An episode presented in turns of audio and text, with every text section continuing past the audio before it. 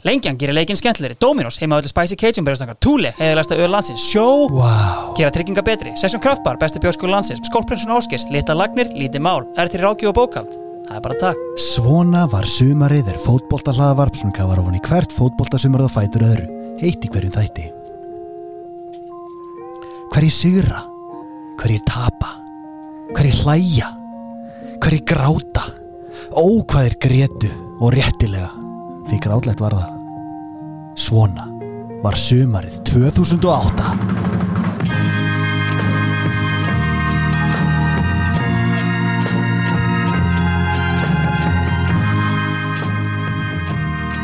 Svona var sumarið 2008, blessaður ári. Sætla blæsaður Ekki bara léttir. Jú, ég er eitthvað ofinnigýraður Við erum að sigla inn í, uh, við erum ekki að sigla inn í, við erum í ólgu sjónum sem eru okkar bestu ár.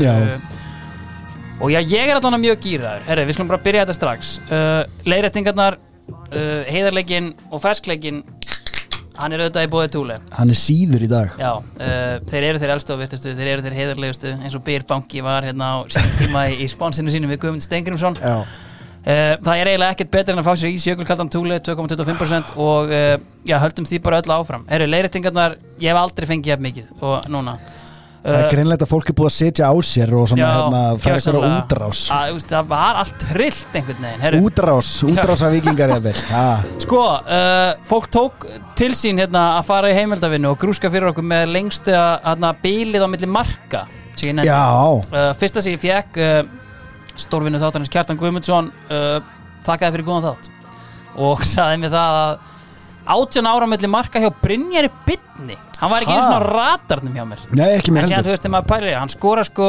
90 sko, hann fór út eftir tímabili 97 en þá hafði hann ekki skorað síðan 95 ah, uh, og kom svo aftur í KR 2013 og skoraði tvö mörg hvað segir Skoraði tvö mörg þá, það er bara gott að hann hendi ekki eitt skrýmer þarna dútlanda á miðinni, eldgamall og, og sexy. Þetta er alltaf geggja eitthvað í en þú veist, síðan voru náttúrulega einhverjir sem að hérna, Býttu, styrkið, við erum að fá átján ár þarna. Já, en síðan náttúrulega var einhver hérna sem, einhverjir sem gauku á okkur að náttúrulega metið sem tegir sig aftur í, í eldgamla knaspinu er náttúrulega hjá Arnóri Guðjónsson. Þegar hann kemur hérna tilbaka Já. 98, geitast fyrir val og hafði síðast skorað mark 1978 Ah, in the 20, old times. 20 Já, það er 20 years Herru, uh, hvað erum við meira hérna? Uh, sko þú fegst náttúrulega haturspósta vegna hérna yfirferða þinnar á hérna Eurovision-læginu Já, ég varði eitthvað var við þetta á netinu en, en náði þetta lengra, ég fekk nefnilega líka stuðningsposta Hvað hva, sko, uh, hva var það sem ég er fyrir virtasti fjármálarínir þjóðarinnar sem átti vissulega bróður á sviðinu. Uh,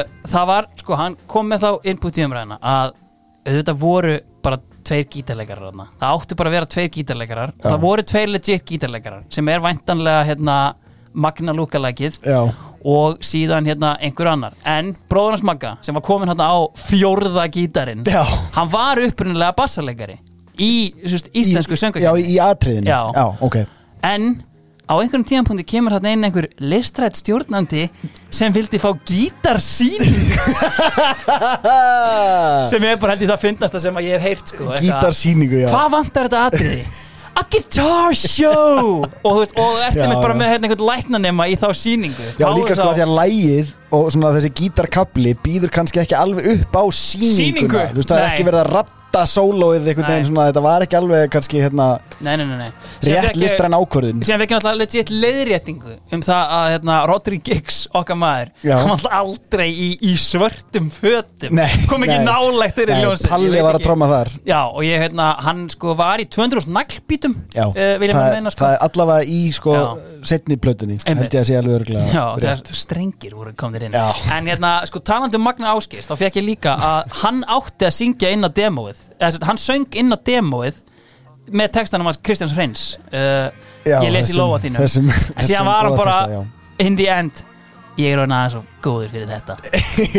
Býðið aðeins, býðið bara. En hérna allavega hana. Herri, síðan reyndar sko hérna var ég bara skammaður fyrir að hérna ég var algjörlega látin heyra það að sko í Eurovision yfirferðin okkar að ég hefði ekki spilað þetta lag hérna um, og þetta er klálega fyrir mitt leiti besta lag þess árs.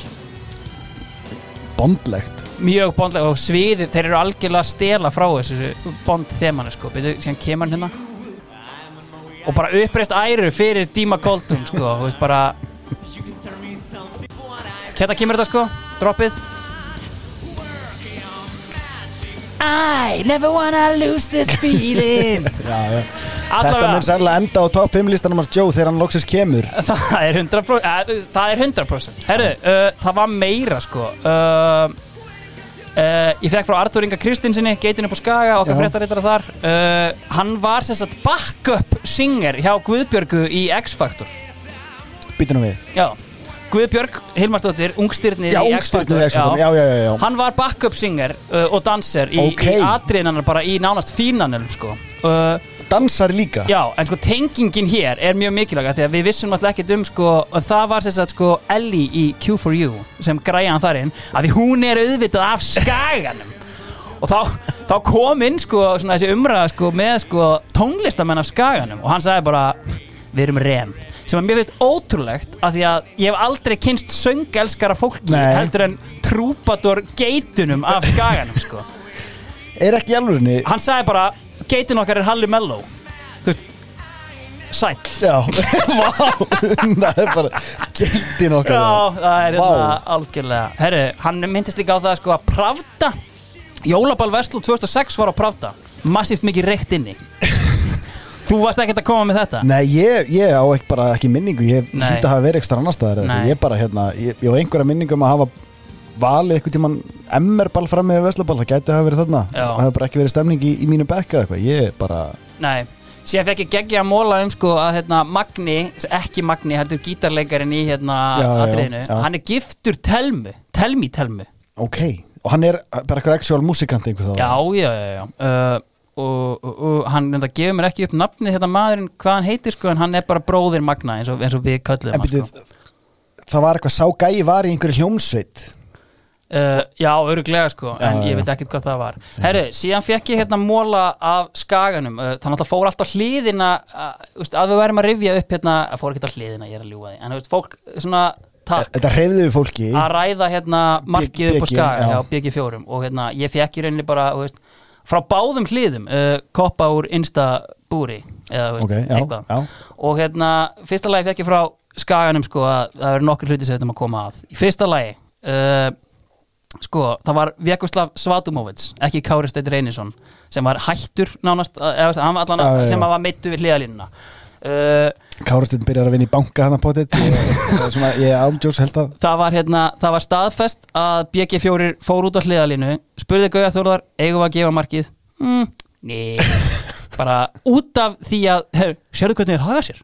Við getum ekkert verið að gefa þeim mark hér. Já, Það út af að þeir voru sko. já, og hérna Ótrúlega það hefði verið reyðir þegar hann sett hann hann bara í markið. Já, síðan vildi hann koma framfæri sko, að skagaliðið voru inn í klefa til klukkan hálf tólf um kvöldið út af því að Joey Drömmer ég er endar ekki, ég bara, hann er svona Hann er já. Nei, stuðningsmenn Keflavíkur voru bara fyrir utan bara, Já, ok. bara með hérna núajátnin bara klár Braka í hnúanum Vá síðan sko hérna já, meira, hann staðfest að við með að Bjarki Guðmunds, hann hefði farið hamförum þarna sko, eitthvað, og því einar svona í að já, ætli hann hefði ekki verið, nei, það var Bjarki Guðmunds sko, sem var hérna, hann hljóp vist inn á gangin á eftir BG fjórum bara spretti hann inn Já. en var á svo þú veist, hann náttúrulega ekkert búin að vera inn á vellinu hann að taka hann glerhálir og flög á hausinn. Já, já, svo Sem hefur væntilega róað hann mjög mikið. Já, síðan gleymdi sem að minnast á það að Trausti Sigurbjörnsson, markmaður, kemur náttúrulega inn á í hennan leik að því að Páll Gísli fær aukt spjald. Já, uh, og eiginlega öll ræðan hjá Gauja eftir hennan leik var að urða yfir Pál Gísla Jónsson markmann fyrir að hafa hleyft leiknum upp í þessa vitleis það finnaði sko að, að Trausti og Átni Tór eru basically einu leikmennir, líti allt í henni kringum sig og er allt í einu einu leikmennir standandinn á vellinum og að þakka áhorfendum, the fans, fyrir hérna úrslitin sko. já, já, já. Síðan fekk ég bara frá keflingingum bara, þú veist, takk takk fyrir að opna þessa umræðu einhvern veginn Já.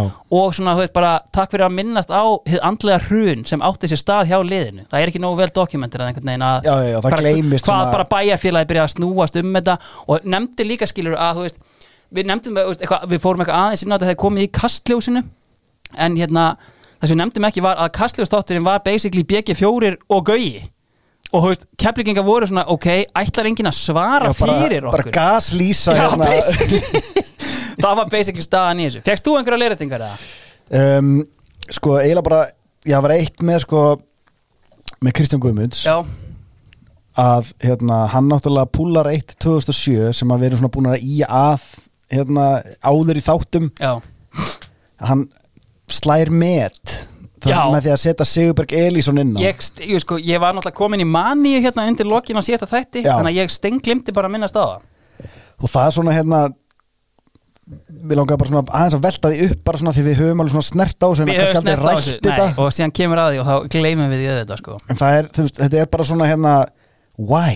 Já, að því að sko Sigurbergur Elísson spilar hann að kemur inn á einhverjum leik 2007 og slær Já. metið og svaka hæp og eitthvað gæni 15 ára.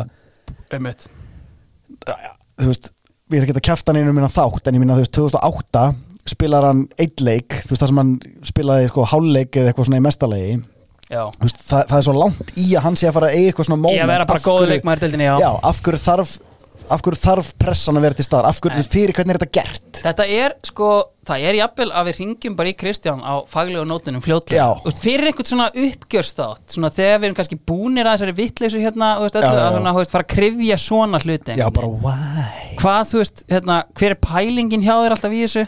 já, sko, ég ma- að því að svo Sigurbergur Elísson öskar svo ámann að því að hann er búin að vera mjög opinn og flottur svona einhvern veginn í setni tíð þar sem að hann svona hann ferillir ákveðin vonbreyði segir hann sjálfur í raun og Já, já. veru skilur bara því að þú veist það er einhverju einhverju andlegir hérna, Já, já, einhverju andlegir örðuleikar skilur Já. Mhm. sem hann er bara glíma við og það svona vekur upp allavega spurninguna bara Já. var þetta partur af því að vera Já, einhvern veginn hérna einhver overhyped keflaugustrákur já, þeir hafa dælt út leikmönnum í rauninni síðan líka sko. það var, var, var hverju ári kom Já. alltaf nýr já, en ekki hann einhvern veginn, hann svona náð aldrei nei En sko, mesta leiðrættingin kannski, ég kom bara aðeins hérna, varandi hérna, svo við klárum bara hérna, marki á BG4 uh, Við ringdum hérna uh, í góða mann uh, uh, Þinn mann Eilir. Simon Eilir Samuelsen kongin og hérna fáum að heyri honum aðeins á eftir en hann kom með smá hérna, insight inn á hérna, inn á kannski markið og svona hvernig aðdrandina því skulum aðeins fá að heyra það sem maður svolítið skríti við þetta að Bjarni var,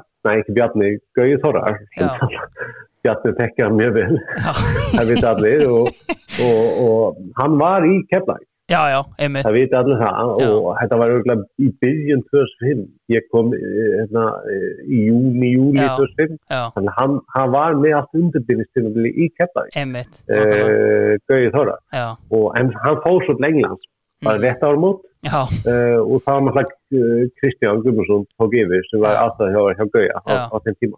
einmitt, algjörlega Það komu svolítið sögur frá leikmennum leikmennum sem spiluðu þennan leik voru líka leikmenn sem, sem Gauja þjálfa í Keflavík og ég veit ekki hvað passaði ekki en þeir sögðu alltaf að, að, að, ef að þið fáðu ef að leikmennur er mittur og, og þið fáðu bóttan tilbaka skjóti á marki þetta er ekki mínu orð en, en þetta var svona þetta var svolítið sem kom fram á þeim Það svo ég þekki já, ég þekki náttúrulega ekki Gauja Þóra, hann var náttúrulega þjálfar í færium Já, já. í, í, e, það er bara það er 20 ár síðan. Einmitt, þetta er náttúrulega topp maður og þetta Já. er svona þetta vinnur, þetta vinnur já, heldur Eh, ég ætla ekki að setja úr það en, en það, það voru bara svo marga sögur á þeim tíma að maður vissi ekki hvað maður átti að trúa ekki. En, Nei. En þetta, þetta var, þetta var bullleikur í, í, Þetta er sko Já. Einar orði var ekki að segja okkur þetta. Þú veist, þetta er ógeðslega fyndið. Pældi Já, ég bara sko- detta þetta í hug. Ég hef aldrei verið með þjálfara sem hefur nokkuð tíma stungið upp á þessu vinni en sko hvort er hann að meina þegar að hver skipti sem að er eitthvað svona fát inn á vellinum eða er hann að meina hver, alltaf þegar þú átt að skila áttu að skila boltanum. boltanum, skjóta mark. Já, bara, Eða, bara, í áttamark. Já, þannig að ef skila hann skila hann bak við endalínu. Það er hérna og þú veist eins og hann segir hérna já, Bjarni og Guðjón, þeir þekkjast ágætt að þetta hefur kannski verið einhvern svona mantra á. Guðjón Þórðarsson hásholdinu. Nei, ég meina, já, og það er eitthvað lók, sko, það neglunum í áttina Já. er eitt, en það segja bara, reyndu bara, þú veist, hver eru líka Síðan, en þú veist, pældi, þetta er potið eitthvað svona plói hjá Guðjóni, þú veist, herri, hérna er ég með svon minn, hann er ágætlega sparkvis hann verður enn betri, koma þess inn í hausin á hann ég mun þurfa þetta einn daginn. Herri, erum við þá búin með leirtingahotið í biliða? Það held ég. Endilega pikkið í mig að ég, er, að- ég fekk svo ógíslega mikið ef ég er að gleyma einhverju hérna, hendið þá bara kemur í næsta þátt. Herðu, sko, tíðarandinn, uh, 2008 við erum komnir hérna. Uh, sko, það er rauninni bara áframhaldandi stemming hjá uh, Session Kraftbar uh, Ása Hlákan, uh, hún rennur sem aldrei fyrr og kíkja endur þarna. Bjórskólin er að fara að stað, það eru jafnvel líkur á að við verðum með svona var sumarið pubquiz Já, á næstunni. Það verður sko það verður einhver nýs veistla. Eða það verður bara íslenski boltinn. Ég eiginlega nenni ekki að gera þetta öðru í sig uh, og hérna, það verður alvöru hérna og einhver þemu og búningar og, það verður Eurovision. Það verður- menn þurfa aðeins að bressa upp á Eurovision er heldur betur. Eða, það var allavega en fótboltinn í fyrirrúmi uh, en hérna, sjáum bara hvernig það fer. Sko Where Everybody Knows Your Name var náttúrulega bara kveppin fyrir okkur hérna þessum tíma. Já, uh, svo, var, svo kemur þetta ár náttúrulega nýtt þemalega á hverjusbarinn Já, við erum heldur betur með það og uh, það er í rauninni bara ekki setna vetna en að henda því í gang He's with a gentleman, she's with a gentleman. You are one, so please show me what you can. You ain't got no one. Þið vitið ekki hversu miklar krókaleiðir þetta fara til að fá þetta materjál hérna beint Þetta í er æð. raritet, getur Já. við sagt og ég er aldrei að fara að láta ykkur fá þetta Sko, uh, þetta er auðvitað hljómsveitin Kicks upprunalega Ice Kicks. Já, góðu detail. Já ég, ég held að það hafi verið mistök að stytta það. Já, ég veit það ekki alveg. Allavega, síðan sko, veist, þetta eru þess að hérna, uh, fronturinn, the bad boy er náttúrulega Henrik Býring Já. Hann er þarna sko hvort hann er sko uh, mm, hann er nýbúinn að tapa hann að fósettakjöri í uh, nefndafélaginu í vestunarskólanum og þá einhvern veginn, þú veist bring the heat. Já. og pumpa sig upp og þetta er náttúrulega með Stop It Go með sér og hérna náttúrulega Vikings Mamma Mia Kongin Eistein Sigursson já. Og þetta er í rauninni svona og náttúrulega sæi, já, sæi fyrir í Já. stoppet góður náttúrulega. Já, já, já Þannig að þú veist, hérna Djövel er þetta gott lag maður. Sko, fyrir mér er þetta Það sem mér langaði svolítið að ræða líka er hérna Við gerðum því kannski ekki alveg svona fullkominn skil En það er MySpace tónlistarmenningin veist, það, var svona hérna allt í Þetta einu fyrir náttúrulega inn á myspace.com skáttur guys kicks Já, og, og það er einhvern veginn svona hérna uh, komið outlet fyrir hljómsveitir að vera, vera svona meira grúsk rock.is er svolítið svona hérna feita út Já, já. og þannig ertu komið með leið til þess að ná aðtigli og þetta er svona það sem er ekkert mál í dag líka, eins og við komum inn á skiluru þú getur sínt hver þú ert með einu lægi með því að aðdaði á prófælið. A- algjörlega, þú veist, fólk gerir það sjálft en bara fyrir, fyrir, fyrir tónlistafólk. Já. gastu líka einhvern veginn svona verið með bara svona quick release, þú já. ekki að gefa út plötu þetta var bara þannig einhvern veginn miklu auðveldara og þetta var svona herri profil pínu heldur en hérna hitt. Miklu, já en að því að þetta er árið þar sem að það fer svona feita því að þarna kemur uh, Zuckerberg með, með sitt búkið útspil. Já, með Sko, bókina. Ég fer á búkið þarna uh, veturinn late 2008 já, og það er engangull að spila einhvern leik. Þannig var ég rílaður inn. Ég Já, já, ætlaði já. ekki að fara þarna. Ég var harður MySpace maður með mína top friends Já, og bara já. léttur sko en síðan einhvern veginn er einhver leikur þarna og ég er rílaður inn þannig var það sambalegt með þig eða? eða varstu bara ég- elda allavega nei ég sko ég nefnilega tók stans gegn MySpace ég var lurker en Já. ég var ekki með profile Nei. ég, ég vildi bara hérna, ég vildi ekki taka þátt í þessu einhvern veginn uh, en, og ég reyndi að gera það með Facebook líka Já. en á endanum var þetta bara svona eitthvað social pressa einhver, Já. ekki eitthvað leikur var þetta eitthvað svona orðaleikur eða? Eitthvað svona hérna, með rámar eitthvað þannig leik eitthvað svona Nei, scrap þetta var, eitthvað, þetta var sko meira eitthvað svona hérna Mafia Wars. Já, þetta var eitthvað þannig dæmi sko. Þannig að hérna, en svona, veist, það sem að þetta finnst mér líka marka upphafið af því sem að kemur setna og við munum gera góð skil sem er svona uh, hvað ég segja uh, döpur eða leiðileg tónlistarvídeó frá mentaskólum. Já. skilur, þetta er svona, þetta byrjar þetta, heyri, já, þetta er hægt, skilur já, já, já, Kicks er eitthvað svona hérna, eitthvað svona forveri 12.0 100% Dæmisins. Síðan náttúrulega fer áskýr í 12.0 og hérna, Já, já, þú veist, it is what it is og, og allir mentaskóla landsins fylgja eða, byrjar reyndar á því að rauna gjörsamlega yfir en, en fylgja svo allir sko, meirum það Já, síðan það er, það er mjög gott stöf Herru, um, sko, við ekki með einhver fleiri lög hérna til að spila og, og hvað Jú. ætlum að fara yfir hérna? Sko, það er eitt sem að, hérna, kóttum eitthvað gott lag fyrir mig. Já, settu hérna á Congratulations með Jeff Hu Já, já, okkar menn hafa leið í dvala uh, eftir hérna barfly-negluna. Já, og þarna er sko halvélinn að vinna í kaupþingbanka eins og allir fyrrum fótboltamenn eða, eða elska, núverandi ég elska Batta í Jeffu svo fucking mikið. Það er bara, þetta er svo geggjað Hann er sko að vinna sem nætuvörður í kaupþingbanka og semur þetta lag Herru, Uh, sko, það sem ég vil tala um á þessum nótum þess að við erum hérna með íslenska hérna, uh, tónlist í eirunum það er þessi eilífa ístorrent barátta Já. og þetta ólöglega nýðurhal Já. og það, þú veist, ég hafði svolítið upplætað þannig Þú myndir ekki stela bíl Já, einmitt, það var alveg búið að vera í umræðinni Mm. og, hérna, og, og þessi trailer var löngu komin og allt það það byrja náttúrulega uh, way back sko, þú veist, við erum báðið punktjúpir á Áskarði á hérna, Valhöll og DC++ Já, síðan færist þetta bara just, yfir í og þú ert að downloada einni kvikmynda á þrema klukkutímum sko. eitthvað svo leið, já þetta kemur bara ADSL og gjörbreytir lífi þjóðarinnar. Og allt í einu ertu farin að downloada bíómynd á tíu mínúndum bíómynd sem er í bíó núna. Já, og þú veist, og ég, lifiði bara í einhverjum heimi þar sem bara mamma og pappi vissi ekkert hvað þetta var.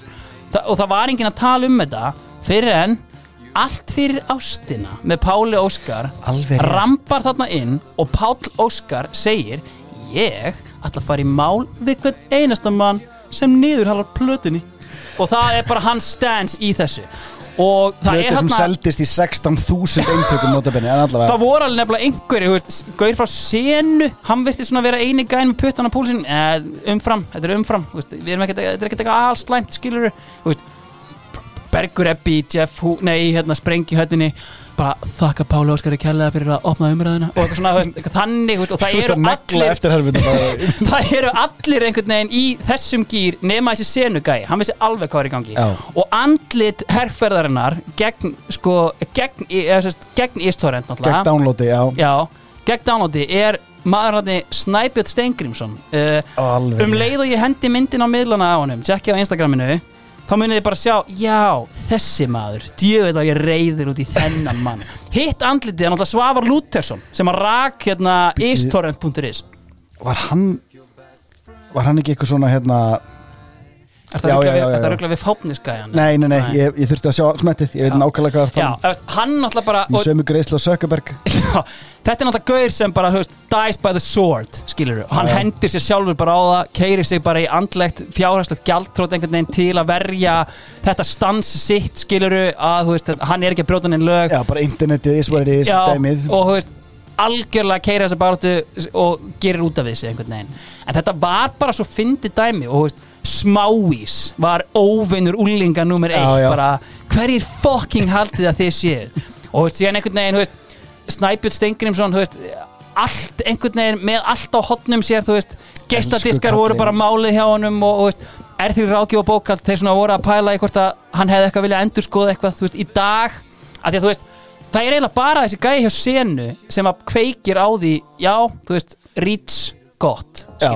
þannig að þú veist, Já, þetta er sko eins og Brynjólu Tryggvi saði hjá R3 Snæbjörn, hvernig verður þessar taktísku breytingar ganga, það var svona helst þannig sem að hérna, sko, það, sko, það, það fór Þú veist hvernig fór fyrir snæbyrni já, já, hann var hérna dæmdur hérna, fyrir nokkrum árum hérna, fyrir eitthvað að draga sér fjö Já, þess vegna var ég að hugsa sko, hérna, R3 hefði getað hjálpa honum á fleiri vegu Já, 100% En það var einmitt sem var mjög fyndið sko, talandi bara um svona hitan sem hann fekk á sig var sko að hérna á eftirstu síði fréttablasins þá kom hérna viðtal við mann sem heitir líka Snæpjur Stengrimsson uh, og er bara einhver bara einhver maðkur, þetta er bara einhver tvítugu gæi hérna eitthvað Já. Síminn minn hefur verið rauðglóandi og ég fengi bæði símtöl og hundruð smáskilabóða Mikill hiti hefur verið í notendum íslenska torrent sem hafa fyllt tölvupostól smávís á hverskins hótunum og fúkirðum í garð frangandastjórnans. Aðstandendur vefsíðu einnar gerðu síðan svo djarfir að byrta símanúmer og kenni tölu Snæbjör Sigurðar, hinskæjans. Þannig þeir grófu upp bara, þetta er númerið hans, þetta er kennitalan hans, fuck this guy up. Og þetta er bara kolvettis maður. Á ég að minna ykkur á hundin Lukas? Þetta er basically nákvæmlega eins Herru, um, en þetta var allavega hérna góð Já, já, bara þessi umræða, hún heldur síðan áfram hana eftir þessi ár bara endalaust þangað til að Helgi Pírati jarðar bubba í einhverjum þætti. Já, það er svona- einmitt, Bubbi reynda vil ekki meina það sko, en hann var í jarðaður. Já, já, En þú veist, síðan einhvern veginn Eftir ég vildi líka minna okkur á bara að þú veist, góðæri helt alveg áfram sko. Veist, Það er 2008 og, veist, og ég minni á sko, að við erum að tala um frá vetri 2007 til veturs 2008 Já. Þannig að þú veist, býði bara. En Já. þú veist, það var bullandi góðæri 2008 eins og við sjáum bara í boltanum á eftir. Bó held sína fyrstu jólatónleika þarna jólin 2007-2008 já. Og þetta er svona fyrsta árið sem að hérna, er talað um þetta óheyrilega magn af hérna, jólatónleikum. Ok. Þetta vafði bara er, verið þetta, er, þetta er góðaris Já. issue sem við erum ekki búin að ná okkur engan veginn búin að ná að hrista okkur og sko erum sko með versnandi einkenni ef eitthvað er sko undanfærin ár. Sko saga sem að sorry, saga sem að sko kristallar einhvern veginn ofsan sem fylgir jólatónleikum. Það var þegar að hérna vinnu minn er þarna með, með þáverandi kæristunum sinni og fjölskyldunni hennar á bó já. og upplifið þetta í fyrsta skipti. Og, og bara konseptið jólatónleika já, bara konseptið, já, og bara konseptið jólagestir björgum Já. og, svoleiðis. og það er hérna þetta er svo mikil síning og þetta er svo, er svo mikil ofsi og það er svo margt í gangi einhvern veginn svo er þarna Eiríkur Haugsson í miðju lægi hérna jól alla daga eitthvað, ég vil það alla daga. Veist, þetta, þessi, hérna Já. þessi bilun. Og gæinn sem við hliðin á honum fær hjarta áfall og fer einhvern veginn svona leggst einhvern veginn svona fram já. og það er bara show must go on og það er bara einhvern veginn, honum er shipað út til hliðar og upp í sjúkrabíl og áfram með sjóið, það er bara ekkert stopp hann vildi að alla daga væru jól. Og það bara, hann bara getur ekkert stoppað. Og ég sá svo mikið fyrir mér að það væri bara þú veist, hann er settur eins og færiband hann er bara svona já, við hefum séð áður við hefum séð áður, nothing to see here. og bara heim og bara áfram veist, við erum að hóra fótbollaleiki núna sem eru stoppaðir veist, það, hérna, það er já. allt stoppað til þess að passa på þetta Já. nema jólatónleika. The show must go on.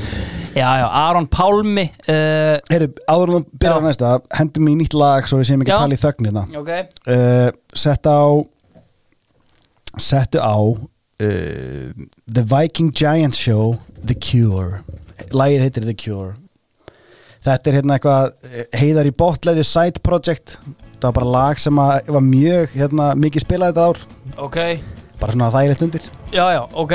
Uh, Já, ég ætlaði nefnast að sko, Aron Pálmi, ég man ekki hvort við vorum búin að minnast á hann hann kemur hérna fyrir nokkrum árum og einhvern veginn úst, kemur hérna með hann erfiða bakgrunn frá Texas og, og úst, Já. þjóðin svona fylgist að baku hann, Aron Heim uh, svona helsta sem hann hefur gefið okkur er svona rugglingurinn í nafninu Aron Pálmi, Aron Pálma, Aron Pálmas Já. það er svona helsta sem ég tengja hann við í dag sko. 100% Hann allan að gefur hérna út bók uh, Líf mitt í Texas eða eitthvað og, og heldur útgáfapartí á Rex þar sem hann flytur líka frumsamin ljóð Þetta er svona ég veit það ekki, svona menningarleg hnignun á einhvern hátt sko. Já, þetta, er, þetta er rau- rauður fáni sem fer á loft.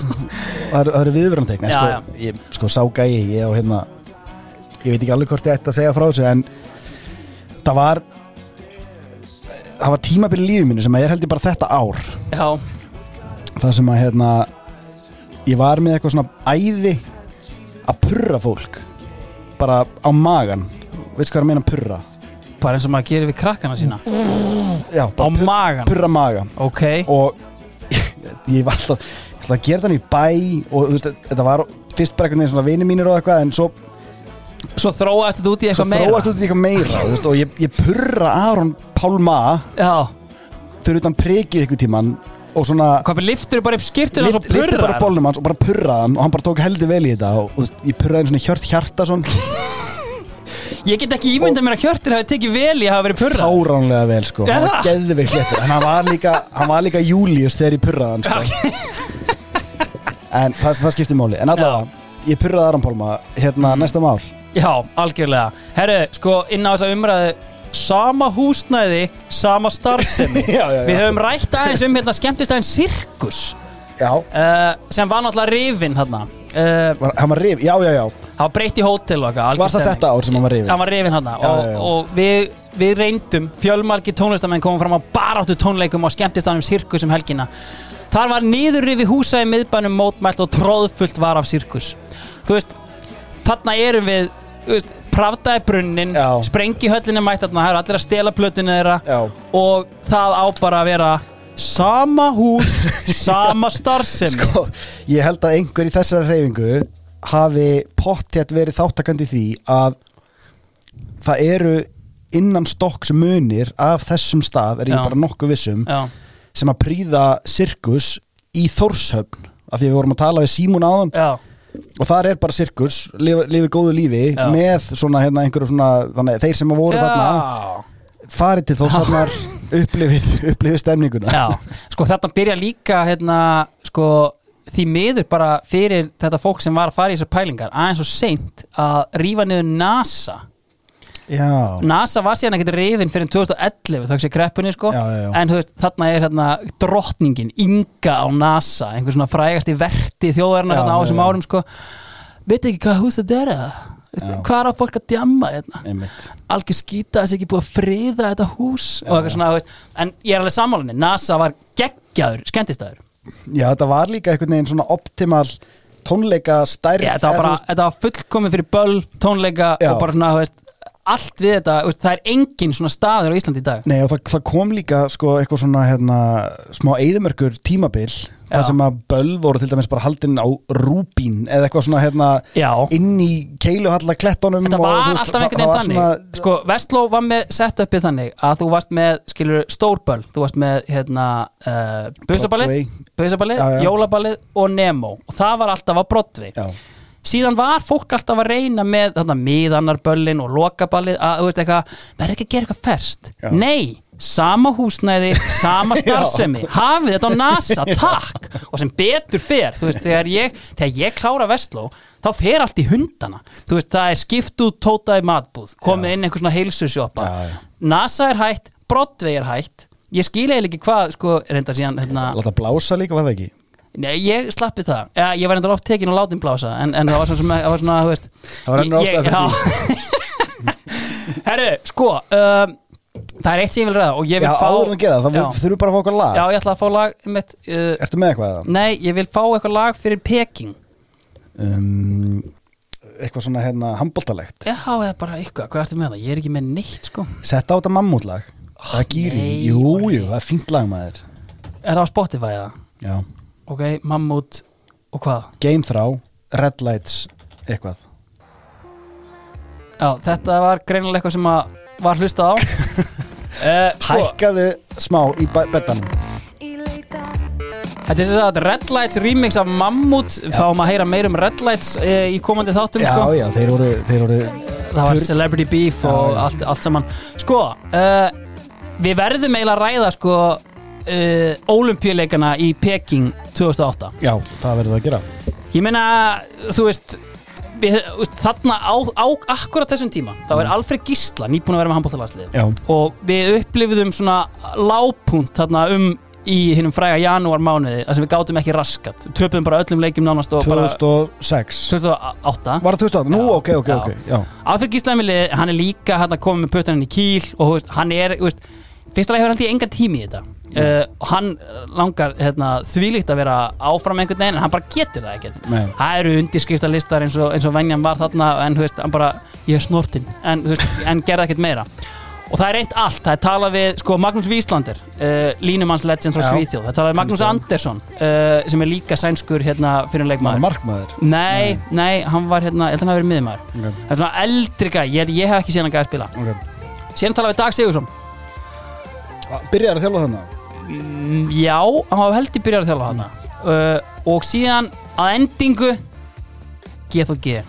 Gummi Gumm En er að koma aftur og bara Já, já. Hann var búin að vera með á 2004 eða eitthvað Hann var með þá náttúrulega 2001 Þarna á Já. fræga mótinu í Svíþjóð. Já. Gott að það var ekki þar Þar sem að við fórum í undanúslit Og það var, svona, það var fyrsta skipt sem ég sá landsliði bara Herðu, wow, við erum góður í handbólta Já, En hann kemur þannig aftur þarna inn og það eru engar væntingar einhvern veginn. Og svo einhvern veginn bara er þetta mót bara eins og playlistin hans Barney Steinsons All Up. Já.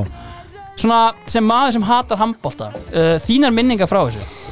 Ég var bara í gýrnum sko ég maður sko, ég horfði á úslitaleikin klukkan nótabene 6 um morgunin Já, á sem sagt, það sem að held að maður kalli aðfaranótt sunnudags. Já, já, þetta var kom ragleiðis úr bænum af kveppanum Við vorum með beint- eftirpartí sko. Já, beint inn í Vodafone höllina það sem var bara, Nú. já, það sem var smekk fullur salur. Og hérna, allir mættir hérna ég var alltaf að reyna einhvern veginn að fela mig fyrir venjulega fólkinu, þú veist, Já, sem foreldrum vaknaði. félaga minna, já, sem Já. vaknaði og mætti hérna allavega þetta var þú veist, þú náttúrulega Sko, hefur nei, já, ég skal bara, ég ætla bara að leggja spilin á borðið Tökum Já. þetta bara hérna grundíkt já, Þurfum eiginlega bara hérna Taka þetta tónlistalust ok. Já, mér langar að leggja spilin á borðið Að því gefnu að við getum talað um þetta Faglega og fallega og af virðingu ég get það, ég er bara mjög spenntur að heyra hvernig þú þykist alltaf Já, ég, ég, sko, ég á í ógeðslega skrýtnu sambandi við handbólta ok, En það er bara þannig að það er heill mánuður á hverju einasta ári sem bjargar geðhelsu þjóðarinnar Já, það sem ég er líka bara í gýrnum ég, ég hrýfst bara með og ég Já. þykist vita fullt af hlutum og veist, ég, ég fer bara þangað Já. alla leið og svo einhvern veginn í kjölfarið koma 11 mánuður af mér bara svona, hvað var þetta? Þú veist, hvernig, já.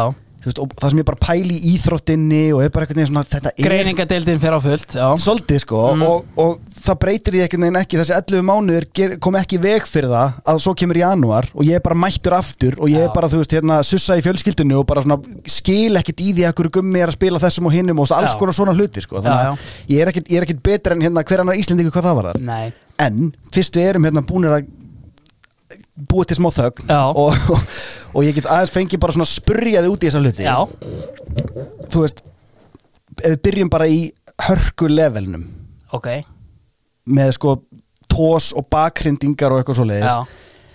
ég átta mig ekki á hvað má og má ekki og mér líður eins og enginn viti það Nei, það er nefnilega sko og það er held ég það sem að er svona gegnum gangandi alltaf við handbóltan er að þetta er rosalega mikið insider sport.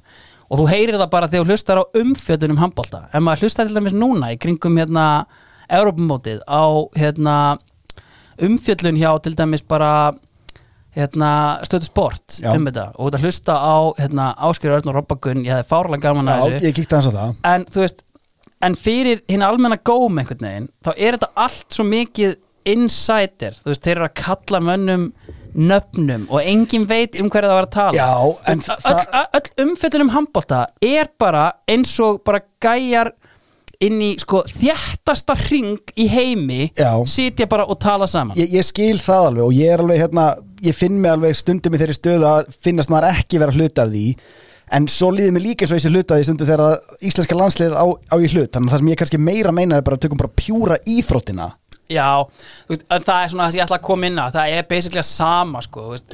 ég horfa á leik og ég er- reyndar ekki í dag. Í dag er ég eiginlega búin að missa tötsi ég veit eiginlega ekkert hvað má, veist, ég veit bara má ekki snerta andlit skilur, það, Já, er, já. ná- það er eitt. Um, po- pointið mitt being, sorry ég hef, ég hef aldrei hort á handbóltaleik þú veist, íslenska landslið er bara handbóltaleikinni sem ég horfa á basically. Já, það sem að dómararnir eru ekki nefndir að fimm mínútna fresti það sem eru annarkvort að gera eitthvað sem er gott eða sem er slæmt og eitthvað svona, horfir á fótboltaleik dómarinn er ekki faktor í því sem við erum að ræða nema bara svona í einhverjum freak accident en dómararnir eru bara þeir eru ekki þriðja liði, þeir eru fyrst eða annan liði í þessu dóti sko og það er svo ótrúlega steikt já, það er samt bara einhvern veginn ég sé til dæmis ekki hvernig þú ætlar að breyta því, en ég er náttúrulega íhaldsamur motherfucker. Já, en veist, ég, ég er ekki að reyna að breyta því heldur ég er bara að reyna að benda á En sko, ég væri til að hérna- breyta að handbólti er í dag íþrótt út í heimi sem þú myndi finna á ESPN Ocho. Já. Veist, þetta er svona Já, já, og það er ég náttúrulega- skil ekki af hverju skilur, Ég- ég, bara, veist, ég er að Þetta er reyna- ógeðslega mikill hraði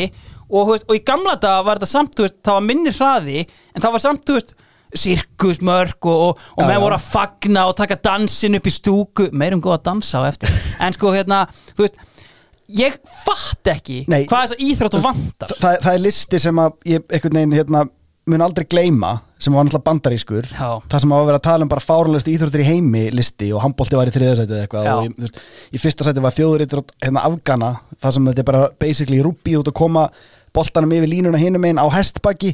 Nema boltin er dauður hrútur með engan haus Já, skilurðu. bara í öðru sæti handbólti Já, það, það var basically listin en, en, og ég, ég er ekkert þar, mér finnst það fáránlegt Já. en samt sem áður, þetta það að skilja íþróttina Já. þetta lúkar mjög basic þegar þú byrjar að horfa þetta er svona að því að við erum að, hérna, vorum að ræða í, í stífþættir með daginn, svona þegar þú byrjar að horfa á olimpíuleikana og það er eitthvað fáruleg íþrótt og þú svona byr- byrjar að pæla í reglunum. Já, já.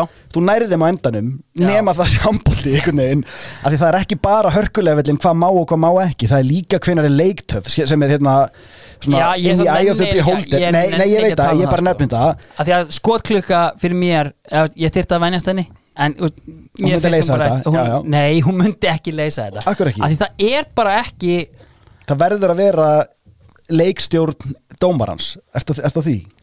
Já, ég er á því Þi, þið viljið bara að dómarinn sé eins mikilvægur fyrir leikin og hugsast getur og Ég það vil er svo sama erfitt. húsnæði, Já, sömu starfsemi. og það er svo ótrúlegt og það er hérna það er basically stærsta bón sem ég er að pikka hérna það Já. er til þess að leikurinn verði góður áhorfs Já. þarf dómarinn að vera on his A-game alltaf sem að eru flestar íþróttir þá er dómarinn svona í sæmilega aukulhuturki Já annað, annað, já, já, en allavega, annað sem ég langar líka að ræða um þetta mm.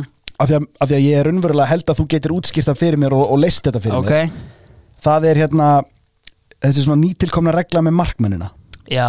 Þar sem þú getur skipt honum út og, og ég, ég, ég, ég stið þetta og skil þetta þegar þú ert einum færri og þú vilt halda ákveðinu svona flæði í leiknum og það á ekki að sk- þurfa að hérna, ráða úrslitum einhvern veginn svona dót sko, að minka vægi þess. Mhm. fæn hins vegar þegar þú ert farin að skipta út uh, markmannunum fyrir sjönda útispilaran Já, þá finnst mér að vera að breyta dýnamíkin í leiknum, í íþróttinni sem allir eru orðnir vanir og eitthvað svo leiðis sko full disclosure Ég vissi ekki að þetta væri ekki bara almennt heimilt Skilur Þú veist, ég held bara að þú veist, það getur enginn bent mér á regluna fyrir 12 árum sem að þú veist, það, það sem ég er bara punktdjúpur leikmaður í val, skilur já, heru, markmaðurinn má ekki vera fyrir utan tegin Já, já, já. að því að þú veist við sáum það marg oft bara hérna fyrir 20 árum að veist, það er loka sókn og þá er hent inn á leikmanni í vesti og þetta, þetta er gert ég veit ekki hvað gerðist í handbolta þannig að þetta varð bara einhver svona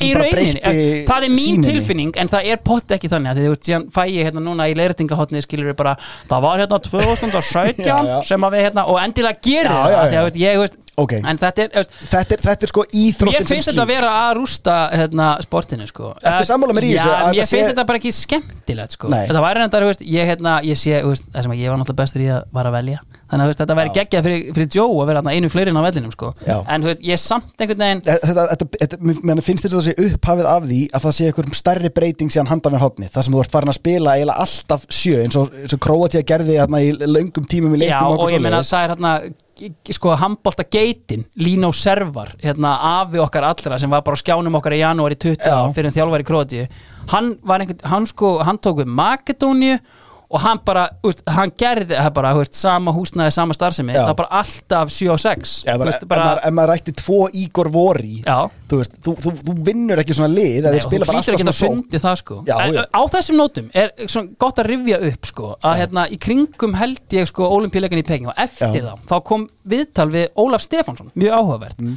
þar sem hann hérna þar sem hann talaði um það að sko bara um haustið 2007 eða sumari 2007 þá hefði hann ringt í bróður sinn Jón Arnór. Já. bróðir, einmitt. En hérna sko e, og þar var pælingin Hlinur Bæringsson fá hann í þristin ok, og það varð bara alvöru þú veist, það, fó, það var bara hringt fór það lengra? Já, já, já, meina, það, Óli hringdi í Hlin og Hlinur bara, þú veist, what a goddamn honor. Og bara, þú veist, það var bara samtal bara um það. Hlinur, út í vitlis íþrótt. Fá þig að ég bara, og, já, já, Jón bróðir sagði að þetta væri maðurinn með bestu fótavinnu sem hann hefði nokkuð til að séð og það er eiginlega eins og þart hana og veist, þetta nefnilega, þú veist, og hann ringir auðvitað í mannin sem elskar ekkert meira en nákvæmlega svona verkefni, Óskar Bjarnar Óskarsson uh. Vals Legend þetta einhvern veginn fór ekkert lengra af því að Óskar var bara að hugsa um að vinna titil og hvernig vera að skóla hlín bærings eitthvað í Nei. handbolta fyrir ólimpíuleikana en þetta hefði verið mjög áhugavert þetta erum við svona á minni skala að tala um það alltaf að sko, þessi glórulösa umræði um að körfuboltalandslið bandaríkjana myndi vinna öll handboltamót sem að er sko niðurlægandi, leiðileg og fáránleg í alla staði en veist, þetta hefði verið mjög aðlíkisvert sko. Já, og ég, ég inn í þetta kemur sko að því að eftir, fyrstur, að því að mér langar bara að ræða handbólta þetta bara næsta klukkutíma en það er sama. Sko það er svo- er áhugaverið þetta trend sem kemur í kjölfarið því að þarna eftir, eftir 2008 fer náttúrulega hérna, yfkjöndafjöldi í handbóltanum rakleiðis upp hann skæri okkur Já. og, og bjarti tímar einhvern veginn og maður hugsa svona hugsanlega er, er það einhver faktor í því sem við erum að sjá núna ég veit það ekki, þetta er kannski á snemm Það er ósnæmt, já. En hérna- Nei, Nei, samt ekki, þessu krakkar eru tíu ára, það geta alveg verið já, já. En það sem er, það sem er að gerast upp á síðkasti er svo að körfuboltinn er hins vegar að hérna, koma síðan sterkur tilbaka En þetta er það ekki bara jákvæðin hjá Pálmari Ragnars eða er það eitthvað, veist, ég meina, eru við menn eitthvað geggja trilltir yfir því að hafa komist inn á Eurobasket og tapa öllum leikir? Nei, ég held að þetta sé bara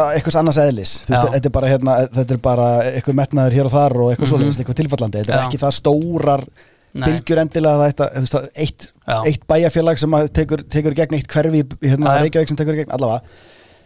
Þetta eru svona miklu meira competing íþróttir eins og varst að segja með Hlinn Bærings heldur en fótbolti og hitt. Nei, menn að Klinur Bærings úst, hann hugsaði þessi tvisar umskilur hann sagði svona, in the end var ég, úst, ég, ég trúði ekki á að vera hann frá að gera þetta. En hann sagði bara, ég var ekki eftir að spila olimpíuleikum það var bara, ég til í það. Gefðu mér olimpíuleikum Þetta er náttúrulega fárlegu selling point sem að handboltin hefur sem að Já. enginn önnur íþrótt hefur. Þetta er the Ocho skilurðu. það, er hérna, ekkert mál þú að koma. Já. Nei, nei, en mér finnst þetta mjög áhugavert við, hérna, ég skautaði algjörlega framhjá líka sko, svona típunni, þú veist, veist, það er einhverju fordómar hjá mér líka og hérna, ég fæ ábyggla fullt innhólf af haturspostum yfir því. Já, já, en hérna, og þá er ég ekki að tala um sko persónlega típunni, ég er að tala um uh, prófílnum á íþróttamanninum skiluru, þú veist, að þú geti verið með tussubumbu og verið að spila á hæsta level á Íslandi veist, það er þetta sem ég er að meina sem þú kæmist ekki upp með í hinnum íþróttunum. Já, já. og þú veist, og faktist verði ég það meira heldur en ég hérna, er eitthvað agnúast út í það, veist, það hérna og það var svolítill eye-opener því ég var svona eitthvað að pota yfir þessu móti núna. Það, þú veist það var smá svona, ég linaðist helling. Ef við hefum tekið hennan þátt fyrir í fyrra já. þá hefði ég sennilega einhvern veginn verið með miklu astnalegra og leiðilegra stans heldur en þetta. Já. af því að ég einhvern veginn áttaði mig á því á þessu móti að þetta er ómótstæðileg íþrótt já. fyrir Takk. hún, hún er ómótstæðileg og þegar þú tala um áðan sko, hvað viltu meira, are you not entertained?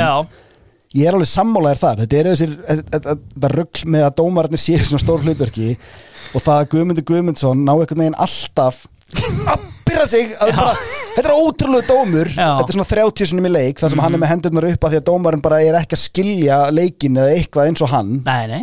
Það sem ég er að reyna að koma frá mér hérna, er að þetta skrýtna sambandið með handbóltan er bara hérna, því miður er þetta ómótstæðileg íþrótt. Og ég bara hérna, já, ég hef reynd að streytast á móti og ég hef reynd einhvern veginn að hérna, hata þetta. Já, en, það tekst ekki lengur herru, næsta mál, þá er ég með þetta hérna Vel gert að, að mörguleiti. Takk fyrir það. Jæja, Vili. Hvernig liður þér eftir flutningin? Nefnilega ákveðlega vefulega. Já. Var þetta svo ætlaðir að gera þetta? Já. Já. Sa- Þetta var þannig sem hann ætlaði að gera þetta Ég ætla ekki að spila meira þessu sko, veist, Þetta view, þetta, þetta vídeo kom núna með 360 views Já, ég vilja hvernig líður núna Og þetta er auðvitað úr bandið hans Bubba Og þú veist, þarna eru sko Ég skil ekki akkur eða kerði ekki aðra sér X-Factor Fínt sjónvarsefni En þarna einhvern veginn þurftu þau bara að koma Bubba greinilega aftur inn sko. Já, og sáu þetta svakalega success sem Rockstar Supernova var. Já, já, jú, sennilega sko. Já, þarna hérna- er það komni með íslensku útgáfana af því. Já. Auðvitað er þetta það. Joe, lesa leikin Sko, uh, Unnur Byrna er kynnir. Já, uh, Og þú veist Það hefur einhvern veginn enginn að meika það neitt Nema auðvitað Sigurvegarinn sem er Eithor Ingi. Alveg rétt. Uh, Hann alltaf var, held ég sko, tildöla nýbúin að vinna söngkenni framhaldsskólan á þessum tíma. Já, uh, einhverju skorpjónslægi eða einhverju Já, Nei, ekkert eitthvað- já, það var, hann tók eitthvað leiðilegt lag Nei, hann síndi bara hérna já, hann, hann síndi bara að hann væri bílaður söngveri Já. sko, og hann rústaði þessari, þessari veist, þessum sjónvarsæti sem að náði mér aldrei Nei, sko, í hlutverki Dave Navarro var Björn Jörundur sem er enda alltaf skemmtilega sko, en, en þú veist, hérna, en, veist, ég, tengdi aldrei næjanlega við þetta þátt sko, en þetta var svona þetta var samt miður ekki negla góð viðleitni af því að stöð 2 var að gera hellinga á þessum tíma sko. Já, algjörlega, þetta var ekki svona, veist, maður hefði viljað kannski fá meiri neglu, en neglan kom auðvitað í hérna, í formi næturvættarinnar já. Og næturvættin gjössanlega slær öll met og veist, við, ég talaði um sko, hérna, ég, hvort ég sagði sko að ædolið væri með mesta áhorf frá upphafi hjá stöð 2 uh, ég held að næturvættin hafi toppað sko. Ok. þetta var bara, og ég meina þú veist, hérna Þetta er bara hérna, toppurinn á línulegri bara sögun, í sögunni, Já. Sest, stöð 2 megin og þú veist, einhvern veginn bara, veist, ef við tökum þetta til dæmis bara Já, fínt. Já, sæll. Já, fínt. Þetta var ringitóttin þinn á einhverju Þetta var ringitóttin minn á tímapunkti, já, það er já. 100% og sko, veist, Ólafur Ragnar bara, Já. þú veist, einhvern veginn og bara allt við þetta NASA, on brand Auðvitað. þetta einhvern veginn algjörlega springur og þú veist, einhvern veginn, þú veist fá þarna inn Jörund Ragnarsson sem einhvern veginn engin vissi hver var nema þú veist, the finest of the fine og, og einhvern veginn Jóngnar sem var búin að vera á einhverjum krossgötum þarna Já. og til að toppa þetta Pétur Jóhann, þú veist ég hafði ekkert sérstakka trú á þessu og þessi Þetta komið þættir bara hafinu sko. Og þetta er einhvern veginn, þú veist er þetta, veist, þetta er auðvitað ga, þetta er ekki gaman þættir, þetta er mannlegur harmleikur hérna Já, þetta En er svona sitcom feelingurinn sem þetta allt gerist á einum stað Já, svona, en þetta er samt bara dark comedy einhvern veginn. Já, að, já, alveg, og þetta er svona, er svona speill upp á samfélaginu stemning, það er fullt af típum sem er að teknar og íktar og Já, eitthvað svo en þetta er samt komið á það tíma þannig er ég komin á það tímabili í mínu lífi að ég skilur, ég er hættur að setjast með mömmu og pappa fyrir frá sjónvarp á föstaskvöldum Já. en ég gerði það þarna. Já, Þú það, er bara, er, það er næturvaktin já, já. þú veist, er, já heru, það er næturvaktin við erum öll að fara að mæta hérna. Þannig að þú veist, það hérna Ég man eftir því, það var eitthvað hérna ah, ég man ekki, ég hef náttúrulega prófað að fara í ímis, ímislega nám já, og í einhverjum áfanga, ég held að hafa verið eitthvað sálfræði áfangi þá var svona skólaverkefni að greina næturvaktina út frá kenningum fröyd um sjálfið. Og þú veist þetta er bara svona sem dæmi um það bara hvað þetta er samt svona mikið household menningar Já, item, þú veist það vita allir hvað þetta er bara þú tekur eitthvað sem er svona nógu stórt til þess að geta sett fram sem skólaverkefni. Já, já, það er mjög hérna, góð tíma. Algjörlega. Herru, sko, ég ætla að senda boltan hérna, ert þú ekki með eitthvað? það er hérna smá bara. Já, uh, það er hérna listamaður þetta ár já, sem er algjörlega snuðar að gull og geira. Já en hann gefur út blötu þetta ár. Hann eh, fekk það óþvegi frá okkur í 2006 þættinum. Já, þú ert með þetta hana já, en sko hann er búin að vera að læða út tónlist síðan 2006 undir listamannsnafni. Nafni sem hann hefur reyndar snúið baki núna. Hugsanlega loksinn sé það í sama ljós og við hinn en uh, today we spell redemption BMV Algjörlega, sko þarna er hann sennilega hérna end, eða, ég áttum ekki alveg á svona stansinu á honum, hann er á FM já, hann er á FM sennilega með Kristín Ír Bjarnadóttir ennþá. Uh, en þú veist fyrir að, ymmið, hann fyrir svona að læða út hlutum, hann var líka hérna með I got the sangria já, það, það kemur árið eftir Já. það sem hann fór svona að þróa sig. Já, En þetta er hans lang besta lag. Little Johnny Hated Junior High og þetta er bara texti sem að hérna lætur engan úr snortin já, en það sem var svo skemmtilegt við hans feril af því að við tókum, tókum hann svolítið að lífi fyrir rappið sko. Já, við gerum það. Þannig er hann komin sko hann er ekkit besti söngveri á Íslandi. Nei, nei. En hann er að semja ágætis, ágætis balluður og svona pop, pop feeling sko. Er hann að því?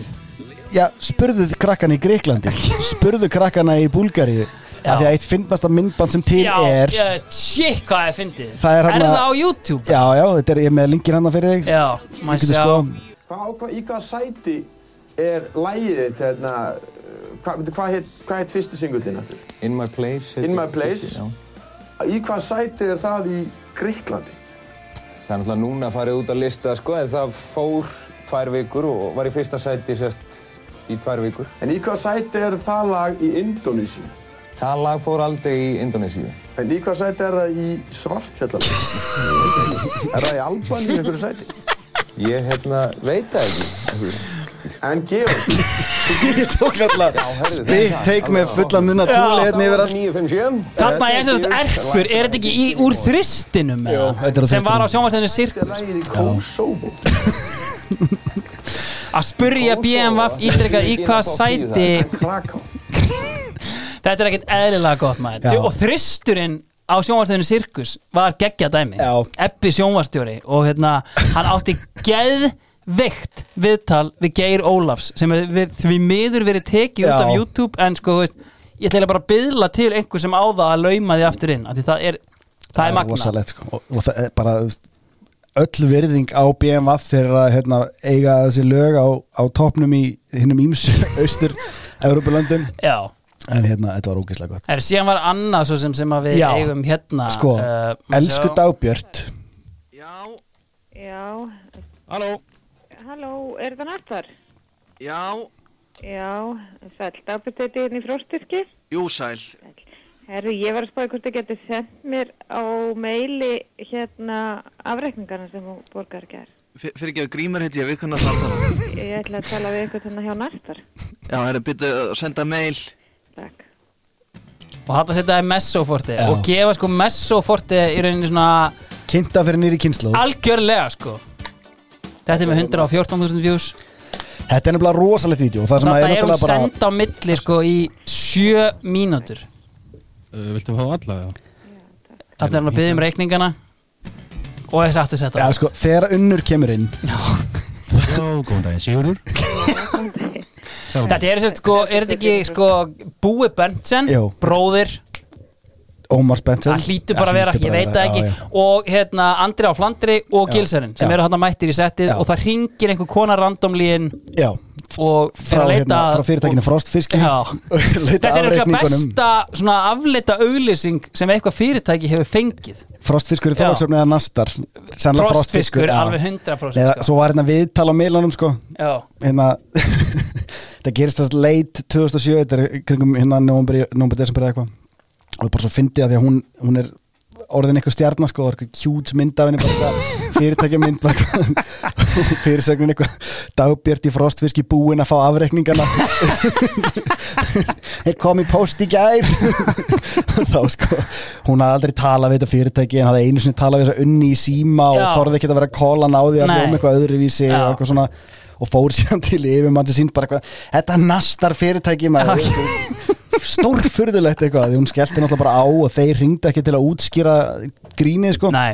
en það er náttúrulega bara eina sem að ég vildi bara hversu ógeðslega spontant og góður ertu að pikka þetta upp svona eitthvað bara þess hvernig er Það er veginn línunni að gera þetta allt Já, já, góðan, er það reikningarnir? Já, bara að spila þetta svona þetta er, þetta er algjörlega once in a lifetime dæmi og Já. bara viðbíðslega fyndið sko. Yes. Herri, ef við ekki fara bara í Eurovision? Jú, ég held að þessi tíma Já. bært Það er góðæri. Já. og ég veit ekki alveg hvað maður á að byrja á svona ruggli þetta er alveg að fara að taka sinn tíma sko, veist, og ég held ég þurfi eiginlega bara að byrja þig núna bara leifðu mér, þú veist, Ok. leifum þessu bara að taka tíma. Ok, það þarf að gera þessu góð skil. Ok. Byrjum bara á formatinu á þessu. Bara hvernig, hérna, hvernig við ætlum að velja okkur Eurovision lag árið 2008 Já, það byrjar bara vel inn í árið 2007 já, það sem að hérna, við byrjum á eitthvað tímann bara um sumarið að auglýsa bara hérna, okkur vantar lög já. og það sendi inn bara 150 manns eða eitthvað að senda lögin sín. Og við veljum sex af þeim til þess að taka þátt. Búin að kötta þetta úr 24 þarna í 6 Nei, nei, nei, sko, það var ekki, það var ekki allt. Heldur ákveður rúf eigða einhverjum af þessum peningum sínum og komissjona nýju lagahöfunda Ah. til þess að semja þrjú lög hvert. Þannig að þetta eru 33 lög. Þetta er ekki hægt. En sko, það, við, við gætum alveg græja þetta á mánuði hvernig við ætlum að sikta úr 33 lögum niður í eitt. Já, en við ætlum að byrja 7. oktober 2007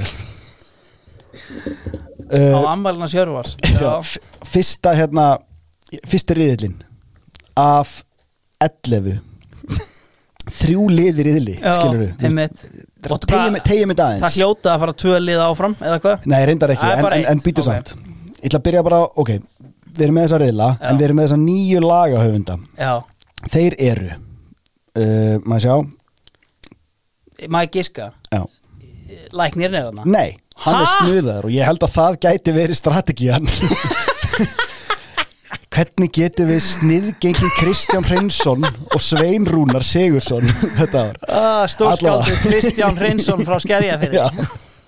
Þetta er Andrea Gilladóttir, Barði Jóhansson, Guðmundur Jónsson, Dr. Gunni, Hafdís Huld, Magnús Eiríksson. Magnús Þór Sigmundsson, Margrét Kristín Sigurðardóttir, Magastína og Svala Björgvins. Ok, Þetta er alveg hérna fríður hópur, þetta er fólk sem er búið að vera að gera eitthvað currently, líka svona kannski 10-20 ára aftur í tíman, jafnvel lengra eins og hérna Maggi Eiríksson og Magnús Sigmundsson, þetta er bara svona, þetta er household nöfn Einmitt. fengin í þetta. Ok. Og við erum svolítið að fara ætlum ekki að blanda saman quality og quantity. Mm það tókst ekki alveg Nei, en það er samt sem áður hérna, það er eitthvað í þessu. Já, bara bear with me hérna. Já, já.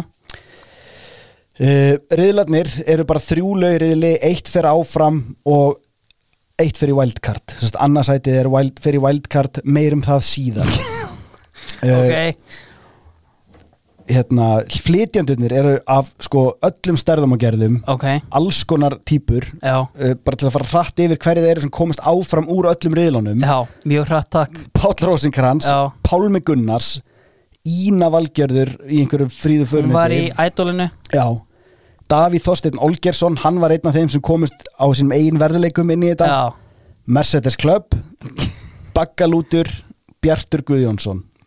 Bjartur Guðjónsson? Já. Ok, Þetta eru þeir sem fara áfram beint uh, í dótið. Jú, og náttúrulega vinna reyðilinn Já, og náttúrulega hérna Júrabandið. Já, Birgitta Haugdal og Magni í duett Ragnhildur Gröndal Magni búin að kingja stoltinu þarna. Alveg sko, Já. valdi Haffi Haff, hann er líka þarna. Uh, afsakið. Þarna eru komið með fullt af sko bara hnaus þykkan hérna úslita þátt myndi maður halda. Já, en nei, við förum fyrst í wildcard randið Já, þar sem við ætlum að þykja hennan hóp. auðvitað. Og þar hérna, er þetta rauninni þannig að allir sem lendi í öðru seti fara fyrir dómnefnd þrjú af þeim eru valin til þess að keppa í þætti. Þar koma Dr. Spock áfram. Ég um skil, ég skil ekki alveg, ha? Öll önnur sætin í þessum þryggja liðariðlum dómnefnd? fara fyrir dómnefnd sem að enda í, veist, þau eru 11 talsins, þau Ok, okay, þessi lög já. 11 reyðlar, Já. þrjú af þeim fara í eins þátt og reyðlarnir voru sem voru bara þrjú lög Ertu í alveg að segja mér að þú hefði verið að taka þarna fyrir einhverja qualifiers, basically? Já. Yes, ok, já, og ok þú, maður myndi halda að maður væri komin í úslit þátt eða ekki Just, Ég myndi halda það en ég Já. heyri að við erum ekki komin á Nei, nei, það eru fjórir sem, nei, fyrir ekki þrýr semifinal þættir eftir. Nei, nei, nei, nei, fjórir, sorry, ég er að rögla Ok, þetta er, þetta er svo flókið og þetta er svo asnalegt. Og sko það sem ég held hafi verið að baki þessu það búið að reka randver Hann á nóg til. Nóg til Já. og þetta er einhver Ragnhildur Steinun ofsi, Já. hún er að reyna hérna, að mjólka eitthvað svona og búa eitthvað til eitthvað svona svakalegt og rosalega metnaðafull Gefum henni það, gekk vel hjá henni. Og svo erum við líka að tala um sko, ég held að þjóðin þurfi bara meiri tíma til að melda hvert lag bara svona til þess að fá að raunveruleg gæði fram Já. það þurfum við bara að gera þetta svona bara, það, Það er rangt. það er. Já. bara, við vitum það núna Já, en allavega, ég nenni ekki að tala um formati meira, þetta er bara Nei. oflókið en Já. við erum komið úrsluta þátt og núna Það er- erum við væntalega komin kannski í februar mars Hálfu ári frá fyrsta þættinum já. Ok, já þar erum við með Þetta er lengsta sjónvarserja allra Já, tíma heyrðu, áður en fyrir úrsluta þáttin þá, að því að við erum búin að vera að tala í þögn svo lengi Já, þá vil ég bara spila nokkur svona hérna honorable, men, honorable mention sem komist ekki upp úr þessu. Já, það er viðjandi og sko okkar skemmtilegasti hérna lagahöfundur í þessu var náttúrulega Barði. Já, já, hann átti mjög sérstakt lag svo ekki sé dýrara kveðið Já. í læginu í læginu uh, hvað heit það, friður á þessari jörði og þar eru einhver skrítnasta býttu Sigurður Þór Óskarsson? já, já, já, hann er þarna. I don't know if I'm wrong. Þetta er ótrúlegt samansafna fólki og ég held þetta hljóta hafi verið bara hann að fletta símaskórunni og benda og bara já, já, þessi verið með. Ali Mobley Harold Burr. Já,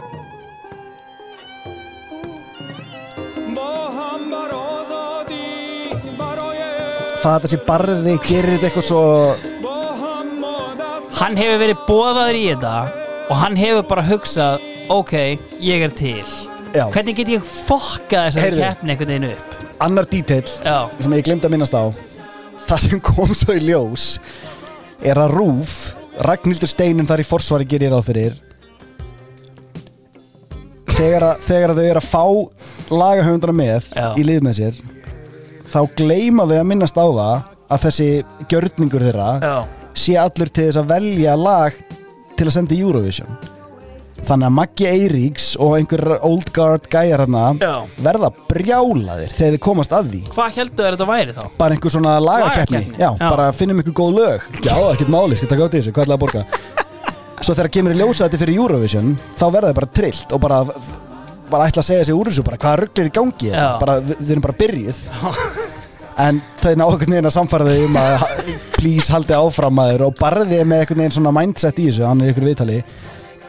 Þú veist ég er einhvern veginn búin að hafa þann stans í lífinu að þú veist, pop er ömulegt Já. og eitthvað svona og alltaf vera að segja ég geti samið þetta korteri og okkur svo leiðis ég langaði bara að tóa hvort ég gæti það skilur, hvort það væri hægt. Og hann ég held að sé hægt að færa rauk fyrir því að hann hafi unni sér inn það að geta sagt hérni frá. Ég get gert það, já, já, þetta er bara, þetta er bara röst en allavega Um, ég verði að fá annar lag sko, Sorry, já, bara, sorry. Please. Uppbólslæði mitt Svona hérna af Honorable Mentions læginu Og er bara, þú veist, við skulum ekki taka fleiri en það. Það er á ballið á. Ha, ok. Og- uh, Böðvar Reynisson Nei, Böðvar Rapp Reynisson. Já. uh, Og Tinna Marína, hún Já. var líka í ædolinu. Já, ég er þetta ekki Buddy Dalton.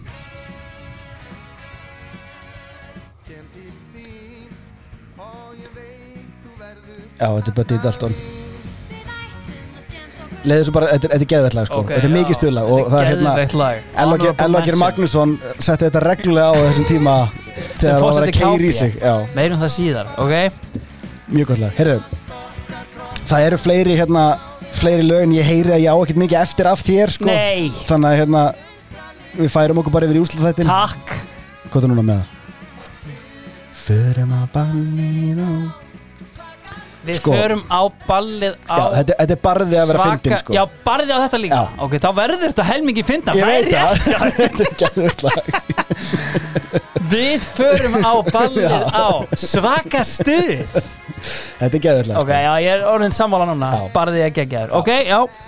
Uh, Ok, við erum komin í úslut þátt. Já. Þar erum við með Davíð Þóttin Olgesson In Your Dreams, svepplag, ekki spilaða Ok, Páll Rósinkrans með algjöra frelsund Gospelkórinu með honum. Ok, takk. Þú veist, þið hafið hýrta bara því ég lísti þessu. Já, uh, Ragga Gröndali með eitthvað draslatna uh, Baggalútur er að kynna sig fyrir þjóðinni sem rosa fyndist rákar já, Birgitta Haugdal og Magni er þarna á persónutofurunum einum. Ok, Lögin sem skipta máli Dr. Spock, hvar ertu nú? ok. Þeir taka bronsið.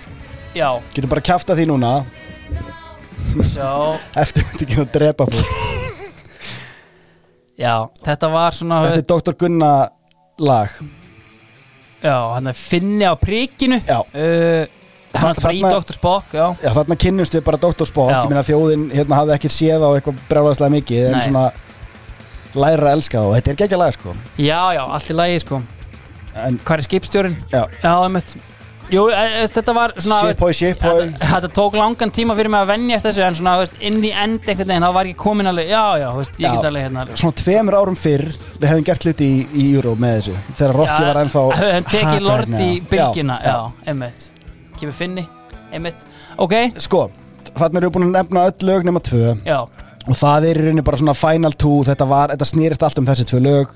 Við erum með Eurobandið Fullkomið líf Og við erum með Mercedes Club. Ho ho ho, we say hey hey hey. Já, Barði á náttúrulega Mercedes Club lagið. Já. Og, Rekrútar þar Þetta er, glæ, þetta er hörkur rekrútment Já. og, og hann, er, hann er náttúrulega að setja þarna á svið Sko, eitthvað svona Gjörning. Já, og sko At the time Það sem samfélagið lítur á sem einhverja fall, eitthvað fallegasta fólk sem hún getur fundið. Já. Þú veist, þetta er svona, þetta er, þetta er hot right now stemning. Þú ert með Party Hans og Gasman á, á hérna, oljutróminum Já, Þú ert með Gilsaran á hljómborði. Mhm. Þú ert með konu sem ég man ekki alveg hvað heitir. Rebecca- Já, eitthvað. Ég held að hún hafi verið systir Ceres 4 Já, sem er síðan dregin á land þarna Já. algjörlega búinn einhvern veginn. Í hérna? styrlu standi ennþá. Já, getur verið fyrir mig hérna H.P. Baxter? Í þessu öllu saman Já, Sem að hlýtur að hafa verið reffin sem hún var gefin Til þess að hvernig hann ætti að haga sér hérna Já, já. Hann er bara Scoocha, Já. make some noise Í þessum gýr Pop up the boy Já. Já, og þetta er, þetta er svona instant þú heyrir þetta og þetta er bara geðvikt Já, þetta er bara svona, þetta næri öllum strax. Þetta náði mér undir eins. Já. Það er klárt mál. Og, og framan að var þetta náttúrulega að fara að vera Frontrunner, hérna, já. heyrðu, sorry. Við erum að gleyma náttúrulega. Þetta ekki tala um það? Við erum að gleyma náttúrulega bara hérna lægi frá Svölu sem að Já, ég er að já, já, já, bara við erum að kynnast hérna nýjum meistara já. það hlaut að vera, það var eitthvað að gleymast sko. Það gæti ekki annað verið já, og sko þetta, skandallin í þessu Ok. og þess vegna ástæðan fyrir ég saði hérna Ragnar, Ragnar Gröndal hafi verið með eitthvað ruslana Já er að hún er í úslitum á kostna þessa lags Já þú veist, það var undanúslit þar sem að var hérna, Mercedes Club, Raka Gröndal og Haffi Haff og það var vi, þú veist, come on. Já, þetta er hérna it's that new shit sem Já. að við þurfum eiginlega bara að byrja virðingu fyrir Sammála frekar en að vera í ykkur old, old gardi sko. já. Changing of the guards, takk Já. Þjóð. Ok, Barði er að gera geggja hluti með þessu Mercedes Club dæmi hver semur fullkomið líf? Það er náttúrulega kongurinn sem kom palla á kortið. það eru er komið Örlegur smári. Örlegu smári. Já, og sko, byrjum að spila kannski fullkomið líf já. áður en að við förum í hitt sko, af því að það var það var svona Er þetta rétt eða? já, þetta Ok. er nefnilega miklu mjórra og svona, þú veist, hérna Ok. Já, já, Og- ok. þú veist, þegar maður heyrir þetta núna þá er maður ekkert fullkomlega seldur sko, Það var Nei, ég er alveg sammála því. Og það er svolítið áhugavert að greina þetta því að þú veist þarna það, það verður uppi fótur og fit og það verður allt brjálað í samfélaginu og þetta er eitt af þessum málum það sem maður þarf að leysa í kastljósi eins og við mikið að gera á þessum tíma. En Og beintaði eftir Bjarnar Guðjóns Minn koma hérna Ómar. Já. við kannski bara förum aðeins yfir það ég meina þú veist hvern- hvernig hérna Fullkomin líf. Já, sko hver, hvernig í ósköpunum eigum við að slúta svona apparati, svona, svona maskínu sem lögutaslögin voru. Og það er bara eitt sem að Ragnhildur Steinn gerði rétt. Já, hún bókaði vetrargarðin heldur betur Já, og hún, hún vissi nákvæmlega hvernig hún nærið hann fullkomnu er ennþá crescendo. fun heitir Já, en hérna og hún gerir það og þar er þessi úslið þáttur Eurobandi vs. Mercedes Club hérna, Duel of the Century upp á krafsunu kemur að uh, við veljum Eurobandið Já. við sem þjóð Mhm. og, og svona greiningin á því er svolítið bara svona Silvíu nætur hérna eftirköst óþol er það ekki? Jú, þú veist, ég held einhvern veginn, við vorum búin að, veist, það vissu það vissi það, hvert einasta mannsbad að gilsarinn kynna ekki staf kynna ekki nótu á piano Já, já. og, veist, og veist, þarna er veist, umdeldur fyrir skrif og annað og, samt- og hann er að mæta með gorgeir í viðtöl og annað, og hann, hann er basically að hegða sér eins og fyrir UFC bardaga eins og Silvíu nátt að einhverju leiti hann er bara, hann er, þetta er sama kokkinessið, þetta er sama svona dóti þannig ég held að flestir hafa alveg átt að segja á því að þetta er grín. Málið er samt bara að Silvíu Nætur-lægið var ekki gert á korteri. Það, það er svona, þú veist, einfeldnin í því að veist, það er svona, það er svo 100% fyrir að gefa skít í keppnina með öllu í Mercedes Club, skilur það er það, og það verður pínu svona Nefna síðan Dick- báðir Dickie. já, Í rauninni, sko, meðan Silvíu Nátt var bara gjörningur en geðveikt lag. Já. Það er bara Þorvaldur Bjarni, hérna, veist, þeir hann það er söngleik með hits, já, hringdi skilur Hann er bara komin að það, hann, veist, það er svolítið svona munurinn algjörlega, ég sammála því. Og af því að Eurobandi er síðan að sko representera Fáses, Þeir- bara félag áhuga mannum 100% og það er líka beauty skilur þarna er loksins skilur hérna, Regina Ósk fær svona neglu í hendurnar skilur við hún var að vera snuðið þarna 2006 já, en búin að vera samt svona mainly svona veist, á svona stalli einhvern veginn með Pétri Jésu skilur við Árný. og hún er hérna fyrir aftan skilur við, en þetta kemur hún í frontin skilur við og Friðrik Ómar auðvitað með þetta eldin í fyrra og annað. Þannig veist, það var margt svona veist, þau voru svona veist, they were due. Já, og veist, þau voru það og líka bara svona einhvern veginn skilur veist, þau, svona representa the pure. Já. og sem þetta með gilsaran the dick. Já, Þetta- já, og, Og kontrastinn- og, og partí hans á trómunum sko. algjörlega, og sko það sem er líka náttúrulega í þessu Örlegur Smári, given the time kemur síðan með þú veist, munurinn á því sem við vorum að hlusta á núna og það sem er svo sendt þarna út er stjartfræðilegur af því hérna ertu komin með top 5 lag hjá mér sko. já, 100% þetta er bara geðveikt lag. Ég á hérna vinn sko, sem að er hérna veist, hann er veikur hann er svona algjörlega forfallin hérna Júruvísum maður. Ok. uh, ég ætla ekki að nafngreina Alla Sigursson uh, Nei, starfsmann sjá en hérna, þú veist uh, það er sama, veist, það er aldrei einu svona vangavelta skilur, hvað er geitin? Já, og þetta er veist gæði sem er bara farið sauman ofan á þessu öllu, kynnt sér þetta allt saman. Þetta er og verður geitin. Eh, hann segir endar þanga til Páll Óskar kemur aftur. Já, en, já, veist, já. en, það, það, er, veist, en það, það er bara þannig sko. og það, það er bara 100% hægt að skrifa mjög samfærandi mastersetger um nákvæmlega það. Já, en það sem við þurfum að minnast á er hérna eru lætin í vetragarnum við þurfum, þurfum aðeins að fara yfir þau. Já, það sem að gerist er það að úrslitin eru tilkynnt og það var búið að vera svona veist það sem að maður getur bara við tölum um þetta með Silvíu nótt þegar annar er að grínast alltaf já þá, og þú, þú, þú, you can't win þú reynir að vera alvarlegur þá ertu asnalegur þú spurði bara stórskáldið Ég Kristján Hreinsson frá við- við köllum þetta Skerjafjörði Kristján Hreinsson grifjuna hérna, Júrabandið hefur tekist ágætlega hinga til að Já. forðast Kristján Hreinsson grifjuna og hérna og eru búin að spila bara svona já, ha, ha, já, já, Já, já. ha, ha allan Já, já. tíman þanga til að úrslitin eru tilkynnt Já.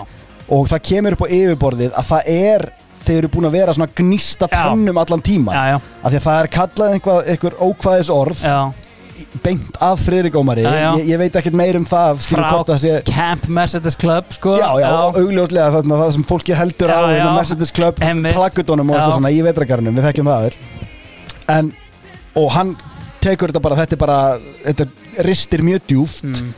og hann hann ætlar að þylja upp málsátt sem að hann svona nær næstu því það Já. er hérna glimur hæst í tónri tunnu Já. það sem kemur endanum út en, Já. en átt að vera bylur og það var rosa Já, já. gaman hjá mörgum að, að minna hann á það Það var svo geggja því að Gilsarinn tók þetta svona sérstaklega Já, já, nú, ósáttastu við það að, að hann fór vittlust með málsátti Já, já. Málfræðingurinn sjálfur Já. nákvæmlega, þú veist, hann, hérna, hann, hann er bara mjög djúft komin ofan í Kristján Hreinsson greifina þarna en þó búinn að sigra þannig að það er Já, svona já, hérna, hann, þetta- hann tapar ekki á þessu Nei, algjörlega ekki Nei, nei, en, en þetta var hel, heljarna máli kjölfarið og, og Fredrik Ómar hérna talar um sko bæði að það var ókvæðisorða honum og mammans var dregin inn í þetta og eitthvað svo Já. leis og, og svona eh, leiðindi Já, sem já. kannski eigi ekki heima í Já, vetragarðinum miklu, miklu gleði keppni sko. Já. Þetta er svona í fyrsta skipti sem ert komin með sko, veist, Þetta er kannski eins og þegar þú blandar saman góða og vonda fólkin á Twitter sem það er the world's class þannig að þú bara komið með skilur FM 957 fótbolti heldur með Master United og Ferrari skilur gegn skilur the pure bara, Já, er, já. þetta er okkar veist, þannig að þetta var svona óumflýjanlegt að það myndi sjóða upp á einhvern Já. og er ekki einhver kastljósvitul og, og, allir pakkina það og, og það, er náttúrulega ekkit leist þar af því að það er einhver svona kergja í fólki en þá samt að Mercedes Club hafi átt the last laugh að, þú veist, eða, nei, alls ekki að veist, þeim gekk þetta vel. En þú veist, þeir túra um, þau túra bara um landi og, Og meira segja- skelli hlæjandi heima hjá sér Barði Jóhansson skilur ekki upp nýja niður í því hvað fólk er að gera og hann, sko, hann hefur fengið svo mikið borgað frá símanum fyrir að vera meira frelsi, meira frelsi og sem er náttúrulega hérna einhver rosalasta auglýsing bara gefa hann út plötu sem heitir meira frelsi sem er ekkert annað en auglýsing fyrir síman um að þú geti fengið meira frelsi og barði basically bara gerði samanlægið aftur veist, það er náttúrulega geðveikt múfi á honum. Ah, yeah. sko, í þessu öllu saman er barði sá sem hlær hæst að mínum mati. Hann, já. þarf- hann tekur engan hita, hann, hann gerði ekki neitt rán Nei. hann hló bara og sannaði fyrir sjálfum Ég sér. að hann horft á þjóðina. Nei, sko. nei, hann gætt sigrað þjóðina á þessu hálftíma sem hann gaf sér til að semja heldislögin. Þannig að við getum alveg verið samanlega það. Hann á bæði á ballið á sem er mesta stöðla keppninar og hann á þetta. Sko Lag það sem þeir tímuðu upp með Haffa Haff alveg rétt, þetta er gott Þetta er lag geðveikt Já, lag. og hérna ég var búin að gleyma þessu lagi og þetta var Vá. líka en það sem að þú veist, came with a cost að því að síðan eru þau að túra át um allt og mesti afleikur ásins 2008 er þegar uh, þau eru bókuð á landsmót hestamanna eh, Mercedes Club Mm. og eru þarna að taka Gilsarinn mætir þetta með hljómbóri sitt ótengt og annað og þetta er ekki krátið já, og þeir mæta þarna og, og, og þarna lendaði í það sem að Egil hefur oft talað um The Hostile Crowd Já. sem gerist í því þegar Haffi Haff í þessu lagi kemur sem gestur og fer þarna að það sem að Egil kallar riðlast á girðingu Já. og hestamennandi voru ekki að hérna, fíla það Láttu og- girðingunni í friði. Við erum, við erum með hestana hérna, hvað er í gangi? Og þetta var bara fjölskyldu skemmtun og Haffi Haffi er að riðlast þarna girðingunni og, en því miður allan að þá hérna, var það svolítið svona upphafið að endinum fyrir Mercedes Club sko. sko, það sem ég held að hafi pínu gest þarna og þú bara leiðir til mig að ég er að fara með einhverja fleipir ég efast um að ég geti það en alltaf fram Nei, en e- Þetta þetta er greiningadeildin Á einhverjum tímapunkti Barði var allan tíman að grínast. Já, já, Á einhverjum tímapunkti Missir Egil Einarsson sjónar á því Hvað er raunveruleikin og hvað er grín og hann er svona- náttúrulega bara keppnismæður sko. Ég segi að þú veist, það, það, það, bara, hann það gerist þráði og eitthvað þau ekkert heitar en að fara og keppa og vinna þetta. Já, já, og það gerist eitthvað hana og hann hann einhvern veginn verður húgt á einhverju sem, að, sem að hann fær út úr þessu Já. og verður þá að vera einhver DJ Muscleboy í kjölfarið og eitthvað svona til þess að fá veist, það, það, það breytist eitthvað í hausnum honum. Já, bara hérna og ég, ég held að það sé inn í honum. Ég þekki hann ekki persónulega neitt Nei. hannig en ég held að sé eitthvað svona hérna eitthvað svona ég held að hann haldi að tónlistin sé alveg honum í blóð borin meir en hún raunverulega er ég móraði þannig Já, algjörlega Herru, sko, til að Ég var að slaufa gleyma þessu lagi Nei, við erum ekki að fara að slaufa neinu Nú, já, já, ok Við þurfum að fara út Já, ok Við þurfum að Já, fara út auðvitað, hvernig læt ég? uh, Var eitthvað í gangi Til hérna í þessari Serbíu. keppni? Ok Sko Nei, þetta er ekkit frábækefni En Nei. það sem að eh, bara þá er verður um að gera að spila sem mest okay? það, ver, nei, það verður bara að koma fram að þetta var nákvæmlega lægið sem við þurftum við þurftum að fá Fáses hópinn þarna Já. inn household svona hérna Eurovision lag Já. til þess að enda þetta losing streak sem við vorum á þú veist, Under the Lights var ekkert að virka Nei, er þetta enn einn keppnina sem við förum áfram sem síðasta liðið upp úr hattinum eða? hvort þetta upphæða því Já, En verið. við vorum ekki samt í neðsta sæti í Nei, undarreifnum nei, einmitt, það er bara- já, já, já, ég er að tala um lesin það. upp, já, það gæti verið Mhm. en uh, við allavega förum upp úr reilunloksins og endum í einhverju respectable 14. sæti Mhm. uh, í lókakefni sem er bara fínt skiluru top 10 er bara frábært Ok. en, en, hérna, en þetta var alltaf læg Mhm. uh, rússar vinna með Díma Bílan dútan hann sem að hafi keft áður Já. og lendi í öðru eða eitthvað. Já, ok. Ekkert, sérstætt lag. Uh, svo er Shady Lady var lag sem var svolítið spilað. Það er svona pínu skemmtilegt en ég væri til að hún myndi spila uh, franska lagið Já, við getum Já, já, já, já við getum Sebastian alveg gert það. Tellier með lagið Divine Ég fekk einmitt sko hérna bara tilkynningu frá hérna uh, fréttaréttar okkar af skaganum sem að reyndar er búin að afnýta skaganum um að ef við myndum ekki spila þetta lag þá myndi hann hægt að hlusta Já, Uh, ok. Hvað heitir þetta lag aftur? Divine. Já, Divine sko þú veist þetta lag er geggjað og á ekkert heima í þessari keppni. Mér upplifi kannski hann sem svona franskan barða. Að algjörlega. hann er eitthvað besti vinnu Daft Punk Hann svona, engan eh, áhuga á þessari keppni Nei, nei, en og frakkarnir eru heldur ekki að fara í Nei, gegnum einhvern farsa til að velja þetta. Þeir bara, heyri, flippum aðeins núna Sebastian, en þú að setja lagið þetta, þeir eru bara að gera þetta þannig. En skemmtilegt lag þess verið að minnast á uh, annað sem að var uh, við vorum með Kele Kele frá Armeníu. Þarna eru svolítið Armeníu og Azerbaijan sem að þú Tíminga neða svona þú veist þau eru bara svona að sína að það er, það er hérna það er svona trend í pop heiminum sem kemur pínu svona þú veist á erindi við þá. Það er eitthvað svona sítar hérna þeir eru að fara að koma svolítið sterkir inn. Okay. en ég var mjög hrifin af norska læginu þetta árið. Okay. þannig að kannski við nikkjum út með því þó að, þó að þú viljir Olmur spila uh, hérna helvítið hana Charlotte Perrelli sem að hérna sigraði Selmu og kom þarna aftur Já, Hagan. Nilsson Já, einmitt. Nei Nilsson Já. var orðin Perrelli þarna Já, hvað hérna, Mjög heitir þetta norska drast þarna?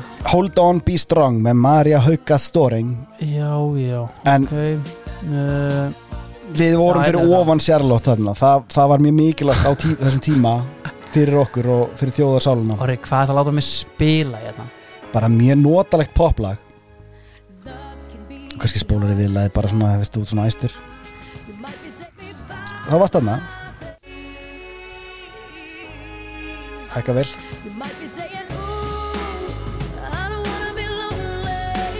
Þetta, þetta vorum við að spila í útvarpinu sko Þannig að þú veist, það er hérna Já, já, FM pikkuðu upp Brynja Már. Brynja Már En í Armeni Já, já, allt, ok. Sko, Já, áður en það- við, já. Nei, bara, ég ætlaði bara að segja Þetta var frábær leið fyrir okkur til þess að vita hvernig við hefum ekki að velja Eurovision lag Já. en niðurstaðan var bara fín og það eru Já. fullt af lögum í þessari keppni sem að síðan lifðu okkur svo leiðis en Já, við Ragnhildur þurfum ekki Steinun kannski 33 er, Ragnhildur Steinun er heima þessar í dag. Ég meina rétt lag fór út já, veist, Hún er svona, veist, en, vindicated en hún er líka einhvern veginn komin aftur inn í þetta núna í ár og hún er með tíu lög. Þú veist, þannig að hún læriði eitthvað líka. Þú veist, það er Sko, það er eitt sem ég vil klára með tíðarandan og er bara gríðarlega mikilvægt fyrir mig sem hallast að getur betur mann landsins Já. að það er náttúrulega eitt umdeldasta atvik allra tíma er í getur betur þetta ár. Okay. uh, Hér er Sigmar Guðmundsson orðin getur betur host. Okay. Ég tengdi aldrei. Ef að Emma Nei. svarar þeirri spurningu Sko, MA, hérna er Vastleinstað, þetta er undanúrslitin Þetta er M-A-M-R já, já. Uh, Er þetta úrslitin hreinlega? Þetta eru úrslitin. Og hérna, uh, þarna er uh, tilvonandi eða síðasti Lú, uh, Maggi Lú í MR-liðinu ásamt sko einhverjum öðrum gæjum uh, sem að eru hérna og allana, á móti þeim eru MA uh, og sérst basically ef að MR svarar þessu rétt eða MA nær ekki, þá eru MR búinir að vinna. Þeir eru hvað mörgum stegum yfir? Þreymur stigum yfir. Já, Hún hljóðar svona Maður sagði, er það ekki? Nei, nei, sorry, þeir eru sjö stigum Björn yfir. spurning Hún hljóðar svona. Við erum ennþá í bjöllinni Í henni nýju og glæsilegu laugatarsöll í Reykjavík eru nú góðar aðstæður fyrir keppni Allavega, það er spurt hérna um dæmi og Elias Eliasson síðan Hann kemur hérna því þeir svara þessu vittlaust MR. Þannig að, Þetta er, já, Sigmar hérna. Og þetta svar var rámt. Já Emma engar trillast. Núna á heldur betur að halda sér inn í leiknum. Og Þarna er í liði Í Emma. grein setti hann metið og fyrir hvaða Með þykkt og fallet hár. Hagfræðingurinn gett ekki. Konráð Guðjónsson Já. uh, Viðskiptaráðs kongur og greinandi á Twitter. Sveit Elias Eliasson Hann er í fjölni. Hlustið vel Ok, hann sett Ég ætla að stoppa þetta. Þau eru sérst að debata um það Í hverju hann setti Íslandsmet. Ok. Og það er mjög augljóst á því hvernig sem sagt, myndskeiði var að hann er í ákveðinu tegundarhlaupi Þetta er met í 400 metrar hlaupi. Nei, 100 Nei, 400 Heyriru, að þetta aftur? Já, ég heyrði salin í 400 metra. Nei, 100 Skiptir þarna, Mhm. hvað kemur þá? Nei. 400 metrar hlaupi 400 metrar hlaupi Og hann breytir. Hvað er svarið? Uss, þögn í sal. 400 metrar hlaupi Þið segir 400 metrar hlaupi. Æjum Hann er svo innilega skömmustilegur þetta elsku kallinn. Þetta eru mestu skandalstík sem hafa nokkur sinni verið gefin í getur betur Þurftur að vera með allt rétt til þess að fá stíðin með, og það sem gleymist í þessu er að spurningin er um Svenna tækja það er geðvikt En byrju, byrju, byrju, hvað gerist þá þegar hann færi sér stig? Ég er honum mjög Þau minka þetta í fimm stig og mig minnir að þau hafi hent þessu í bráðabanna inn the end sko. Ok. Maggi Lú var þarna, þétti jakkafutin sín reglulega, Já. það sauð það Já. á honum sko. Og þeir enduðu á að vinna þetta og mér minnir sko reynlega að þetta sé hér iconic moment sko, þú veist í síðustu bráðabannspurningunni, Emma er búið að giska vittlust og maður sér svona á svipnum hvenar Maggi Lú veit svarið og hann svona tekur utan um hérna áður hann er búin að svara. Svona svipa á sóli gerði Já. síðan bara bjallan Þetta er Duran Duran Geggjað. Já, herru, ef við ekki bara fara í boltana Jú. Uh, Ok, þar erum við með betan okkar góða hér. Sko uh, Prísísonið Það sem að var náttúrulega fyrst og fremst sem gerist þar var að við stopnuðum leikmannasamtök Ok. Uh, sem að hafa leið undir ámæli frá Gumma Ben og, og fleirum í, í setni tíð. Arðarsveit Gersson að vinna sér trekvirki hérna. En sko Krista upp í norminu. Já, heldur betur. En það sem át með þarna er sko bara að leikmannasamtökin Þú veist, þú veit með auðvitað kóngin, Gulla Jóns sem forseta eða, eða formann eða eitthvað. Herru, er rit, er hann að koma svo stað? já, allan ásand fleirum sko. Já. Ritari, Sigurbjörn Hreiðarsson. Vá Gjaldkýri, Valur Fannar Gíslason. Vá. Meðstjórnendur, Bjarni Guðjónsson og Tryggvi Guðmundsson.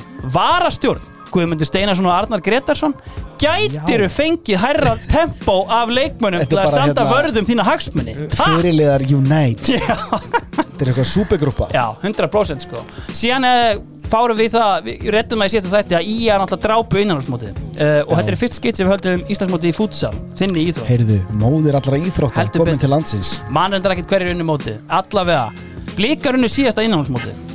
Höfum það allan alvar hreina Ok. sko, byrjum þetta bara á frömmurum. Uh, það var, þú veist, það er ennþá bullandi góðæri það er 2008 FL Group eru framan á treyjunum ég Ah. Hannes Márasson er með cast það er verið að setja það inn. Og Óli Þórðar hætti með lið þetta var einhver svona ástarsaga sem var aldrei nokkuð tíman að fara að ganga. Hvert einasta mannspatt sá það. Já. og þá er þetta farið í annan manna landsbyðinni með sterkar framtengingar.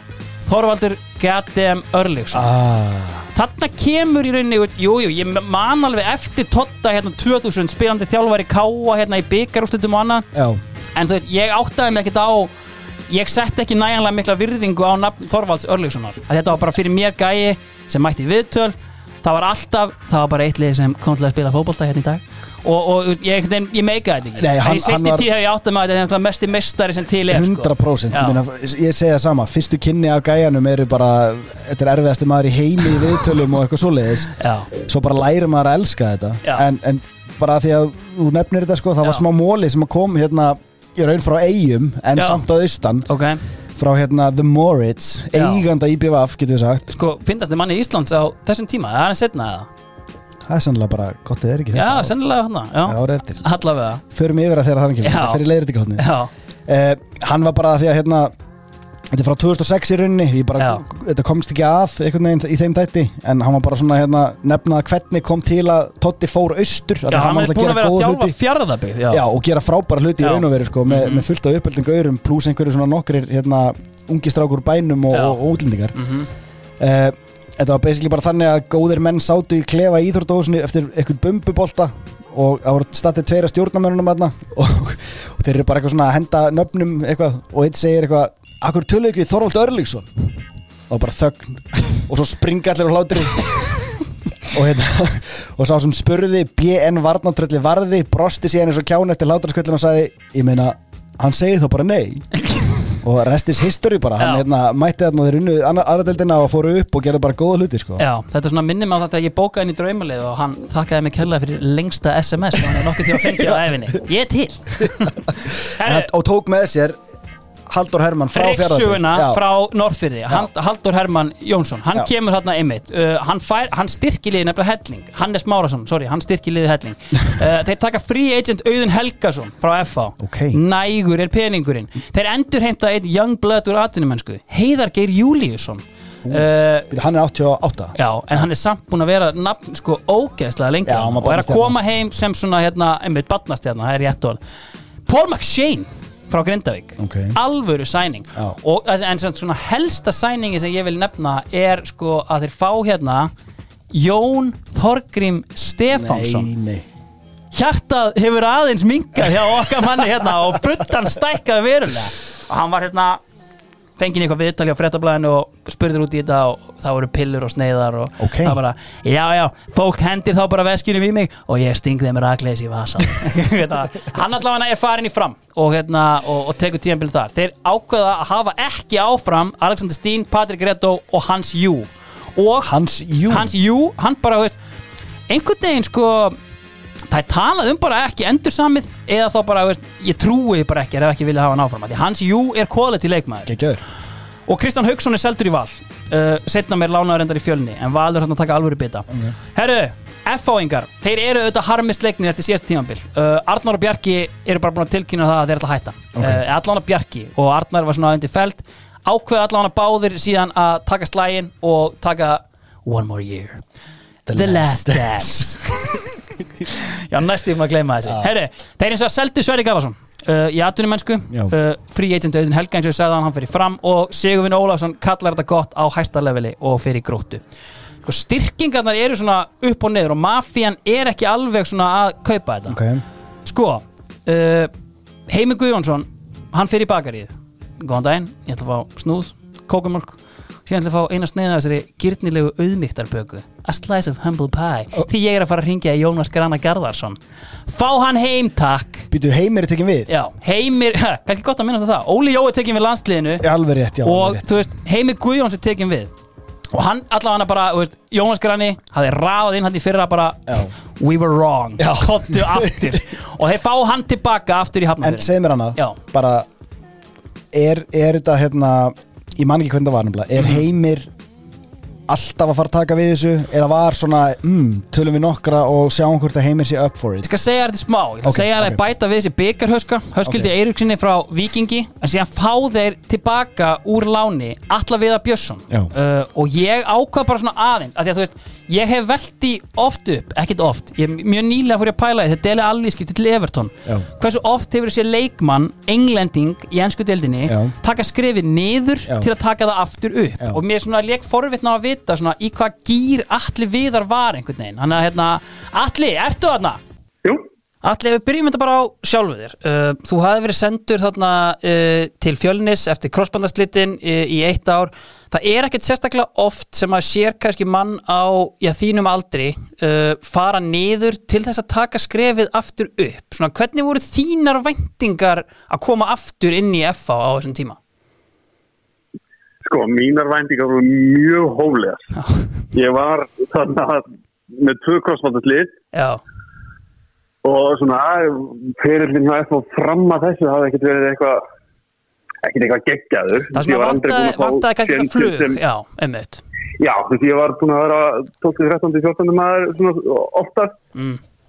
en, en hérna vantaði að fá stjórnir sem strækja nummer 1 þannig að, að ég var svona hólega væntingar og, og svona kannski svona síst að tíðanbilið 2007 voru þegar ég var í fjölni það voru samskipti með FH eiginlega bara frekar Já. Það gekk á ýmsu og, og svona bara ég held ef ég hefði ekki verið með þannig Já. þá hefði ég ekki farið í FH tilbaka eftir tíðanbilið í fjölni Já, svo þú persónulega Já, Já. það kemur alltaf hana í, á, á gluggadegi 2007 Já. þá er FH-urinn tilbúið til að selja mig Já, einmitt þá er svona bara kerga í mér út af því og eitthvað að það er svona, eins og segja það, það, þetta voru hóflegar væntingar og, og svona ímyndilegt sem hafði gengið á. En er þetta þá einhver fundur kannski með Heimi Guðjóns þar sem hann sest bara niður og segir Alli, þú ert minn maður, eða hvernig var þetta?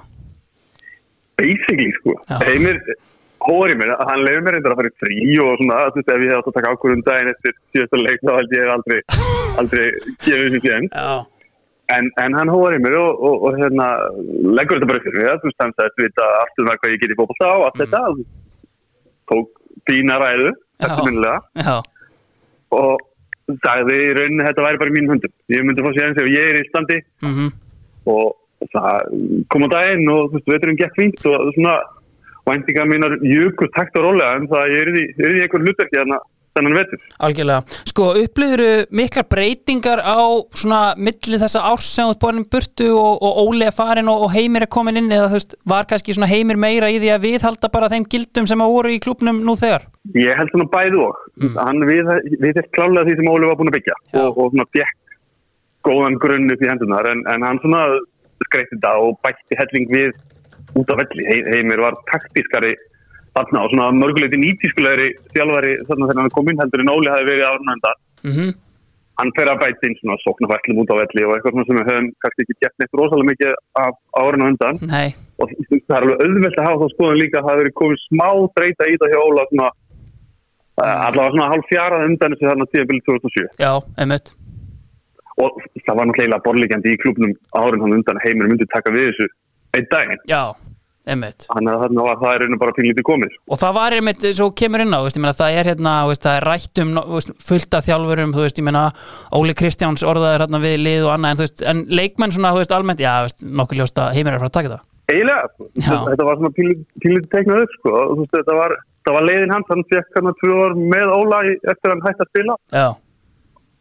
var svona, hann var andlit félagsins á þessum tíma svona and, andlut leiðtögi þannig að, að ég held að hafi einhvern veginn allir séð það í kostunum að þetta væri leiðin hann myndi fara að vera með Óla og svo þegar Óli færið þá myndi hann taka við þessu Mér veist, aðtiklisverðast einhvern veginn svona, þú veist, sóknarfæslur. Það kom allt í enn einhver taktík. En Ekki bara reytur og spil. Nei, en samt erum við hérna, sko, þú veist, tíu árum setna er Óli Jó ennþá bara þarna, þú veist, ríðandi húsum með sínu Á sjarmanum. Já, nákvæmlega. Þannig að, En hvaða nöfn er þetta sem voru nefnd Þú veist, af því að hann verðist segja að þetta sé skrifaði stein eða svona tilfinning allar einan klúpsins en var umræðan Sko, eitthvað var, öðruvísi já, það var náttúrulega bara, veist, bara frá því elstu menn muna hefur Ólaður Kristjánsson verið orðað við að fá Alveg rétt. Það er bara þannig Og síðan, veist. Já, og síðan er skilur alltaf verið að tala um hérna, veist, hinn og þessi, vildi ekki gefa svar fyrir hérna, hérna F.A. væri búið að ráða þjálfar, það voru eiginlega allir Mm. skilur á húninum, Bjarni Jó hann var Já, vildu allir giggi. sko en þú veist, síðan bara er farið í in-house ráningu og heimir tekur við þessu sko, um, það er alltaf svolítið staðan upp í hafnafyrði og þú veist, það er svona, þú veist, veit enginn kannski hvað heimir er einhvern veginn að fara að gera og ég menn, hann hefur aldrei þjálfað, skilur þannig séð, en eins og allir kom inn á, skilur þú veist hann er andlegur leiðtói í FA, skilur hann er bara maðurinn sem byggði upp þetta veldi ásamt nokkrum öðrum. Hann, allavega hann, hann fer aldrei frá, hann fer beint úr spilara Í aðstoðarþjálfara? í- Já, aldrei spil, spilandi aðstofþjálfara sem betur fer og ég ber svo mikla virðingu fyrir heimi að það hef ekki verið spilandi aðstofan allavega, fleiri lið, valsmenn. Í fyrsta skipt á æfinni eru þeir eiginlega bara ánægðir með sinn hóp og það fer enginn og það kemur enginn. Ha? Jó, þeir sækja hinn unga og hefnilega sókamann fylgis oftast kallaði gerfigrindin Albert Brynjar Ingason kemur hérna 21 ás og og þú veist, jú, jú, hot, hot prospect skilur og hérna svona kemur hann inn Fjölskyldu legacy heldur betur og þú veist, menn voru peppar að fá hérna svona Singabjörns hérna svæði, Já. barna barna Alberts og þú veist bara hérna, þetta er náttúrulega bara vals fjölskylda Það var fallegt. sko. ja, þetta var það og maður svona batt vonið við þetta en það er eins og það er Herru, uh, kaupa hann að Kristján Hauksson og lána hann að síðan strax til fjölnis veist. Það er svona markvist aðeins upplifi ég við að reyna að yngja liðið Já, aðeins. Veist- hugsa tvo leiki fram í Já, tíma þú veist, heldur betur Því einhvern veginn, þú veist, þú ert með þarna Fyrir kannski aðeins inn á það bara eftir. Já. Sko, uh, rétt fyrir mótið Þá verða það samt fyrir algjörlega bíluð áfalli Sem er það að Dennis Bo Mortensen slítur crossbund uh, Hann hafði hann inn í fyrra Gert svo sem lítið og verið bara svona bakka upp til taks Kláraði að einhver stik kom inn á hér og þar En hann var búinn að vera sjóðandi á þessu prísisóni er hann, hann er framherji? Framherji og svona absolute unit eins og ég sagði síðast og, bara, Já. svona, veist, og hann var bara að, að veist, vera sitt absolute unit og var byrjaði að koma með mörg veist, ég meina, og Valur unnu allt. Þeir unnu meistara meistarana. Hvort er unnu ekki bara líka hérna, Atlantic Cup hinn fræga Já.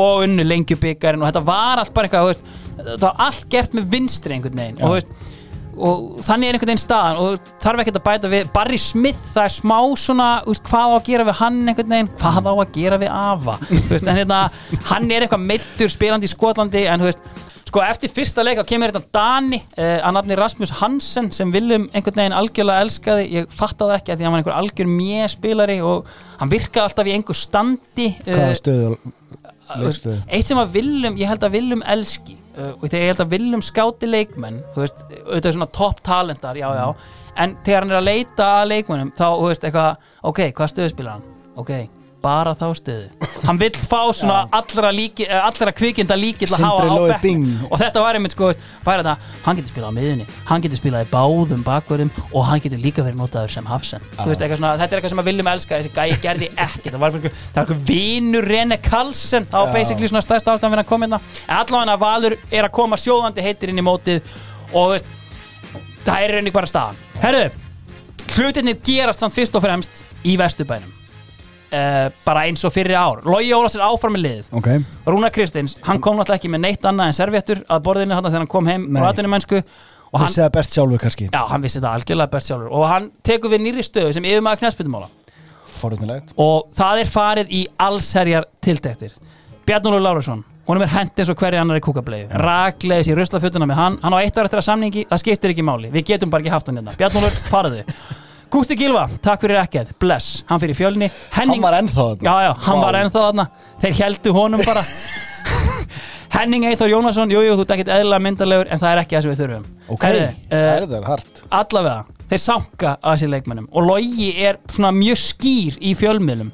Hann er búinn að taka þarna við, það er komin yfir maður knastbyrnumála, ég ætti að spila ákveðna útfæsla 4-4-2 leikkerfinu og í það þarf ég ákveðna leikmann. Takk fyrir mig, síðan fer hann bara på skrifstofu. Rúnar, ég það djúpan miðjumann ok, Rúnar hugsar, hm, já Crown, Jónas Guðni Sævarsson Kotti hérna, sinn sín og mistar og hann er keiftur frá Keflavík fyrir það sem að gárungarnir vilja meina að sé nálægt með fyrir sko. Ok, ég held að það hef ekki farið yfir Helga sig sko. En það talaði svona cirka 5 miljónir skilur ok, daginn eftir logi er aftur komin upp á skrifstofu. Rúnar, ég þarf hafsend. Ég er með Pétur Martins og Gulla en þeir eru gamlir og gugnir einhvern veginn, ég treysti því ekki að ég haldist heilir. Rúnar hugsaði þessu um, sækir Gretar Sigfinn Valur vildi auðvitað fá hann líka heim en hann einhvern veginn svona, veist, kauspeiningana og, og fer hann í káir ok. Enda upp á þeim þar, sorry. En hérna, alltaf hefur verið gott að fá hann í val. Sko, uh, Rúnar ég þarf framherja sem hleypur á djöflast í 90 mínútur plus uppbóta tími Rúnar, hann er með svona penna setur hann upp á munnunum hmm, ok, daginn eftir Guðjón Baldursson skrifar þetta samning Þetta er Guðjón sko búinn að vera ógeðslega eftirsóttur mjög lengi og bæði Erlendis og hérna heima. Og hann hafði einhvern veginn endað einhverju samningastappi við stjörnuna og þeir bara algjörlega neituð að selja hann. En þarna er hann held í orðin free agent og er kift inn í káir mörg lið og eftir honum. Sama með Gretar Sigfinn skilur, Valur vildi fá hann heim en þú veist, einhvern veginn svona gekk ekki Herðu, ok, hann er ekki hættur. Rúnar, geði mér eldfljótan kampmann með lasna löp Það verður auðvelt, tekið þetta úr playerskynnslóðinni Gunnar Örn Jónsson og hann skrifar undir samning við Káir Þarna er hann búinn að sækja fjóra Já. alvöru veist, eftirsótt að bita sko. og einhvern veginn höggva skarð í önnur lið Já, ekki já. reynda stjörnuna en, en hinliðin Nei, veist, hann gefur auðvitað leið sko, að veist, hann færi þessa leikmenn þá hinir þá heldur ekki Já, og hann er að taka aðeins í kringum svo annað en þú- þá er þetta allavega komið Oh, no, no, no, no, no. I've heard about one more. Nei, Besti leikmaður Íslandsmótsins árið 2006 gengur í raði Káir Viktor Bjarki Arnarsson. Hann hafði nákvæmlega ekkert komið með að borðinu nema servettur hérna út í atvinnum mennsku einhvern veginn Já. mikið meittur einhvern veginn og hann allan kemur í Káir og þeir eru að mæta með rugglalega þeir gleifum því ekki þó að tímabili í fyrra hafi verið kúkablega þá tóku þeir samt eftirsótustu bitan á markanum þá líka Óskar Örn og Atla Jó. Þeir eru gjörsanlega búin að pakka saman hérna félagskiptamarkaðinum undanfærin tvö ár sko Já. og það hafi ekkert gengið í fyrra. Sjáum hvernig það fer hjá þeim. Herru, uh, kannski verðt að minnast á nýliða uh, deildarna sem eru auðvitað þrýr uh, byrjum á að taka fyrir eina nýliðana sem að með minnir hreinlega hafi unni deildina, það er Grindavík. Já. Þeir auðvitað eru með, jú, Stefán litla. Milan Stefán Jankovic er að þjálfa lið og hann er búinn að vera þarna skilur náttúrulega í einhverju haltum með sleftum með sambandi svona eitthvað, mm, nei, ég ætla bara að þjálfa krakka. Já, en, já. Veist, en er þarna orðin bara og er bara aðal þjálfarinn þarna. Herru, uh, þeir missa loksins Óla Stefán Flóvensson uh, hann einhvern veginn hafi verið með þeim í fyrstu dildinni uh, rifið það upp með sér og appilsinugur að hverfið einhvern veginn já, ok, það er komið gott þú mátt fara Herru, uh, þeir fá Jóhann Helgason fyrir fullt og allt frá val, hann hafi verið á láni ári áður og síðan fá þeir einhvern haug af útlendingum sem, svo sem er ekkert verðt að minnast á einhvern veginn. Ekki Eh, nöfnin sem að hafa lifað einhvern veginn. Nei, þú veist, ég var að lesa þessi nöfn og þú veist, jú, jú, kannski, uh, Giancarlo Simonsits var markmaðurinn, þú veist, þetta var algjört Mm. maus, þú veist, ég meina, í fyrstu deildinni ári áður, þá erum við hauga útlendingum, þetta er bara haugar útlendingum út, haugar útlendingum inn, Mm. þá get fyndið í uppbytunin hjá .net fyrir mótið, þá var, þú veist, tíu mann að lista útlendingum, það stóð hjá öllum farin heim, ekkert, ekkert meir um það að segja hvaðan þessi menn komu eða hvert er fóru, þeir eru bara farnir heim. Herri, uh, viðtal við Janko fyrir mót það er svona tvær vikur í mót, það er ekki meira. Ætlar ekki að fá einhverja fleiri leikmenn? Jú, við hljótum að fá fjóra í viðbót uh, og hann er ekki ennþá búin að ákveða hvernig uppleggi hjá liðinu verður að því hann er að býða eftir að sjá hvaða strækir hann fær. Pælt í því að bara lifa við þetta. Þetta var basically líf Eyjup Púrisevits í 20 ár. Þannig að það er einhvern veginn þvílitt bull Já, þú ert ekki með nýju mánuði til að undirbúa þig en þú nýtir bara tviku af því hann sagði mér sko veist, þetta er ekkert eðlilega leiðilegt að vera hérna þess vegna var hann alltaf að tala um ég er alltaf að skipta yfir í krakkana af því þetta er bara ekki hægt Já. ég er hérna bara með ekkert lið á lengsta undirbúinistímanbilinu þegar allir eru bara að mæta Myrkur. með sturlað bara allt drillað í drast og svo fæ ég tvær vikur þá fæ ég kannski að vita hvað sender ég fæ Já. en þú veist, það sem er náttúrulega eftir þetta að verast í Grindavík er að þeir eru að koma með aftur í deildina The Entertainer McKenna, Já, Scott Ramsey. Gjössamlega lang, lang besti leikmann í fyrstu deildinni ári áður. Og hann er að mæta í hörku standi til leiks. Janko tala alltaf um sko að Ramsey er aldrei betri en þegar Rangers unnu daginn áður. Og hann bara, veist, eitthvað æfingavikan er bara stíluð, hm, eru Rangers að spila? Færi æfinguna. Þannig að, gaurin er gjössanlega kongun þarna. það sem ég fannst aðtikisvert var að Óli Stefán fer auðvitað, það var nýjan fyrirliða. Og Janko er bara mjög hreinskilin með það að, hérna, já það er búið að græða það. Leikmennir kusu fyrirliða og Orri Freyr Hjaltalín vann kostninguna með einstegs mun. Þú veist, ekkert um það að segja. Þangar til ég aðeins rindi í svona, veist, hann hefur verið undir sterkum áhrifin frá Ragnhildi Steinunni þegar ég kom fyrst í Grindavíkur þá voru það leikmennir sem á að kjósa fyrirlega allir leikmenn fengu atkvæðis rétt og skrifa sín atkvæð á blað 1, 2 og 3 Fyrsta sæti fær þrjú stig, annað sæti tvö stig og þriðja sæti eitt stig. Orri Freyr Hjaltalín þaut 38 stig svona, og eitthvað annað sæti var bara 37 eitthvað, Eisteinn Húnni. Já, hann er þarna ennþá. Wow. Þannig að, þú veist, skoðun. Sko, konseptið sem slíkt Já. Ég held að Liverpool gerir þetta Fyrsta, annað og þriðja sæti. Ég veit það bara ekki Ég man að það var eitthvað því hver væri þriðji fyrirlega því þú þarft að vera með eitthvað svona smá lista til þess að sé skýrt hver á að fá Síðan bandi segir hann hérna sko, þegar þrýr leikmenn voru eftir var staðan á toppnum jöfn, tveir með 34 stig. Þannig að þetta er bara live ég er að í þetta live dráttur. Þetta er ekki Sko þetta er algjörlega galið ef þetta er opin kostning og þú veist hver kýs hvað Já. Það finnst Ég mér ætla, að set, skrítið. ég ætla að setja Skotti í fyrsta sæti. Já, þá getur alveg bara rétt upp hönd á þess að vera Eystein fyrirlegi í annað og Ray Antoni í þriðja. Það eru konar fyrstu tölu hérna kræðanum Nei sko Fyrstu tölur úr hotninu hjá styrtinni Já.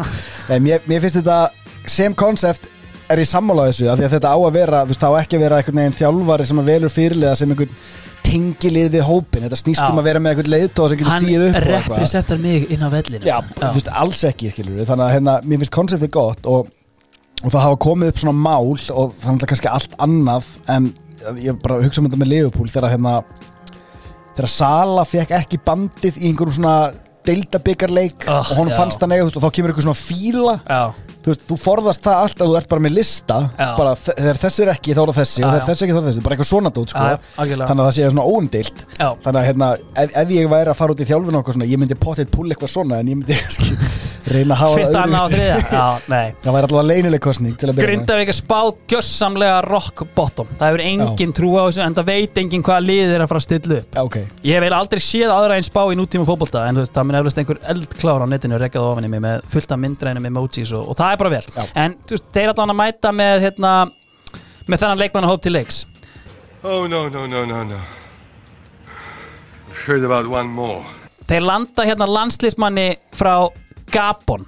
Gilsari, step aside. Við erum með nýjan Gils hérna. Gils Mbang Ondo það var svo bara strækirinn sem hann Já, fekk heldur betur, reyndar pappirsvesen Hann hafi verið í einhverju liði í Þískalandi sem var orðið, ja, Östuríki sem var orðið gjaldþróta og einhvern veginn á þeim tímum sem við lifðum þá bara einhvern veginn enginn til að tala við og, og FIFA ekki með neitt mekanism til að klára þetta. Þannig að hann kom ekkert og byrja ekkert að spila fyrir henni í júli sko. Þannig að þú veist hvað er fjandanum allan sorry Milan. Já, nákvæmlega. Stebbi Algjörlega Herri, uh, Háká úst, uh, Sá þíski, hann einhvern veginn matlaði þetta bara áfram. Uh, Þeir auðvitað höfðu þarna haldið sér uppi ári áður og uh, þeim var samt spáð svona þægilega bara uh, úst, áttunda, níunda sæti eitthvað Já. engin fjölmiðlamaður einhvern veginn á vaktinni fyrir hennu fræga second season syndrome. Nei. Ei, allir bara halda, að nýlegaðnir, ömulegir Palomaris kemur bara Já, stekkur inn og nákvæmlega. Palomar sér árinu eldri frá því fyrra. Já. En þeir allan, veist, Jón Þorgrím með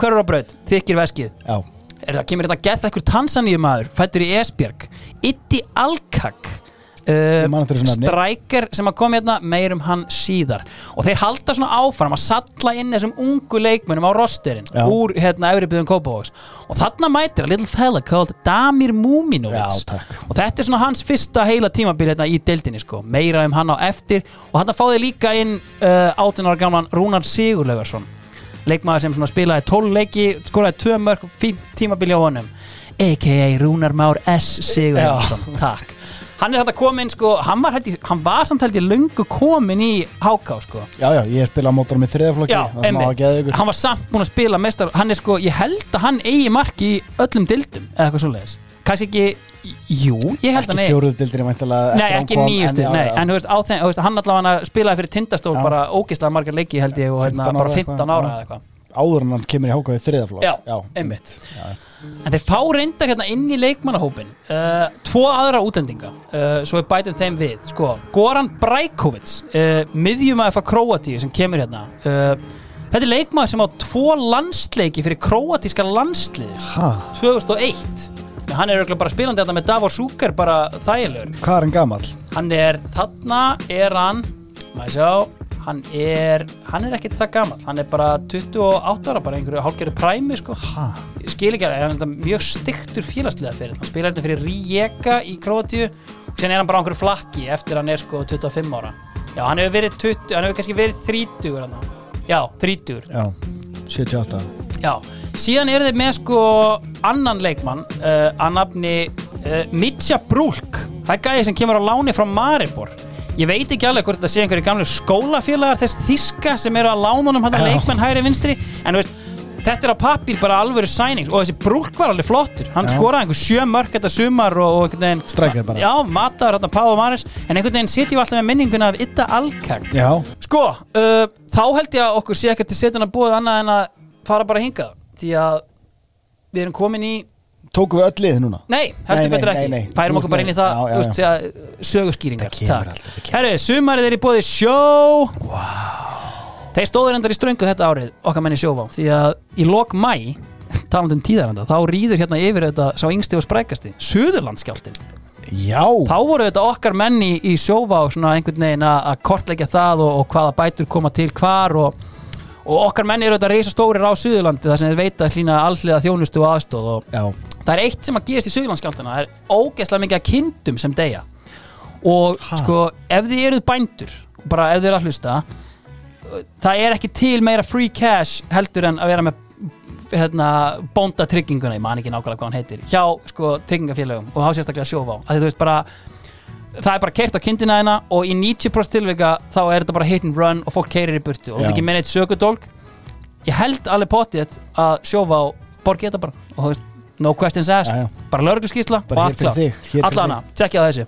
Sko, það er búið að fjölga umferðum. Uh, það eru fjórar umferðir í viðbót. Það eru tólið í deildinni Já. sem þýðir uh, alls 22 leikir. 24 leikir í viðbót fyrir okkur til að taka Já, play já. by play skýringu á.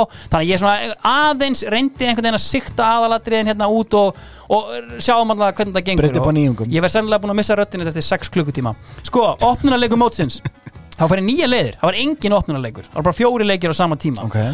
uh, og framarar þeir mættu djúviti sprækið til leiks og pökkuðu Leif Sigfinni Garðars og félögum í fylki saman á útivelli þar sem að okkar maður Hjálmar Þórarinsson Rivera er allt í öllu og Jón að blað stutt í ammæli hans náttúrulega og hann er komið með reisastótt veski sko, uh, Er hann ljón eða? nei, er hann ekki sko, þetta Hvenær er hann? hann er 27. mæ hann er uh, á undan tvíburanum Nöyt er, nei, er hann ekki bara tvíburi 20. mæ til 20. júni, eitthvað svo leiðis Jú, sannlega Ah, við félagarnir. Herri, uh, við erum búin að fara yfir framarana uh, Sko Hérna Fylkismenn Það var alveg blásið í einhverja Ég ætla ekki að segja herrlúðra En þeir dróðu fram herr óbóið. Þetta var svona sem var heldur góð sagði, sko, Peter Graves hann mætti frekar laskaður til leiks eftir heimsók til bróður síns sem rifbeinsbrautan í gannisla þannig að hann var frá í sex vikur hann á Þeir undirbúrstíðanbílinu eru frá sko einhverju hérna ígildi skagans Hanna í Danmörku. Og hann allavega mætti rifbeinsbrotin þetta en, en sem betur fyrir var þetta ekki rifbeini hjá lunganu. Það var svona það sem hann tók út úr þessu og sagði þetta er ekkert mál. Herru, þeir kaupa upp á topp uh, Jóhann Þórhaldsson frá Káir hann sá sæng sína uppbreyta eftir taktíska kaupæðið þannig hjá Loga Já. og alla kúkableiðina sem fluga hægt út um gluggan og hann fó bara og let selja sig upp í árbæ.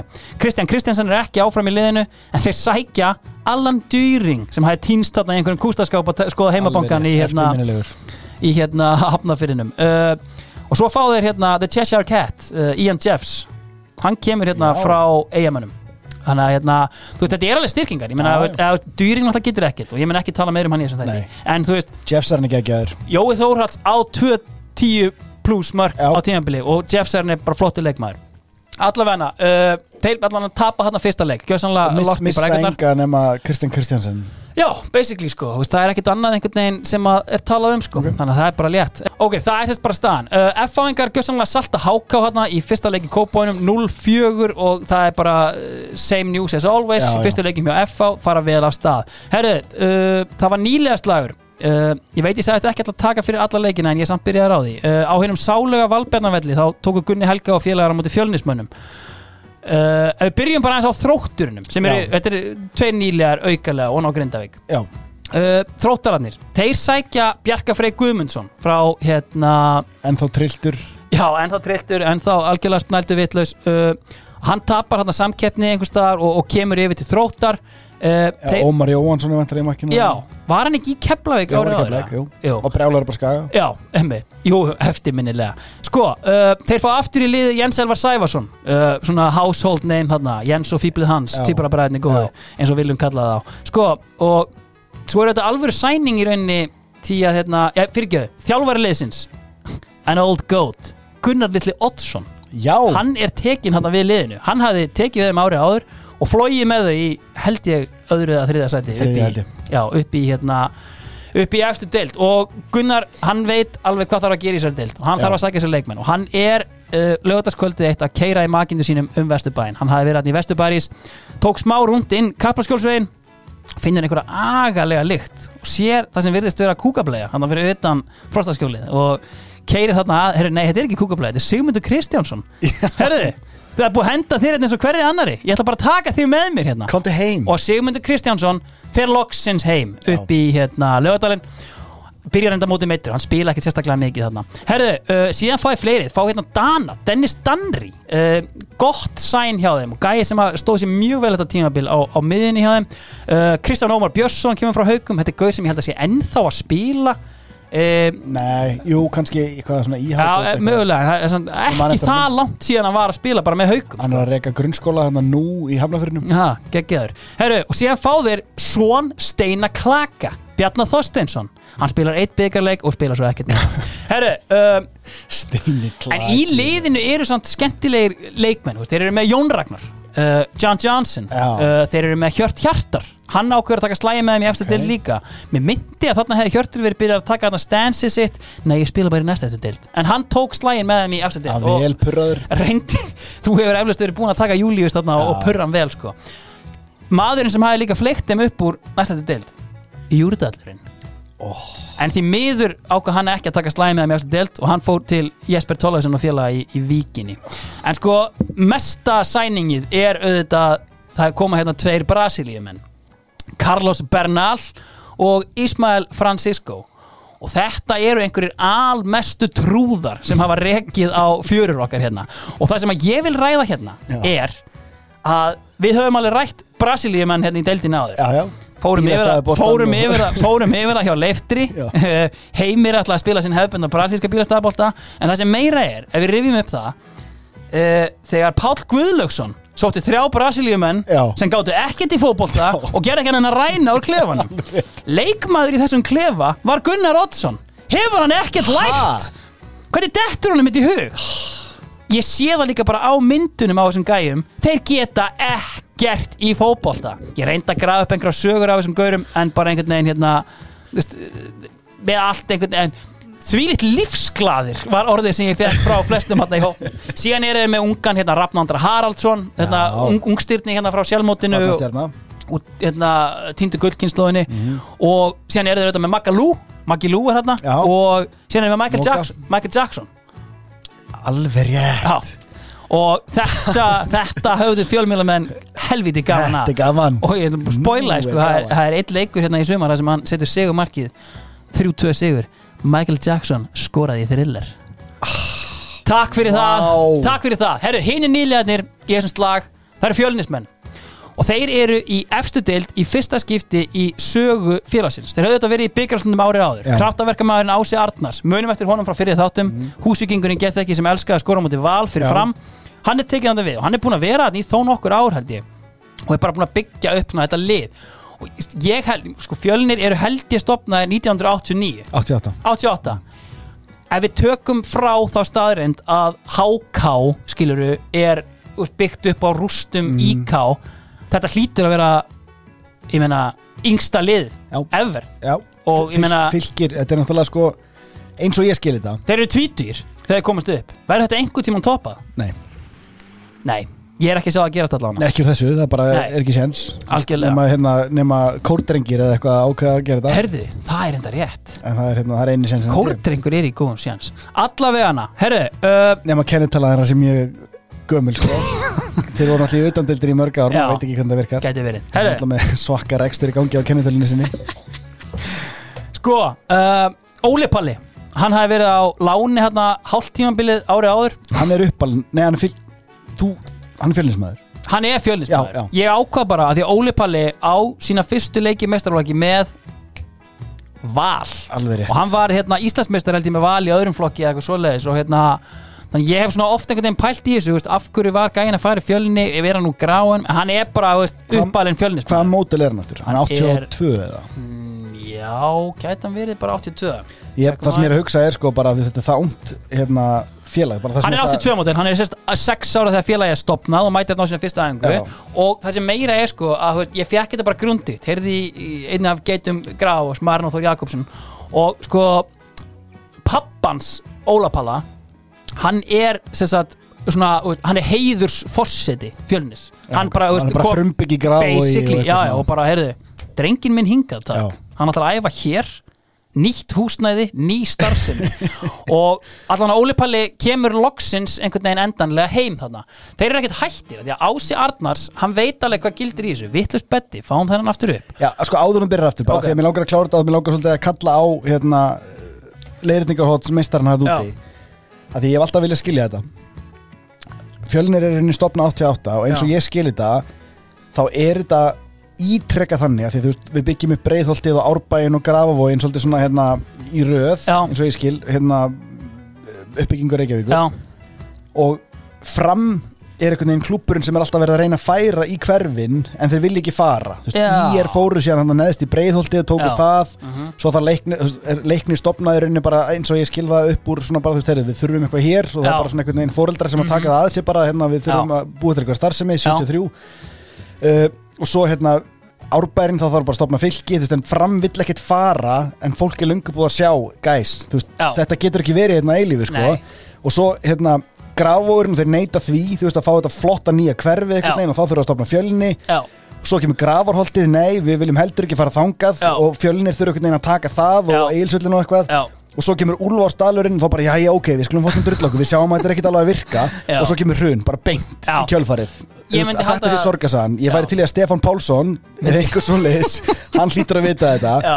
gæti bara lappa með okkur í gegnum þennan mekanisma bara ferð Ferð með okkur, kannski um svæðið bara Þetta er bara svona á tveggja hefðarútunni Já, emmi Hérna var þetta. Herru, sko, uh, Ási fór í gáminn á kappaskjólsviði uh, Vopnaður innóta hönskum og í rösta tunnuna sótt hann Gústa Gilva Já. Gústi Gilva kemur hérna í fjölni og hófst þar langklíft ástarsamband. Já, Eh, og- og Gústa- fallegt og, Já, já, algjörlega. Og hann sækir aðra gamla geit því að það er auðvitað á lausu Óli Stefán Flóensson. Uh, elskar að vera í gulu wow, sem er ótrúlegt því þetta eru svo ekki fallegir gulir litir og bláir einhvern veginn en höfst, allavega hann elskar guld, það er hárið sko hann hafi farið upp með grindaðeg ákvæða að taka slæði með fjölni en hér er ákveðin áreikstur og uppverður mikið fjölmíla fár og annað að því að Gusti Gilva og Óli Stefán, hvað er það sammeilegt? Number 7 Ah. Ég meina, sko, ég held að Gusti reyki reksturinn sinn á sko, kennitölunni sjöan. Uh, Óli Stefán var með sjöan.blogspot.com Þetta var alvöru áreikstur Þetta er tvær sko. svölustu sjöunar Og sko meiri segja, sko, það var einhver leikmaður í sjöunni en hún var bara brushed aside í allir umræðinni bara eitthvað, nei, nei, veist, ég ætla ekki að, veist, hann verður ekkert með þessu.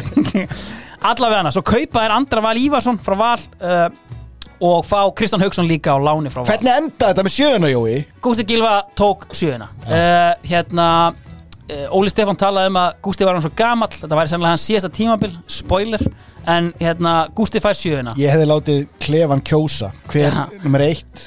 Fyrsta og annað sæti. Og þriðja seti Þessi þetta sem var í henni. Já, umveg, hver var það í henni? Ég bara mann það Með 38 stig. Dean of the Church, hann var í henni. Markan var í henni. Herðu Og Markan færi sig í þristin Því líkt, sko, the shortest straw. Þetta er samt, er svona guðismadur og... Já, heldur betur. The Holy Trinity. Hvað, vel lesið.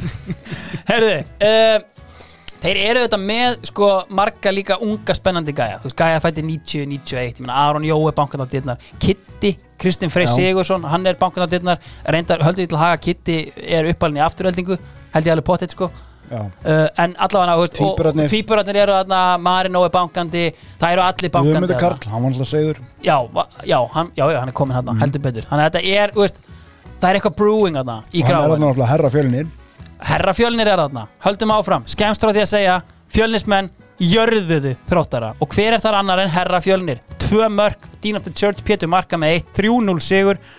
Og það er glatt á hjalla í gráðanum, ég man líka bara það voru svo ferskir vindar með einhvern veginn þessum unga klubbi með sína, þú veist Ullings stuðningsmenn Dr. Steinþór Átni Martinsson uh, sjóðstjórin Þorsteinn Andri Haraldsson mættir þarna einhvern veginn berjandi á trommur, sturtandi í sig á gullöldinni. Það var þvílík stemming í kringum. Já, og það er líka þarna ekki kynnslóð, eitthvað rima kynnslóð sem var fucking svona, hérna það fylgdi henni eitthvað svona slæm ára, það var ókn í þessu líka, sko Algjörlega. Herru, blikar og skæin uh, Svo höldum áfram að fara yfir liðin. Þau mættist í Kópavói, 1-1 jafntefli þar sem skagamenn jafna sint í leiknum. Jón Vilhelm Ákason einhvern veginn með allt á hotnum sér Hefur farið öfumegin fram úr hann að morgunin Ekki í fyrsta skipti, ég vann með honum, tristiði mér. Hann fær gult spjald fyrir tæklingu sem átti sennilega verðskulda raukt En fær svo setna gula fyrir kjaftbrúk við eh, Garðarard Hinriksson sem fyrir alltaf réttum megin fram úr rúminu með að við sögurna sem maður E, Já, heyrir af þeim mikla kongi og kynlífsmeistara.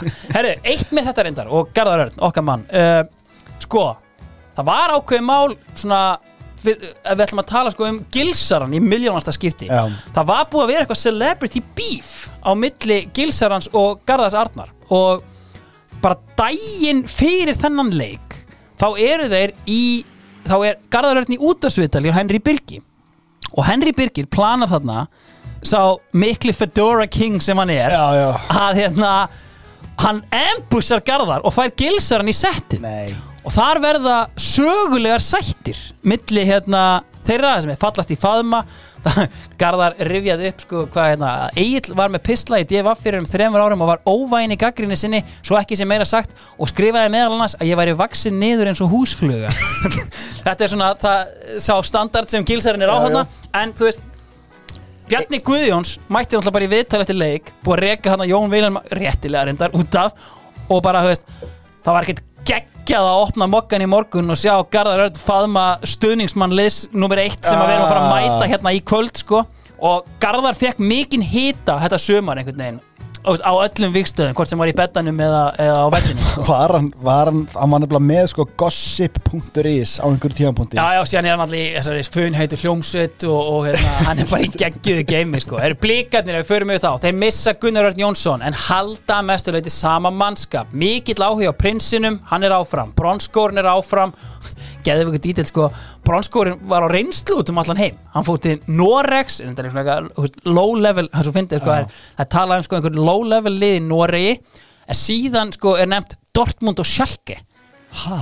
og ég var bara, ég sá fyrir ekki ha og googlaði bara Magnús Páll Sjálke þá var þess að helsti draumur hans að komast að hjá varaliði Sjálke en mm. allavega þeir voru að ríkrúta hann 28 ára gamla strækjara frá Íslandi í, varaliði Sjálke, það gekk ekki upp og hann er áfram í blikunum.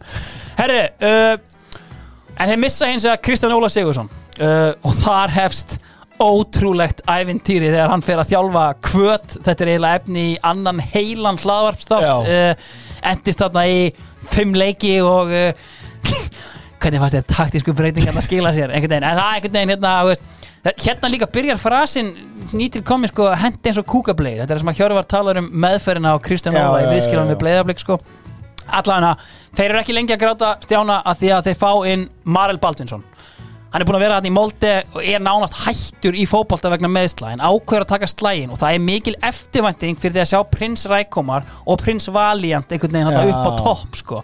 og sjáum hvað, en hvað verður um MPG? Einmitt. sjáum hvað setur og svo fæði Q Karkarov Oh, no, no, no, no, no. I've heard about one more.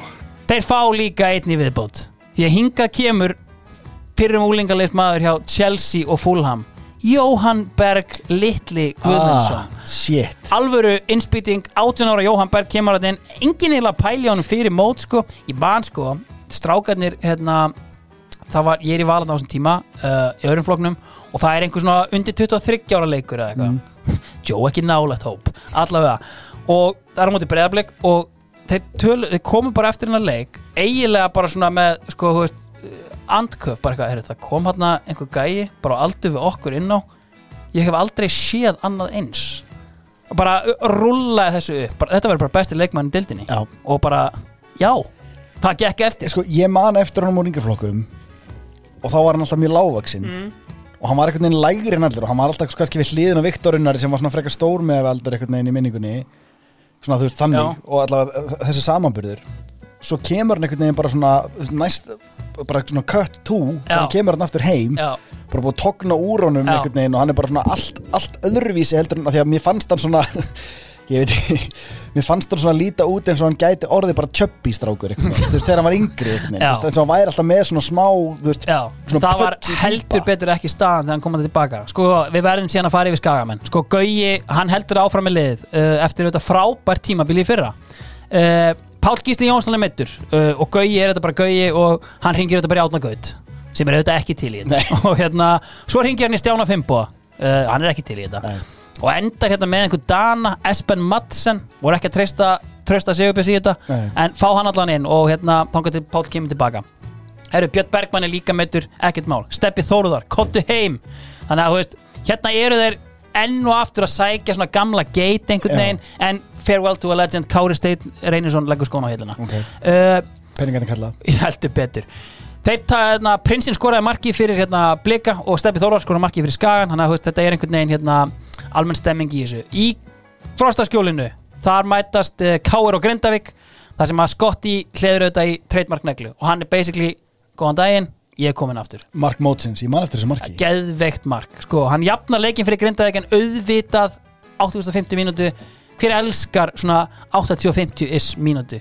Rauða ljónið, Guðmundur Já. Pétursson Plan B kemur með mark seint í leiknum áður en Ingimundur Níels innsiklar sigurinn. En aðal frétt þessara fyrstu umferðar sem gjössanlega sprengdi upp deildina og bara svona breytti því sem að kalla narratífinni í deildinni er auðvitað loka leikurinn sem er leikur keflagur og vals uh, Valur eins og ég kom inn á hann búin að vinna nánast öll undirbúinusmótin reyndar Íeringar unnu sem fyrsta Reykjavíkumóts titil og eina to this day held ég alveg. Pott þetta ég geti fullirt uh, vinsalasti keppandinn og herra Ísland 2003 Baldvin Jón Hallgrímsson fyrirliði liðsins og hann þá þarna upp í hæstu hæðir og, og Íeringar eru ennþá að fagna þessum titli og, og veist, hann borða frýtt á öllum veitingastæðum alveg í brjáltinu Herri, uh, það var samt eitthvað eins og ég er búin að koma inn á veist, valsmenn langbestir og, og, og hérna, það er stemmingin. Keflavík hins vegar, þetta lítur herfilega út allan veturinn, Baldur Sig hann er fann, er í atvinnumensku Jónas Guðni er settur til Káar uh, og ég hef bara aldrei séð jafn langan farnir lista farnir heim, jafnvel sko. Uh, en á einu augabræði, kortir í mót þá bara breytist allt. Þegar Kristján Guðmunds Næl, ég er ekki að djóka, það er kortir í mót. Ég held að hérna þriðutastilbúin 2 séu tilkynnt bara á þriðudeginum þeim sem leikurinn er. Ok. þrjár álgstegundir, takk. Uh, Dominos Tríóið, Spicy Cajun breyðstangir Hans Jú Mathísen oh. Í Keflavík. Við getum unnið eitthvað saman hérna.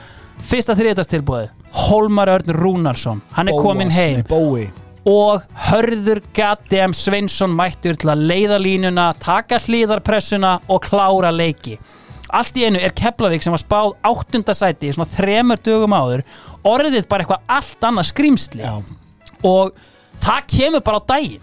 55 sekundur búnar Hans Jú neglir inn einu. Fjórar mínútur búnar Símún Eilir neglir inn einu. Hálftími búin 3-0 Valur minka munin 4-1 5-1 Valur klórar eitthvað aðeins í bakkan en þetta er sko gjör samur skellur og niðurlæging. Þú veist, þegar þú horfir átt í dag og lest Ísland klassmyndir, nú, 3-5, hörku leikur. Nei völdun. Já. og sko hérna fyrir mér klingdu margar þetta- er þetta fyrsti leikurinn nýjum heimaðalli? nei, þetta er í Keflavík. Já, ok, ok, ok, ok. Hans Jú, 5-3, já, já. Hans Jú sagði mitt sko Jú, jú, ég kom inn og skrifaði undir Það var þetta gamall maður í hotninu Hann sagði við mig, Hans, keflaði ekki, keflaði er alltaf keflaði Það var kaki más. Erðu, uh, þetta er alltaf staðan Og veist, ég einhvern veginn Ég fór að velta fyrir mig bara svona að, veist, Þekkjandi sögun og annað Bara, veist, hvernig þetta var hjá þeim. Og ég varði eiginlega bara að ringja í Besta leikmann vals á tímabilinu uh, Pálmar Rapp Pálmarsson. Uh, Pálmi, ég held ég heyri vel í þér Það er gott mál. Pálmi, þið eru ríkjandi Íslandsmeistarar komandi inn í tímabilið 2007 þið eru búin að vinna, já nánast flest allt á undirbúinustímabilinu allir fjölmeilar að spá ykkur titlinum svona, var ykkar tilfinning líka að þið værið með einhvern veginn svona langbesta liðið komandi inn í mótið? Já, ég held að okkur hafi svona liðið eins og við værum ósigrandi sem við vorum í rauninni búin að vera vera allt undirbúinstefili. Ég held að við hefum unni öll mótið sem við tókum þátt í og, og það voru fálið sem að sem að átti eitthvað í okkur, svona í minningunni allavega. Mm -hmm. Þannig að, þannig að við komum svona já, fljúandi, fljúandi inn í mótið. En þá hlýtur þessi leikur á móti Keflavík að hafa verið já, segja, alvarleg jarðtenging að þessu leiti eða svona, þú veist hafandi einmitt komið svona fljúandi inn í mótið en í rauninni síðan bara fljúa á fjall eða hvað? Já, ég held að það hefði verið bara svolítið svo leiðis. Þetta var bara, þetta var hérna harkalegur fjálstindur þannig sem við lendum á. Og hérna, þetta er held ég kannski bara, ég ætla þetta sé ekki svona einn af fáum leikjum sem ég man eftir, bara á þessi tímabili. Já. Og þetta var bara, ég þetta allir þetta hafi ekki verið svona skilgreiningin á, á blöðri tusku. Ég held það. Einmitt. En það sem að gerist kannski við svona leiki er svona einhvern veginn þegar ég reyni að hérna, rýna í þetta sem, sem valsmaður og, og, og fræðimaður fyrst og síðast sko, þú veist, að þetta myndi vantarlega svona kannski srá einhverjum efasemda fræjum innan hópsins að því leiti sko að því ef maður fór kannski að rýna í hlutina og horfi kannski á leikmannahópin þú veist, skýsturnar í dag að þú veist breytin er kannski ekki það mikil og veist, mátti kannski ekki endilega við allt og mikið af meðslum að því að veist, liðið var voðalega lítið styrt þannig að veist, svo ég komið mér að einhverju spurningu hérna var það aldrei einhvern veginn svona hugsunin fyrir mót hjá ykkur? Er þið, væri nú fínt að fá kannski hérna 1-2 leikmenn ef að hérna, þessir gömlu hundar fara að detta eitthvað í meðsli Sko, ég, nú verð ég bara viðkjann að ég minni mig þegar það er- stópult. eh, en hérna, ég held ekki út af því að við unnum kjörsanlega allt. Já. Ég held einhvern veginn að, ég held einhvern veginn að hugsunum hafi bara verið við, að við erum bara ósýrandi. Og hérna, ég held að það hafi aldrei komin eitt svona evi upp í hausinn á manni, sko Nei, en, en hérna en eins og ég segi talandi um blötu tuskuna að hérna við fengum svona alveg sarkalega áminningu um að við vorum ekki ósegurandi í, í þessum fyrsta leik. Um, en, en bara svona hvern, með að hvernig það var búið að vera þá ég held einhvern veginn að við, við höfum haft rosalega lítinn efa í höstum á okkur. Algjörlega.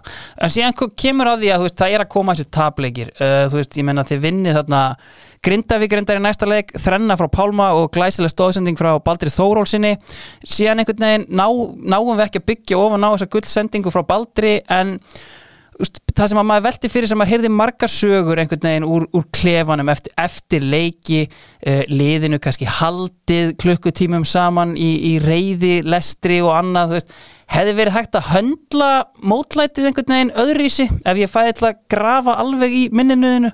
Ég sko já, já eða, þú veist, náttúrulega pottið þegar maður hugsa tilbaka. Já. uh, það er það er náttúrulega sennilega auðvaldist hlutur í heimi það er að, að vera vitur eftir á. Það er að vera fræði maður, já. Já, já, og hérna jú, jú, ég ég, mér ámar nú alveg í, í löngu fundina sem var svona að vera að fara í málinu en, en hérna við vita líka bara var það til þess að reyna að kveikja, kveikja á okkur og veist, við vorum bara, það var alveg slögt á okkur hérna náttúrulega í, í mörgum leikjum Mhm. það er ekkert eðlilegt að koma í fyrsta leiki móti búin að rulli yfir allt, allt undirbúinistífambili og, og hvað, tapa var það 5-2 eða Ja, sko, 5-3 eða 5-3 en þú veist, mann er leiðsamt ekki þannig að þetta hefði verið 5-3 þú veist, af því að það hljómar eins og jafnleikur sko, en þetta var það alls. Já, þetta, nei, einmitt og, og svo ferði í næsta leik og 3-0 og, og, og svo bara er þetta eitthvað bara jójó ruggl í gangi að, að það er svona auðvitað var þetta myndi halda svolítið andlegt og, og, og það er einhvern veginn verið að reyna að kveiki í okkur og, og það fyrir náttúrulega bara misjaflega í menn og eins og menn eru misjafnir eins og eru margir og, og hérna þetta var bara þetta byrjaði bara á ströggli þessum fyrsta leik og, og var það bara áfram. Og komum okkur bara í raunin aldrei neitt út úr þessu. Nei. það er bara típitt fyrir lið í ströggli að hérna, það er úrþálega erfitt að ná sér upp úr því þegar að þegar að sérstaklega þegar að fer að vera svona langur tími í strögglum þá, þá verður þetta alltaf erfiðar að, að ná, sér, ná sér út úr. Þannig var þetta bara. Sko, ef við bara kannski þú veist, krifjum þetta aðeins og bara kannski spoilum að einhverju leiti Valsmenn voru í nánast engri titilvörn þetta tímabil, þeir voru bara í algjöru andlegu brasi. Og þú veist ég svona vissi ekki alveg hvað ég vildi fá út úr þessu viðtalið við Pálma en ég fekk allt sem ég vildi ef ég á að segja eins og er sem fræðimaður. Já. að þú veist bara þú veist, þeir heldu að þeir væru ósigrandi Já. þeir bara einhvern veginn, það var bara ekkert ann, ég var svona von, eða ég vona ég veit ekki alveg hvað ég vildi fá en þú veist, að því svona in hindsight, ég man ekki alveg man ekki nákvæmlega hvernig mér leið en ég svona, þú veist, Dennis Bó með þarna, og sem allt í henni lítur maður yfir bekkin og maður er bara eitthvað, þú veist, já hver á að koma inn á, Einar Martinsson 1989, geggjaða gæi en þú veist 19 ára Íslandsmeistari. varnarmaður. Já, Steini, Guðmundur Steinn Hafsteinsson geggjaða gæi, geggjaða leikmaður en þú veist, 19 ára. Já, og veist, þetta var allt einhvern veginn svona, veist, og síðan eru menn hægt að ringi miðsli, jú, jú, við vinnum næsta leik. Við vinnum Grindavík 3-0, Pálmir Rapp með þrennu Baldur Þórólf Sarnarssonar, Takk. borgarstjóra. Leggur upp þarna stórkostett mark uh, en það einhvern veginn gengur ekki því næsta leik á tapaðir fyrir fylki uh, og eftir þann leik, ég var svona í að við, við hérna Pálma var að, það er náttúrulega sagan svo að, að þeir hérna viljum hjæltum í, í 90 mínútur í, í klefanum Eftir þriðja leik. Já, og þar basically sko, það sem Pálmi kallar að kveikja á mönnum tekur hann línuna bara og urðar uh, yfir, yfir mannskapin sko. og veist, ég einhvern veginn sko, veist, ég veit það ekki, ég er ekki þjálfari viljum á fullt af titlum en þú veist, ég, veist, það var bara vond ára upp í stúku það var vond ára út á velli það var bara ekki góð ára ef við valið þetta sumar Mér, mér finnst Viljum hafa fundið sér svolítið oft í þessari stöðu Já Þetta hefur ábygglega virkað ógeðslega vel í Vesturbænum á sín tíma þar sem hann var með smá svona hérna, gamla skóla til þess að hrauna yfir sem að bara hérna, fer í gangi einhvern veginn það er kannski bara svona þegar það virkar ekki þá verðist ekkit endilega vera neitt Plan B, Plan engin B, gummi sko. pén hann til að Nei. klára fyrir hann sko. Herru, móti heldur allan áfram þó að valsmenn sé í bullinu uh, Fjölnismenn, þeir bara halda áfram. Steinþór Átni og Þorstedt, þeir eru bara berjand á trómmetna styrtandi í sig og þeir eru með fullt úr stiga eftir þrjá leiki. Uh, Þeir vinna frækin sigur á Káar uh, Guðjón Baldvinsson skorar hann annan leikin í röð en Dean of the Church, jafnar metin, Pétur Georg og í uppbóta tíma fá fjölnismenn viti og ég ætla að lefa mér að segja ein allra örugasta vítaskipta landsins fyrir á punktinn. Þannig að kynnistu honum á punktinu kannski í fyrsta skipti með allt undir all on the line Gunnar Má Guðmundsson og hann bara hamrar hann upp í vinkilin Já. Þú veist er, þú veist, er þetta ekki frekar sol, þú, veist, þú meinti klálega top 5 Já, já. nútíma fótbolti já, já. er það ekki? Jú. ég held að alveg klálega sko, uh, hvað erum við með fleira hérna uh, eins og ég segi inn að K.R. vinna svo Grindavík í Grindavík þar sem að Garðar Örn hangin eins og húsfluga Hinriksson rekur annan leikin í röð leikmann út af með rautspjald fyrir mótmæli núna, Dean of the Church, Pétur Georg Ha? Já, Óli Palli auðvitað með sigumarki Fjölnir er á toppnum með Keflavík sem hafi lent undir gegn HK en komið ævintýrlega tilbaka seint í leiknum. Síðan er rosalegt jafntefli fjögur fjögur hjá FA og þrótti á, á Valbyrni þar sem að Daniel Dennis Danri Triple D eins og köllu hann á sínum tíma hann er allt í öllu þarna og hann er bara maðurinn sem er einhvern veginn og þróttarar eru, þeir eru aldrei í neinu brasi allt mótið, þeir eru reytandi stig hér og þar sem þeir ætti ekkert endilega vera að gera það eins og með einhverju fjögur fjögur jafntefla móti FA Já. og eru bara í toppstandi mest allt tímabilið Herru, uh, í þessari umferð orri þá koma þessi Nenad Sivanovic mörk upp í frostaskjólu Já, hvað umferð þá? Bara Þetta er já, fjóruða umferð eða þriðja umferð. Og, Kep og Káar eru hérna orðnir 1-0-2 uh, slök byrjun búin að tapa tveim leikjum í röð þarna. Valsmenn ná loksins að rífa sig upp á raskatinu í fjórðu umferðinni. Þeir stoppa þá high-flying fjölnismenn uh, sem að þar er fyrsti leikurinn á Vodafone-vellinum, ef ég mann þetta rétt. Uh, Pálmi Rapp auðvitað með sigumarki eftir að Baldur Bett hafi fengið rautspjald þannig jú, mögulega er eitthvað hægt að rétt úr kútnum þarna Já. en einhvern veginn sjáum hvað setur. Eftir tapleik skagans í Keflavík þá er Guðjón Þórðarssoni nóbóðið uh, Steppi Þórðar hafi fengið rautspjald mjög sent í leiknum og Gauji fer í helviti gott viðtal. Uh, fyrirsögnin á vísi þeirra er skömmin. Uh, og hér kemur sennilega eitt frægasta Gauja moment svona í setni tíð. Uh, hvar er ég með þetta? hérna er ég með þetta bara. Sko hérna er þetta.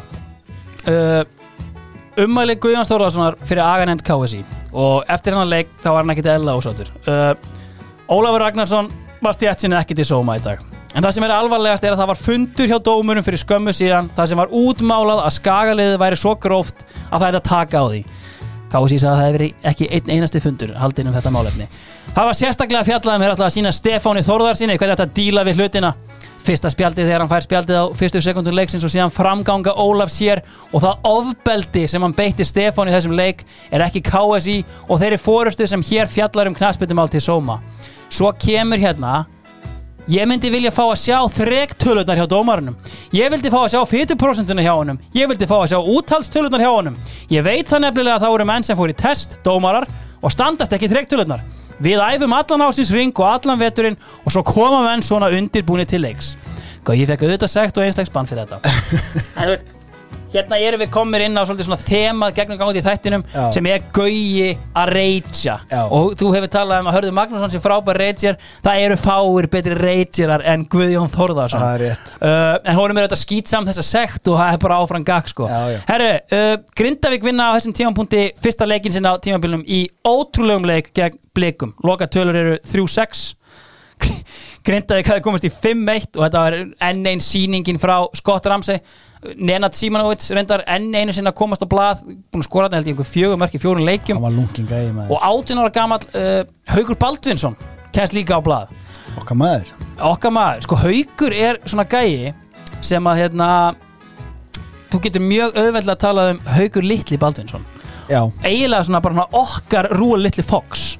Já, hann, er, hann, er, hann passa best við þetta einhvern af því að hann er með allt í þetta, hann er pínulítill. Hann er snaggaralegur, Já. hann er eldfljótur. Og þú veist, Ekki með millina. Ekki með millina, það, Það er eiginlega svona besta í þessu. Og meina, þú veist ég, svona í fljótu veist, ég væri til að fá frá hlustendum kannski bara svona svo litli. Haukur Ingi Guðnason skilur við Já. Reyndu að vera með Haukur Ingi Litli Guðnason. Haukur Litli Ingi Guðnason. Haukur Litli Guðnason, það er bara eitthvað annan guður sko. Já, það er nefnilega málið og veist, hérna, já, ég væri til að fá frá hlustendum bara svona, ef þið viljið sjá hérna, hver er svona Hver er betri hver er litli? betri litli heldur en Haukur Litli Baldvin hann er kemst að blaða þarna það er sko, markverðasta frá þessum leik sko, það myndi ég segja við verðum eiginlega að færa okkur sko hingað.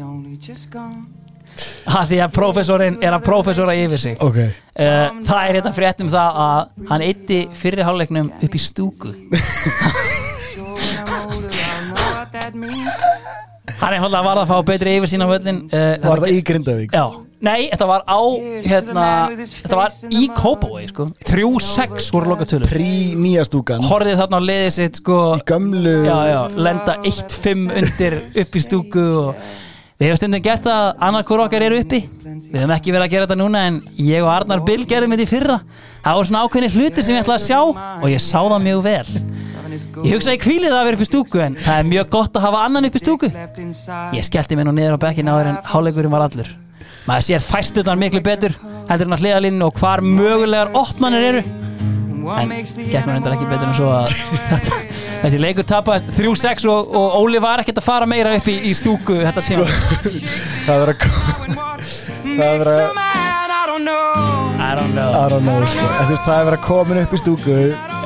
Og það kemur 1-0 Og þú bara svona Æ, djöfullin maður. Hefði ekki að vera hérna við hliðin á leikmennunum stöðningsmennum Og það kemur 2-0 Og svo bara svona, jæja.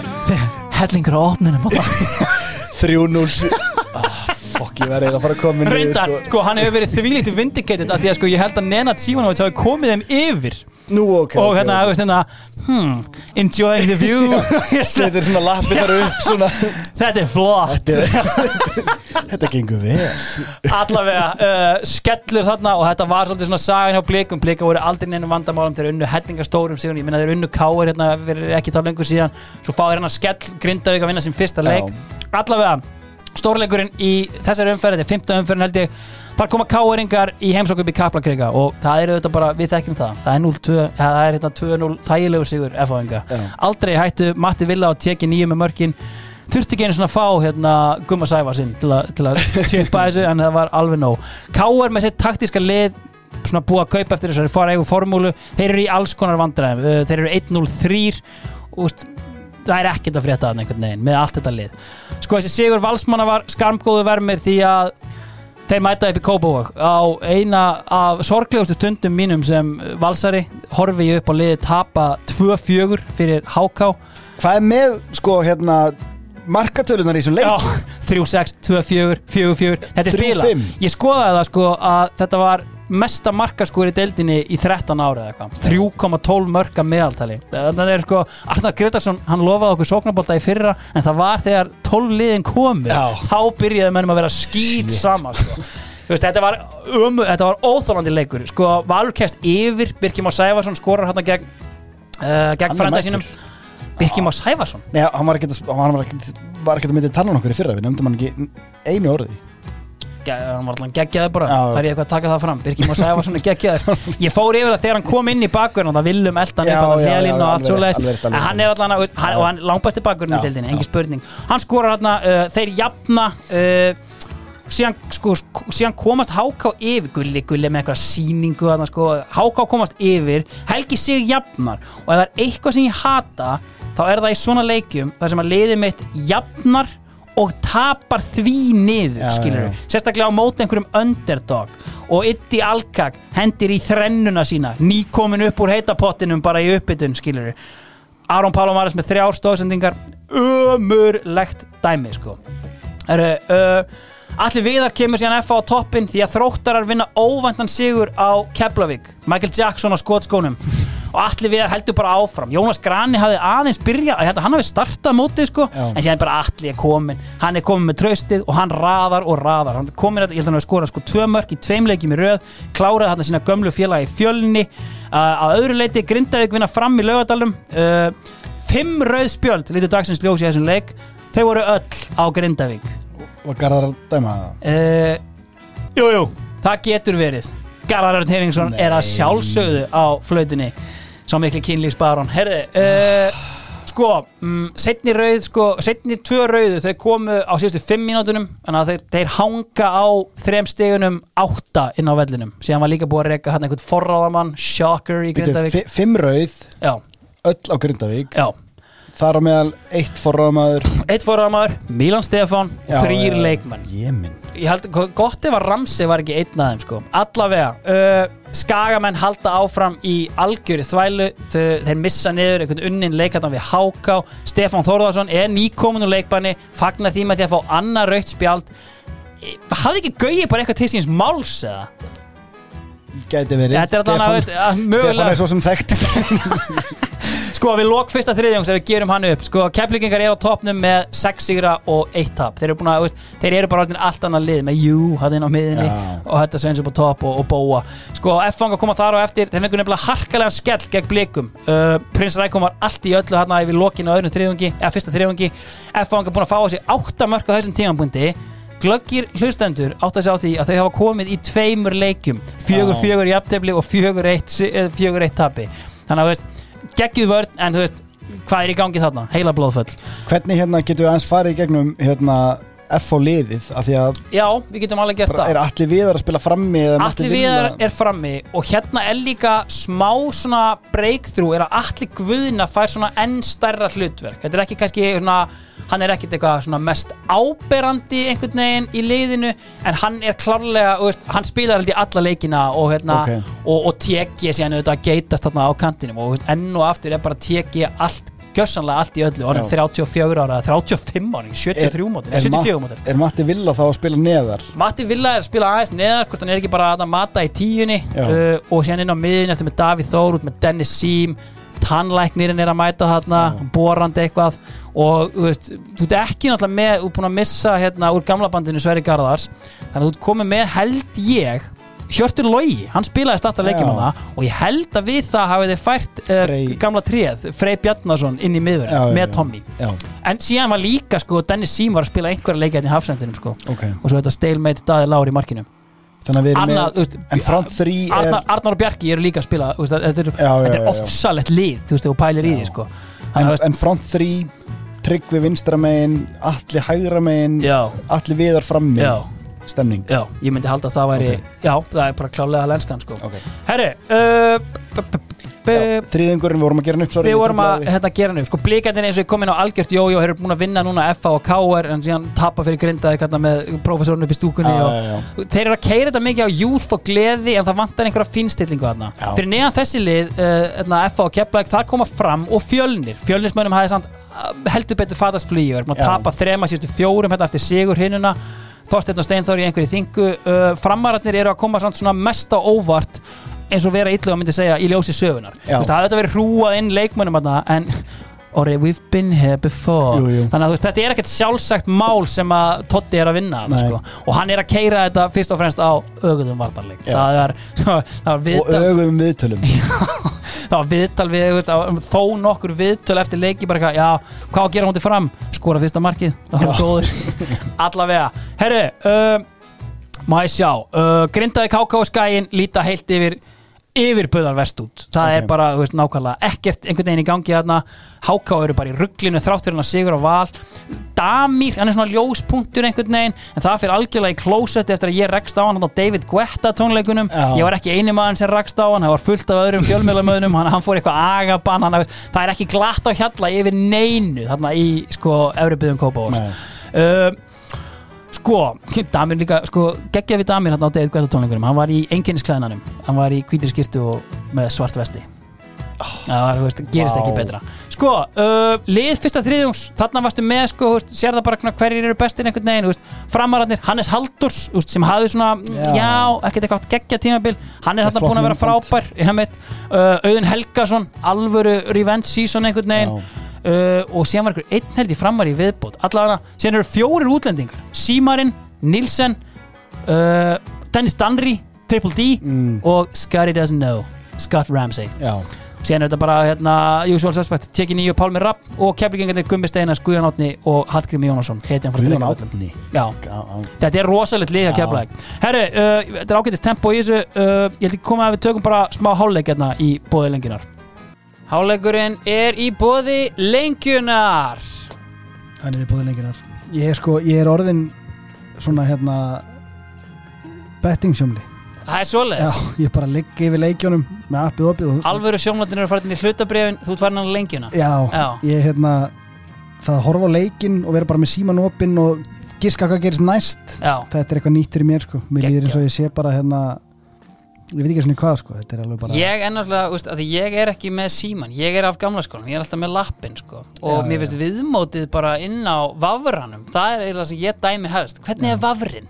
Og vafrin er veist, Það er einhvern veginn, bara opnar þetta knatspilna og bara komið beint inn í þetta.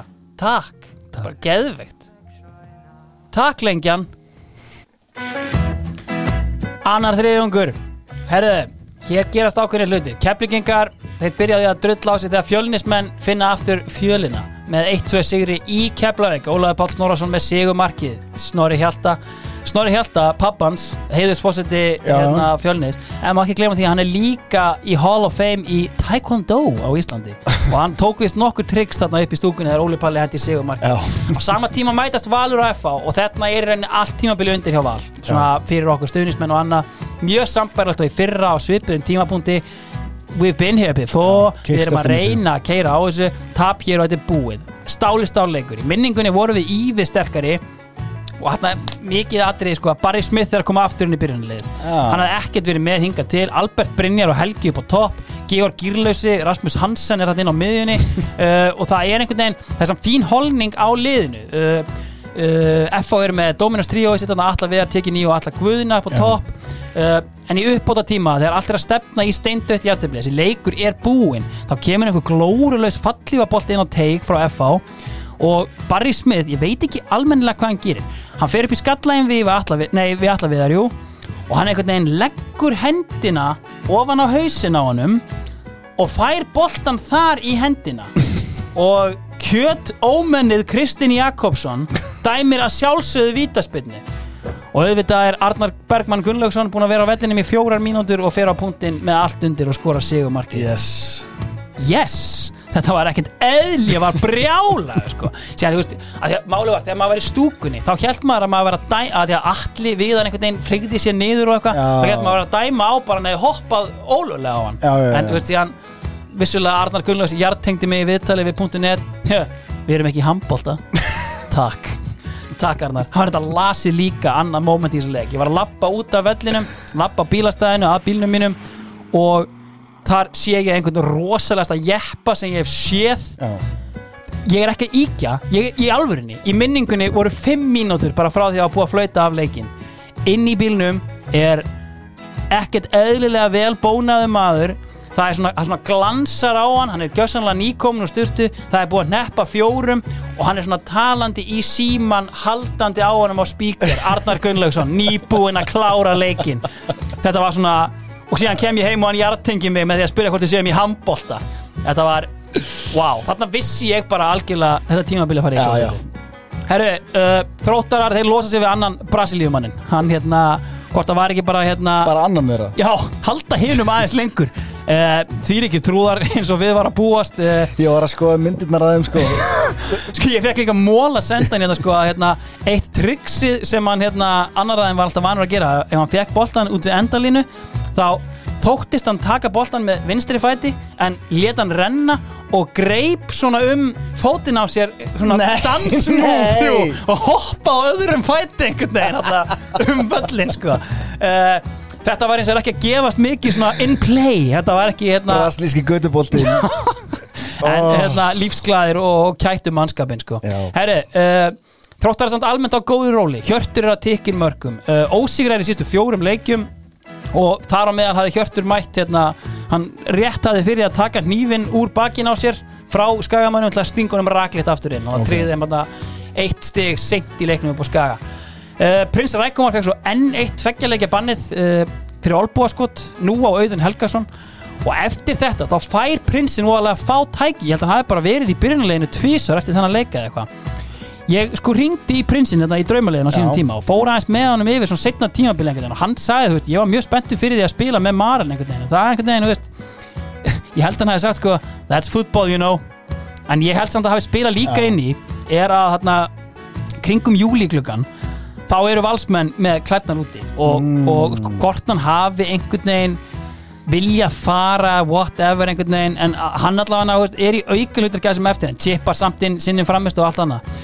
Herru, undur og stórmerki gerast í Vesturbænum í nýjöndu umferð þegar Guðjón Þórðarsson tapaði KRI að leik. Uh, enn og aftur eru skagamenn í tómri steipu, það eru þrjú rauð spjöld þar af eitt á Guðjón, eitt á BG4 og eitt á Vekvistaf Svatumovits Gauji það er enn eitt skætingurinn uh, úst, var í, hann var líka einhverju hluta vegna orðaður við stjórastöðuna hjá Harts ég veit ekki hvort það var liftrandi spilamennska Skagans á þessum tímapunkti sem var að græja það. Hann er, hann er rekin út af auðvitað er Garðar Örn að dæma leikin uh, og hann, einhvern, hann er rekin út af og svona, tekur svona barnaskóla move, sérst, ok? Og fer bara við hliðina á varamannaskílinu Já, hann á káaröllinum hann sem hann er á bak Já, og, og Garðar einhvern veginn Gauji, uh, þú voru að fara aðeins lengra frá. Ok, eitt skrif Nei. Og þetta gerir svona fimm sinnum Og Garðar segir bara, Gauji Ég þarf að blása hann að leik af Ef þú ferð ekki bara í burtu. Og þetta fannst Gauja gríðarleg sorg einhvern veginn Að Garðar ætlaði að flauta allan leikin af.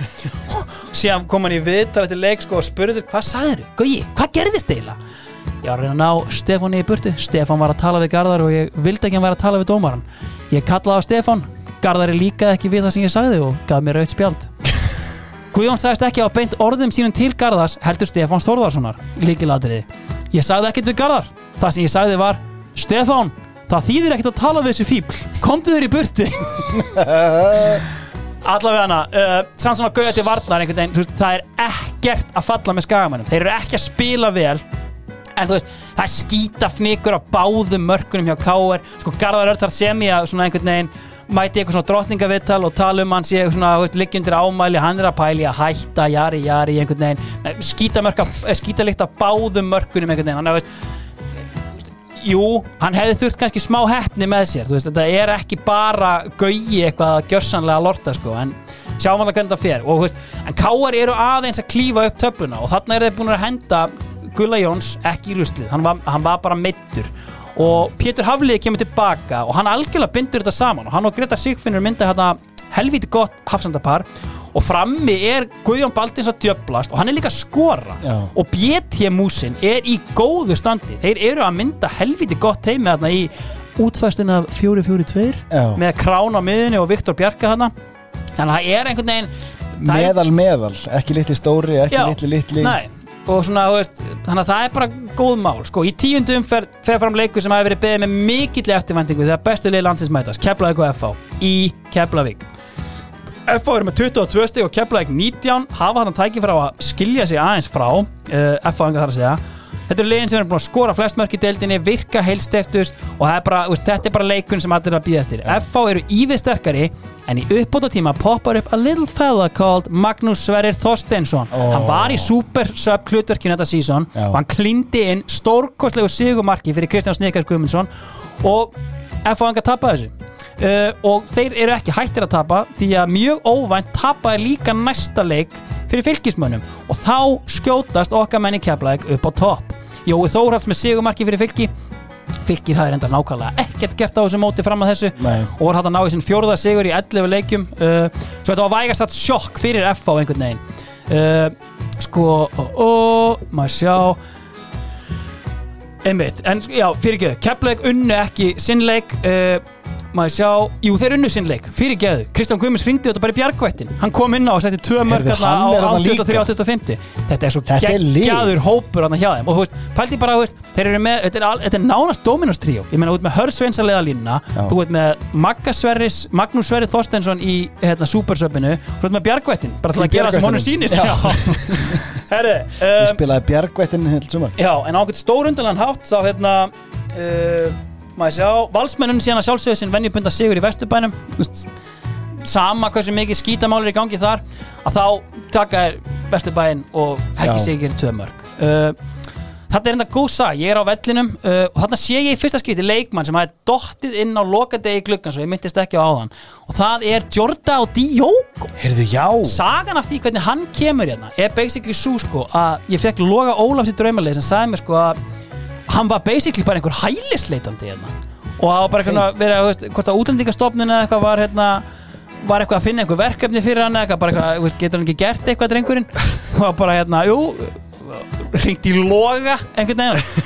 Jú, jú, skulum skoða hann eitthvað, og Logi sagði bara, þetta var bara geggjaða leikmaður. Og ég bara, veist, sæna hann strax.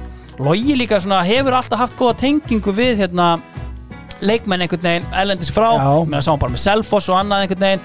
Veist, hann sér bara þetta talent skilur og ég menn þetta er leikmaður sem setna með spila með Larissa og hérna, Já, og já. bara alvöru feril eftir þetta sko, hann að gott skáting að loga þetta Herri, uh, en Jordan Diogo, hann allan að kemur inn á og ég man, ég sit í stúkunni með virtasta fjármálarinn í þjóðarinnar, Magnús Erni og ég, að- ég sé bara, hann er búin að vera inn á í þrjár myndur ég er fyrst að geta að sjá hann, hann er búin að spila einhverja starta leikjum ég, þú veist, þetta er spilari kemur inn á kantinn og hann er bara veist, þetta er svona, veist, veist, hann var svona, veist, hann var svona taka skæri sem engin annar í dildin er að taka en kannski maður Já. kenna, skilur þetta er bara svona einhvern veginn, bara hreyfingarnar eru bara eitthvað allt annað, þetta myndi mig á setna meir þegar ég spilaði með Nesta uh, í val.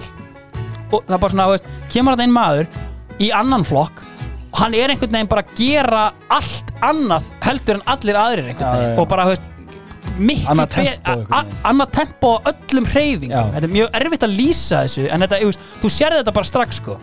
Herri, uh, hann allan leggur hérna upp mark sem er algjört sárabótamark en uh, þetta eru valsmenn á einhvern fráleitan hátt bara 6 stigum frá toppnum uh, eftir 12 umferðir. Uh, samt búin að vera í skítum en eru aðeins búin að rífa sig upp með tilkomu Gumma Ben. Gummi Ben kemur þarna aftur inn í lið. Mm. hann hafi verið bara mest allt meittur upphafa mótinu eftir erfiða tæklingu og æfingu frá Baldur Þórósinni, jú, hann var ekki bara að gera góða hluti eftir þjóðpil en allavega, uh, hann kemur þarna inn í lið og það kemur ákveðin svona ára með honum. Hann er að leggja upp á miljón uh, það vantar ekkert. Og valsmenn eru þarna á ágætis rönni, 60 frá topnum þeir ákveðin sér algjörlega stimpla sig út úr mótinu með því að selja Birkima og Sæfarsson til Brann og Pálmar Rapp til Stabæk Á miðju sísoni Já, já, 12 leiki, þau klára held ég 12 eða 11 leiki. Pálmi er búin að vera langbæsti leikmaður valstins á sísoninu eitt markaðasti leikmaður deildarna þegar hann fer út. Hver á að replacea hann? Georg Gírlausi. Wow, takk, þetta geggju saga af Georgi Gírlausa, Rasmus Hansen.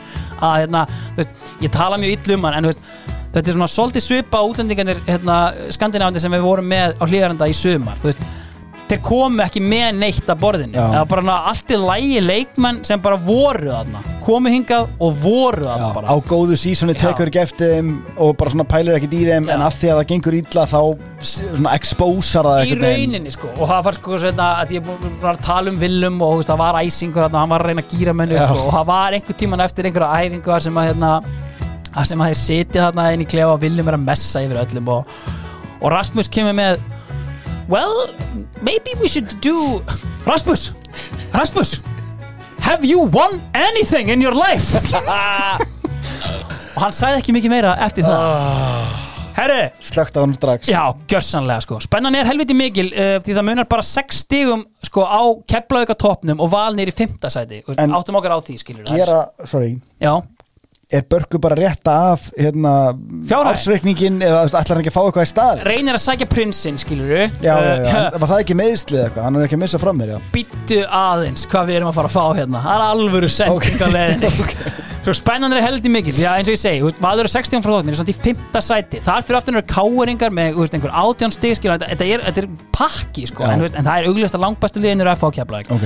Sko, blikarnir eru einhvern veginn búinir að rétt úr kútnum hérna og það er enn einn svona sýningin sem kemur við og við frá þeim þegar lánlausir skagamenn kíktu í heimsókn. Prinsinn og kongurinn allt í öllu, kongurinn verandi MPG, kíkti inn á bekknum og setti tvö, prinsinn með eitt, Jói Berg eitt, Nenadinn er auðvitað með eitt. Sko, klárum það bara, ég veit að Keli er alltaf að tala um Nenad Sivanovic Já. en gæinn þarf meiri virðingu. Ég fór aðeins á YouTube hérna, fyrir hennar þátt og sko þetta er bara töframæður með boltan skilur, svona lítið svæði þú veist, hann er einhvern veginn eins og hann sem svona, mjög svona störfættur Já. en hann bara dansar fram hjá mönnum sko. Ég, þetta er eftirminnlega leikmaður Þetta Já. er einn af þessum útendingum sem er komið hérna og Þetta er ekki mínu liði en maður svona mann eftir þeim og hann Já. er klála í þeim flokki 100% en sko málið er að 6-1 tap skagans uh, gauði fyrir vitað eftir leik það þarf kallmennsku, djörfung og hug til að vinna sig upp úr þessu hann fikk ekki tækifæri til þess því að hann var reikinn þennan sama dag. Uh, Gauin, já, hann sko þessi frétt kemur sko klukkan halv 11 um kvöldið. 01.13 Guðjón Þórðarsson er hættur með Akarnes Ok, það var bara beint á fund. Já, og það var sko að því að, veist, uh, sko Bakarinn að Að- klappa kettinum hann í ykkur stól og snýr sér við. Skerandi kvítleikin sko þetta var þú veist, tildrögin að þessu viðtala sem hann talaði um kallmennskuna djörfung og hug var sko að þeir heldu allir hann hefði verið að kveðja leikmenn skagans, það væri búið að reykan hann. Sagði nei nei.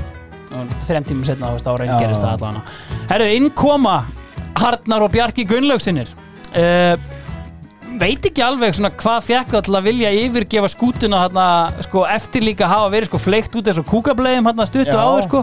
þannig að þeir allan að spilandi þjálfari eru teknir inn. Og næsta frétta skaganum er að BG4 er að kipta til Káar sko, Í BG4 þessum glugga, Já. á miðju sísunni sko, Gauji er rekin Atli Guðjónsson, sonur hans setna Já. leikmaður BI hjá honum líka. Já, fyrsta verk stjórnar að segja honum upp á samningi. Jú, jú. og síðan bara BG, nú ferð þú.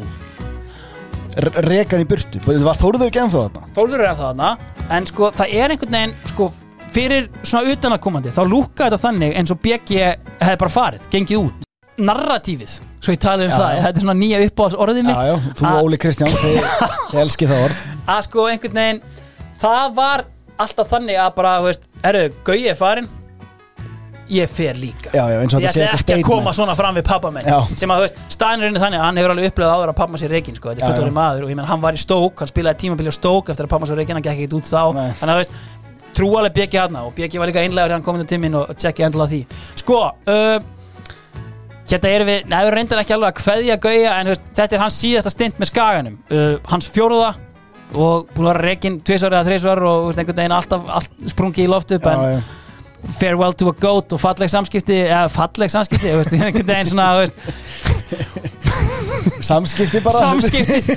Það fóru fram samskipti og hérna og það var einu Herru, eitt mólið með Bjarna. Já. Bjarni fer í Káer og hann spilar leik með skaganum á móti FH í 11. umferð Mhm. fyrir Arnór Bjarka uh, og hann spilar leik með Káer í 11. umferð líka kemur inn á þar Ok, hann hefði getað náði að spila 23 leiki sem ég held að engum hafi tekist uh, hefði verið geggjað En er þetta löglegt? Er, er, löglegt en síðlust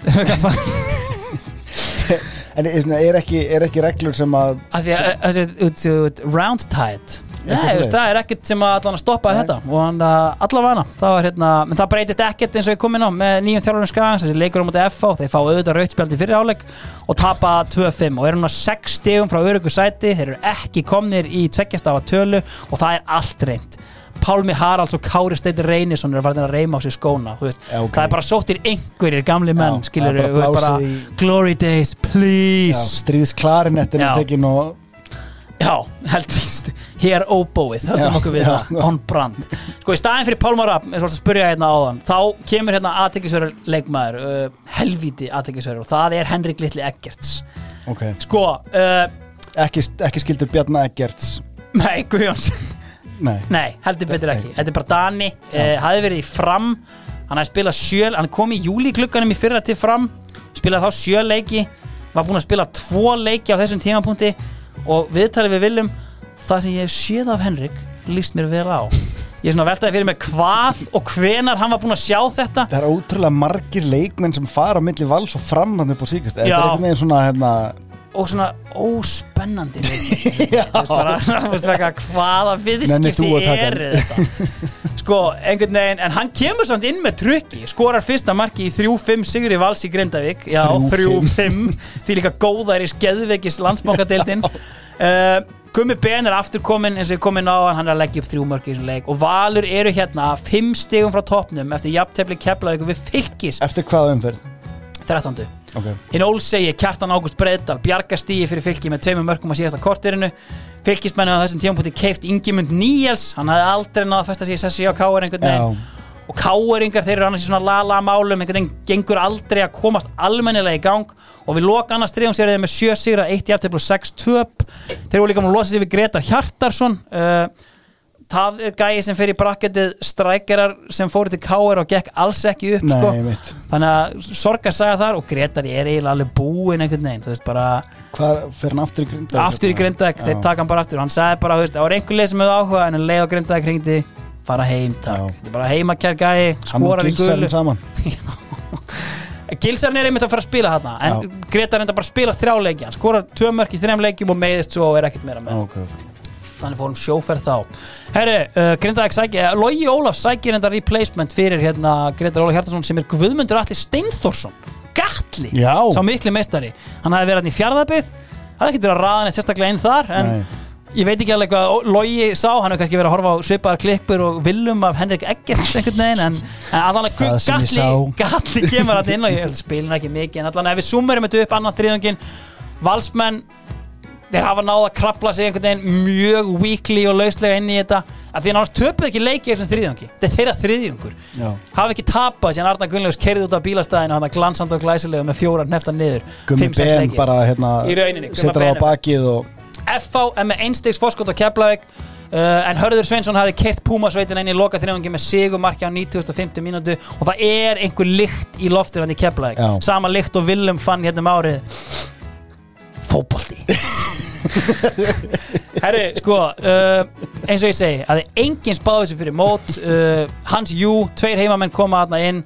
Rúni Júl og Óli Geir, þeim er farið að dreyma. Já. Sko, blikarnir, bara svona, svona aðeins svona skerpa á þessu flottir. Jói Berger leikmaður, annars triðungs uh, fjölnismenn, algjörlega sprungnir. Já. Gjössamlega umulegir uh, fylgismenn, uh, í venjulega árferði væru fylgismenn bara að fara niður en Skæin og Háká eru svo ógeðslega léleg að þeir eru ekki ennþá í neittni hættu, þannig að Leifur Garðars er einhvern veginn hangandað inn á líin einhvern veginn, en, en veist, það er enginn einhvern veginn að pæla þeim að því Skæin eru svo ógeðslega lélegir og Háká tannir að þeir, ég meina við sáum viðvörnamerki fyrir mót, en enginn að spáða þeim Nei, fallið skiluru, en veist þessi brúkkalla sem ég nefndi, sem kom frá Maribor ekkert að þetta annarsakast, ég meina Alkakin er búin að setja eina þrennu. Já maður svona einhvern veginn pælir ekki alveg í hvað hefði gerst En, en fær, færri tónleikar og meiri æfingar ég held Það það. getur verið gott. Ha? já, þeir sáu nóg uh, sá þýski, Nei. hann tók bókan sinn uh, og inn kemur mjög búin að gleyma þessu aðstofaþjálfarinn tekur við a little fella called Rúnar Páll Sigmundsson. Já. Hann tekur þetta við Háka í eftir deild. Ég var búin að sting, ég vissi alveg hann hefði verið í Háka ég vissi ekki hann hefði tekið við sem Frumraunin? já, eiginlega sko herri, uh, þannig er rauninni bara staðan. Og áður en við förum í hérna Climax og byggarinn þá uh, verðum við hreinlega að fara alla leðina hingað. Því að það er alltaf eitthvað í gangi. In the ghetto. Sko, ég vil eiginlega ekki tala um leikni. Ég sá að okkar maður í skorpinu skorpurinn svona áskis færir okkur þetta leiknismólan Já. eins og annarlega þeir uh, losa stíplur, þeir mynda lagnir. Og hvað gera þeir?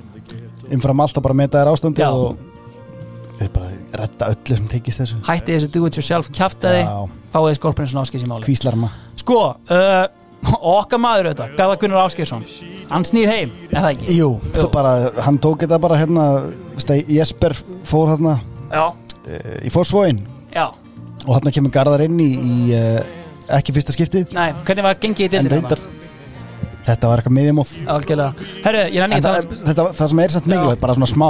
Já, ég held, svona þegar maður horfir á þetta eftir á ok, það að hann hafi komið inn þarna já, hafi verið svolítið mikilvægt til þess að innleiða plæja akurinn Ok. fyrir það sem var að koma. Þannig er hann að innleiða stráka mm.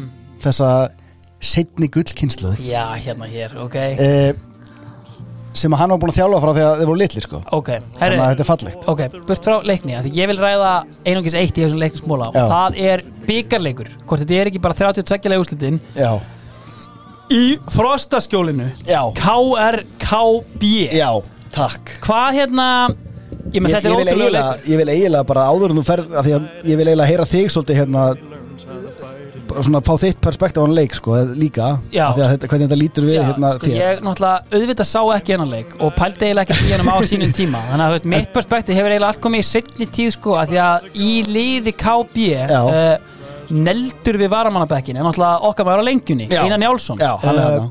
minn fyrir liðsfélagi og hérna, samstagsmaður uh, hann uh, er spilandi stóra rullir hann ég meina KB byrjar á að fara í gegnum uh, KFR, er það ekki? Uh, Ólir Hannar Kristjánsson setur hann á tvö mörg og eru einhvern veginn, þetta er svona þeirra leið og þeir eru komnir í 32 leikúrslitin Nei, það- svo er bara drátturinn KR í Já, frostaskjólinu. það, það er nefnilega leikurinn sem er á undan káurleiknum Já. það þarf að aðeins að minnast á hann. Já, flott og það er uh, Njarðvík. Já, ok. Þeir vinna nefnilega Njarðvík og það er svona eitthvað stóðsýr ég reyna að finna hann hérna. Já. Og sko, en það sem við getum minnst á líka meðan þú finnur þetta er sko að ég hef aldrei séð neitt jafn kokki og hegðun uh, forseta félagsins, Elvar Skell Magnússonar og þjálfara, spilandi þjálfara hans Þórus Einarssonar fyrir í aðdraðanda þessa leiks einhvern veginn sko. sko, það sem að gerist Alvöru hérna- marketing og brand sko. Já, það sem gerist í Njarðvík Já. er að hérna, það er leikur ég held að sé annaflokksleikur á sama tíma og þessi byggarleikur Já, og hérna, Þóraður Einarsson að sjálfsögðu ákveður að það sé mjög, mikilvægir að fá annarflokksleikmennina inn í kápileikin einhvern svona leik sem átt alltaf að tapast. Já. því að hann fann einhverja lykt í loftinu. Ok, kemlaugulítin hún hefur náð þarna yfir til Njarðvíkur af því leikurinn er í Njarðvík. Og hérna og vinna þarna ótrúlegan sigur 2-0 þar sem að sko, þetta Dotti skorar sjálfur í fyrriháleik Já. 1-0 og svo er þið bara að hanga þarna á líginni Já, og ég með minni sko að því að mikil meistari Allir Þór Sigursson skorar síðan sko, þetta er 2-0 sigur á Njarðvík sko, þetta er alveg svona sannfærandi sem var samt, ef það væri til statistík yfir þetta þá væri það sannlega ekki. En ég held að hann hafi skorað sko úr aukaspinnu eitthvað staðar svona bara fraftar miðju dæmi, eitthvað svona já, rugg bara það sem að hérna eitthvað svona mjög neyðarlegt svona smiðshögg rekið á hann sigur. en það var svona algjört bara svona lígilegt moment og allir bara í skíjónum með þetta. Og það að fá síðan káer í frostaskjóli eftir á. Er bara svona, þú veist, drátturinn þetta er bara rugglmoment og það ofpeppist náttúrulega allir og það voru allir í einhverju svona gýr Já, ég meina, og þeir hafa nú ekki ópeppast minna fósettin, Elvar Geir og, og Þóruður Einarsson þegar þeir sáu byrjunarleik káering það ég bara ég meina- les það fyrir ykkur. Það átti ekki að taka neina sjensa hérna. Kristján Fimboðsson er í markinu, ok, þeir setja varamarkmannin sinn með sína átta titla. Herru, Hafsendar, Gretar Sigfinnur og Eggert Ratn Einarsson Bakverðir. Já, bakverðir Skúli Jón Freyggjason og sennilega Kitty Mag. Miðjunni, Krán Jónas Gunni Sævarsson uh, Viktor Bjarki Arnarsson uh, Óskar Örn Haugsson Gunnar Örn Jónsson, frammi Guðjón Baldvinsson og Björgulur Takifúsa sparing no expenses. Nei, er- og inn í þetta hendur þeir Gumma P, Mumba Messi og Ingemundur Níal sennilega að spila sin síðasta leik hérna. að því að þeir lendur náttúrulega í brasi. Já, og það sem hann náttúrulega gerist þarna og sko, þú veist leiknistímabili var svolítið lagt til hliðar þarna í smá tíma. Það var engin fókus þar því það voru bara allir einhvern veginn á mannastúkuna það var meira að segja, við nefn, tölum ekki um það áðan reyndar en það var hérna stórmót í gangi um sömarið já, reyndar eitt leiðilegasta stórmót held ég ekkert skemmtilegt, nei. það er ótrúlega óeftirminnilega. Uh, Rússarnir geggjar alveg rétt, þetta var það uh, og hvort að hérna, ég feldi eiginlega tár þegar hérna, þegar rússarnir tóku hollendingan út hvort það var, hvort, að, sko, það var eitthvað hérna, ég var aldrei á veginn og hérna, og ég var hollendingarnir voru svona mínir menn einhvern veginn. Ég var ekki nóg ánæður með þetta mót sko. Nei, og var- endar auðvitað á hérna, einhverjum reyndar, ég er náttúrulega ánæður enda með spánverjan að spila sín eina skemmtilega fótbolta ever á lífsliðinni með sko, hérna, Marko Senna sem brimbrjót og hérna Já, þeir voru fínir þarna, þetta var Aragónes eitthvað svona smá hérna skemmtilegheit Einmitt. Já, alveg rétt Allavega, Já. það var sérst leikur, eitthvað stórleikur í, í þessu móti á sama tíma á þessi þannig að Já. sko káeringar voru mikið til bara að horfa á þann leik sko Þískaland hafi verið að spila þannig að típa eins og hérna Arna Kaiser hann var að er horfa af. Já. og, hérna, og var bara eitthvað svona Nei, það er að þessu. 380 manns á vellinum sko. Já, og það eru 250 eða eitthvað á breiðaltinu En allavega, hérna, leikurinn bara fer hérna skemmtilega á stað og kápi still upp í þarna 5-4-1 eða eitthvað sem Já. var samt talsvert meira svona 6 Já, við getum aðeins í reyndin í byrjunlega kápi það er hérna Ragnar Dæði Jóhansson Ingþór Theodor Guðmundsson, Brynjar Óli Guðmundsson uh, Óttabjarni Guðmundsson Já. Stefán Ingi Gunnarsson, Kjartanur Tórðarsson fyrirliðin, number 7 Gunnar Jarl Jónsson, Geitin Ólafur Hanna Kristjánsson, Sigurður Kristján Nikolásson Atli Þór Sigursson og jú Þórður Einarsson sem nær sér í taktíst guld spjall á 13. Já, mínúti það voru nokkur taktisk guldspjöld sko.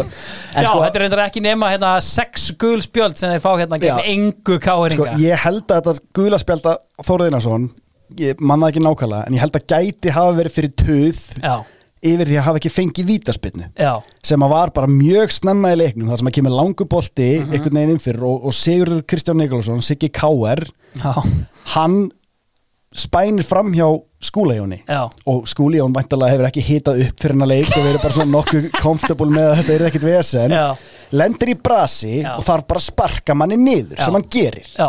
Og ég held að sko, þessi 300 mann sem voru á vellinum ég held að enginn af þeim hafi verst í vafa um að þetta var pjúra vítaspinna Ég hafði samband við skúla fyrir þáttinn og hann sagði, ég spurði sko, maður stakka eftir þessu? Þetta er enda mjög eftirminnilega leikur. Við vorum í anskotans brasi. Já, já, þetta var pjúra víti Takk Ég vissi að það var þetta að treysta á sko, hérna, sannleikan frá, frá leiknismanninum Já, en síðan eh, það er 0-0 hann, hann, í já, hann sem hálfleik. dæmir ekki og þannig erum við með einhvern óreindan dómara Magnús Jón Björgvinsson sem Já. að hérna, hann var með eitthvað Maggi Sviti var held ég neiknið með hans núna þegar ég mann þetta og hann var sko alls ekki velkomin upp í breiðholt bara, Nei. hérna, og er það ekki ennþá en hann var sennilega einn af þessum sem að Guðjón Þórðarsson var að tala um Já, þóltölunar 100% Já. sko, bara alveg bóka því að hann var sveitur þorði ekki að dæma þetta víti Nei. þarna hefði við þurft einhvern með aðeins styrkar hendi jafnvel barónin hann á svæði Já, það er maður sem hefði ekki hikað við að taka fyrirsögn og dæma eitt víti á káeringa Já, en þarna vorum við með trommur í stúkunni þráttur að það hafa ekki mátt að því manrétt Já. og það, að því að það var bara engin hinum einn til þess að þakka niður með trommum og þá hafið þið leift þetta, ég man Já. ekki nákvæmlega Mm. En, og sko fagnaðarleitin þegar það gengið til hálfleiks 0-0, já. það var, það, þið voru ósvikin Já. það var raunverulega fagnað það, Það- var stemningi við því dregur aðeins af kápimönnum hérna eftir 5 minúta leik þá kemur Björgulega takki fúsa K.R. yfir Já. uh, Logi er samt ekki alveg nú ánað með það sem hann sér hann ákveður að fá smá kraft inn í þetta og setur uh, Guðmund Reyni inn og, og Guðmund Pétursson sko ekki nóg með það, þetta er taktísk breyting Já. og það er ákveðin sigur þannig er hann að hreyfa liði til. Og færa menn til um stöður og fá stóran fram og Já. það er mjög vandrarlegt að mínum að en sko tilfinningi þegar hann skorar og hugsa maður, oh, þú veist, þarna er hérna múrin fallin veginn af því að þetta var náttúrulega sankallega múr sem það var búið að mynda þarna.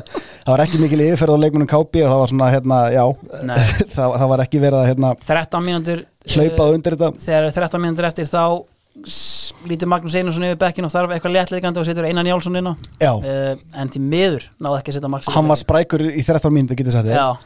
En sko það eru nokkur móment í þessum leik sem voru algjört bíó. Já. og sko það var fyrir utan þess að vítaspinnu þarna þá er sko Atli Þór Sigursson sko barnastjarnar bara mjög teknísku leikmaður.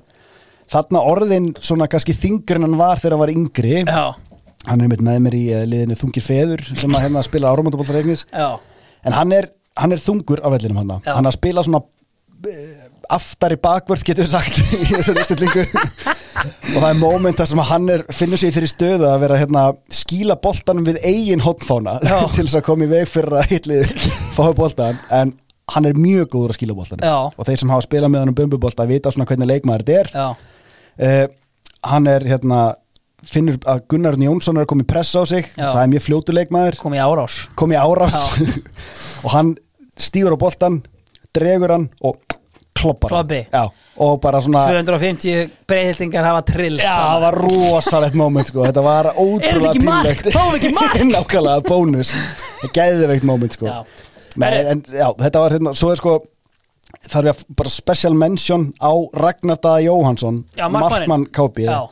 Sem að var hann var Neville Southall fysík byggður eins og ískápur built like a brick shit. Já, og, og hann, sko, mó- múfið sem hann elskaði að gera. Já. bara hann, hann sko kóinaði þetta, þetta er bara mesta svona hérna, signature move sem ég séð markmann að vera með. Mm.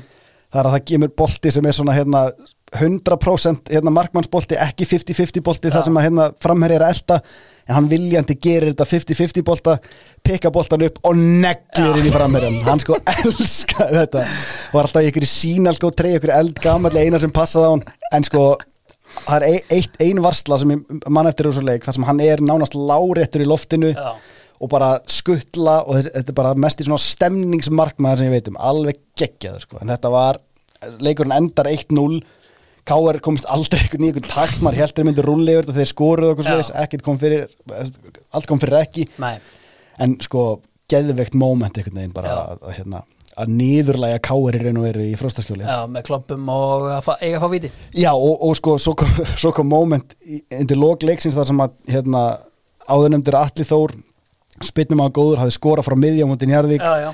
það er auka spinna á hættulegum stað í lok leiksins sennilega bara við miðringin eða eitthvað Það fer hrollur um loga þarna. Nei, hann, það veit, veit þetta ekki Það er bara breyðlikina sem vita Já. að það, er að fara að koma skot. Já, já, auðvitað, að- hann var, hann var, hann var ekki mikil scouting vinna og hann liftir þarna boltanum og ég, mér minnir að þetta sleiki slána og Já. Stjáni var aldrei með þetta einhvern veginn og hann bara glottir og er eitthvað hei hei hei það er svona stresslátur í gangi. Og það var sko, það, já, það mátti ekki miklu muna en þetta var, þetta var mjög eftirminnilegt. Anskotin En þá erum við komin hingað. Það er klæmaksið og byggarinn uh, Það færist alvöru hiti Í 16. umferðinni Þegar Valsmenn og FH tapa bæði á heimavelli fyrir Gatem, HK og Grindavík respectively. Sá allra dýrasti Almir Kosic með Sigur Mark HK uh, og þar er enn einn gíslingin sem að Willum heldur hérna yfir leikmannu Vals Uh, það eru þarna þó nokkri klukkutímar Hvort að, ég var ekki eins og búin að heyra af þessu en Albert Brynjar sagði mér í draumalegin að veist, hérna, ég, ég spurði um þetta tímabil með Val sko, hans eina fyrir Val og hann svona, veist, hvernig, ég, hvernig var þetta þegar Viljum held ykkur hann í klefanum eftir hann að leika hann hvaða leik er þetta að tala um? Og það er með hans helsta minning var þessi hákáleikur HK eru meira að segja manni færri síðustu tíu mínúturnar en það er ekkert að frétta hjá Val. HK eru hérna komnir upp í nýju stig, búin að segja sex á móti Val. Á sama tíma bustar Keflavík þrótt og þeir taka tveggja stiga fórustu og það er bara sama uppskrift og alltaf. Gummi Steinas, Maggi Þorstein og Símúl Samuelsen. Já. Umferðin eftir, sko, mér hefur verið tíðrætt í gegnum þess að þætti um svona margar tegundir af jafnteflum Já, slæmjafntefli og karaktersjafntefli Hérna er alveg sviftingar því í grafavóginum er að mætast fjölnir og FA og í vesturbænum er Káur og Keflæk Sko, eftir einhverja 60 mínútur þá er staðan 3-0 fyrir fjölni á móti FA og hún er 2-1 fyrir Keflavík. Hérna hefði Hjörvar alveg talað um að móti væri búið. Mm. Keflavík eru búin að vinna þetta. Nei, hérna kemur alvöru captains framistaða og uppstígur Davíð Þór Viðarsson. Hann uh, byrjar á að leggja upp mark fyrir alla guðuna tekið nýju minkar svo munin og viti og í uppbóta tíma poppar Davíð upp sjálfur á vítatekslínunni jöfnuna mark, 3-3 og bara náttúrulega sömu sekundu þá jafna káeringar þegar Kenneth Máni Gustafsson sænski hafsendin í liði kemlaðugur skallar boltan í eigin net eftir fyrirgjöf frá Gretari Sigfinni. Veist, þetta er alvöru óbræðs í aftefli þegar sko Gretar Sigfinnur sem reyndar ég hef spilað bumbubolta með og er ekkert eðlilega góður bara, þú veist, 5 á 5 bara byluð tækni, ég man líka hann kom ekkert á æfingu hjá KH, bara eitthvað aðeins að reyfa sem er steinþóri gíslað eitthvað og bara það var eiginlega bara allir í sjokki. Menn byggust við ykkur um ískáp það eru skæri, jafnvígur á báða fætur, maður hefur eiginlega aldrei séð hana eins það, byggmann það kom nefnilega og ástæðan fyrir því að maður er með þetta í hausnum það kom ykkur tvö ár það, þegar hann er með KR, þarna setna Já. Það sem að umræðan snerist bara öll um hvað hann væri mikill störfótur veginn bara svona narratífi Já, narratífi var slík Breyttist einhvern Og hann rýbranda sig þarna yfir sem einhvern bakvörð náttúrulega og bara sinnir því bara geðveitt vel ótrúlega gæði Herru, uh, óbræði munninum hjá Keflavík, uh, Karatæs jafntefli hjá FH og sama tíma mætast HK og IA í baráttunum að vera ekki ömurlegasta lið deildarinnar. HK vinnur þá baráttu, Akranes nötrar. Allar gömlu heiturnar klóra sér einhvern veginn í kollinum horfa á þessa mögnuðu aðstöðu sem Gauji talaði um hérna með Haraldi Ingólfsinni í KB banka og skilja ekkert í því akkur þeir sjáu bara shit inn á knæspinduvellinum Skagamenn eru með 8 stig þeir eru niður neldir við botnin Hákangar eru komnir upp í 12 stig og hérna kemur aðeins en Leifur Sigfinnur er búin að hræðast allan tíman Já. bara eins og hérna, óvinna þjálfærin í, í Waterboy haldandi um playbooki sem hann stál þeir eru komnir, þeir eru að koma að okkur. Já. fuck me. Herru, uh, það er einmitt málið. Það munar einu stíi á fylki og háká uh, Fylkir eiga þó ákveði haldreipi. Þeir eru í undanúrslutum byggarsins uh, Mm. meirum þá eftir. Leifur Sigfinnur, hann mætir Bóri Brattur á einhvern blagamannafund, situr fyrir svörum staðræðin í því að einhvern veginn þetta sé það sem að tímabíli snýst um uh, og, og, og fer síðan bara heim til sinn hann uh, kíkir á síman og það er yfir í gekkin Já. það er hérna það er komið nóg af þessu uh, eitt steg og hérna Bíddu, bíddu, bíddu, Þannig að um leið og þetta fer að vera hættu spil Já. Háká er Þá þarna búin að vinna panika einhverja stjórnin. tvo leikir röð skilur komnir einu stíu eftir þeim og þá bara herru stopp Panik. nú, panik, regum leif í, í undanúslum byggars ekki búin að spila það. Nei, og veist, en þetta er, Áhugavert. þetta er engan veginn viðunandi árangur. Veist, Liðið er ekki svona lélegt sko. Hvað er að tala um? Þeir eru með, þeir eru með 13 stig Þeir eru með mínus 12 í markatölu ári uh, Í átjánleikja móti, ég meina, þú veist Hvaða kongar er þarna? Valufannar? Valufannar er þarna, ég meina, þeir eru með fjalar í markinu Mm. uh, Þeir eru með, uh, ég meina, hvað voru að tala um? Þeir eru með Jeffsy Þeir voru með Jóa Þórhalds upp á topp En gullkynslóðin er farin. Gullkynslóðin er farin, á einu bretti Ég einhvern veginn veit það ekki Þetta er samt með þessa nýju gullkynslu af ungum leikmönnum Ég meina, Andres Már er þarna Jóhannesson meiri segja, sko, Björn Nóri Hermansson spilar einhverja leiki þarna. Uh, sko, Haldur Hilmis hann er ennþá í liðinu. Uh, Haukur Ingi hann er svona eiga eitt af sínum svona uh, last dances, einhvern veginn í þessu. Uh, Ingi myndur Níels kemur þarna miður tímabili. Kristján Valdimar sem er þarna Peter Grafe sem er þarna Uh, veist, það er bara haugur af leikmönnum og hérna Ólafur Stíks, hann er Óli líka Stígs, já, ok. þetta er bara allt og gott lit til að vera í þessu brasi sko. Er það samt? Ég, ég ég bara þú það, þess, þeir eru ömurlegir sko. Já En þeir eru Ok, ok. samt- Já, ég, ég er svona, þú veist, að því að við erum að, við erum að tala um fylki sem að er búin að, þú veist, var að challenge þetta þessi ár. Já, veist, þetta er bara svo þetta er svo leiðilegt downfall einhvern veginn frá þessu sko. Já, já, en, en minn punkt er meira svona, veist, það sem hefur komið í staðin fyrir gullkynnslóðana er svona Já, er ekki alveg jafn gott Mm, en þú veist, þetta er samt skilur Þetta, er miðjumóðs hópur, getur við sagt. Þetta er það, þeir eiga bara að vera á sama stað fyrir mér og blikar, Já. fjölnir, grindavík skilur við, algjört underperform uh, því miður uh, líklega rétt ákvörðun en í staðin er hringt í heimahetjur, Finnur Kolbeins og Sverri Sverris og Pabbi Einars. Pabbi Einars hafi tekið við brunarústunum sem að hérna, Kristján Óli hafi skilið eftir sjá kvöt og var þar hérna búin að vera að þjálfa en hann er kerður í bæinn og, og hann sér um hérna og er aðstofþjálfari með þessu Sannir sigurvegar eins og Sverri Sverris og Finnur Já. Kolbeins með honum hann. Sverri Sverri sem þetta sannu sigurveri Já, það er algjörlega. Herru, uh, eftir tapi gegn HK heima þá var ekkert annað í stöðinu fyrir val heldur en að tapa líka fyrir skaganum uh, og svona algjörlega einhvern veginn styrta tímabilið hann í klósettið uh, Er, er Valur þá með 0 stig frá fallbísufóðursliðunum Já. 0 Já. Vá, ok. Mögulega eitt eða þrjú stig hérna í heinuleiknum á skagan, ég man ekki nákvæmlega hvernig það fór mér líður eins og það við ekki unnið það sko.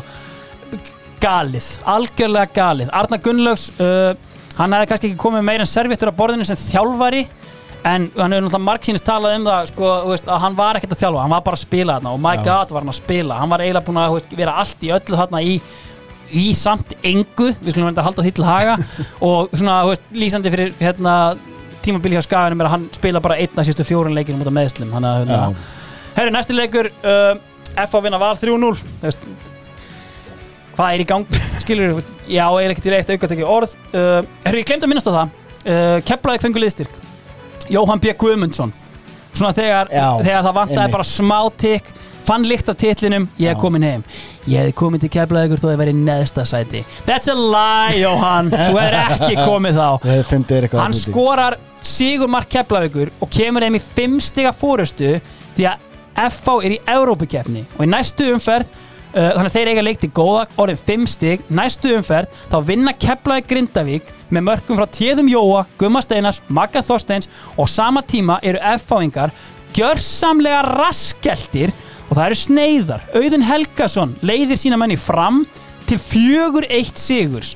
FH eru ömurlegir það er ekkert að frétta Dennis Sím klórar í bakkan einhvern veginn í lokin. Jörundur Áki fær raukt það er allt í volli. Keflavík eru með áttastega fórustu en búin að spila einum leik meira.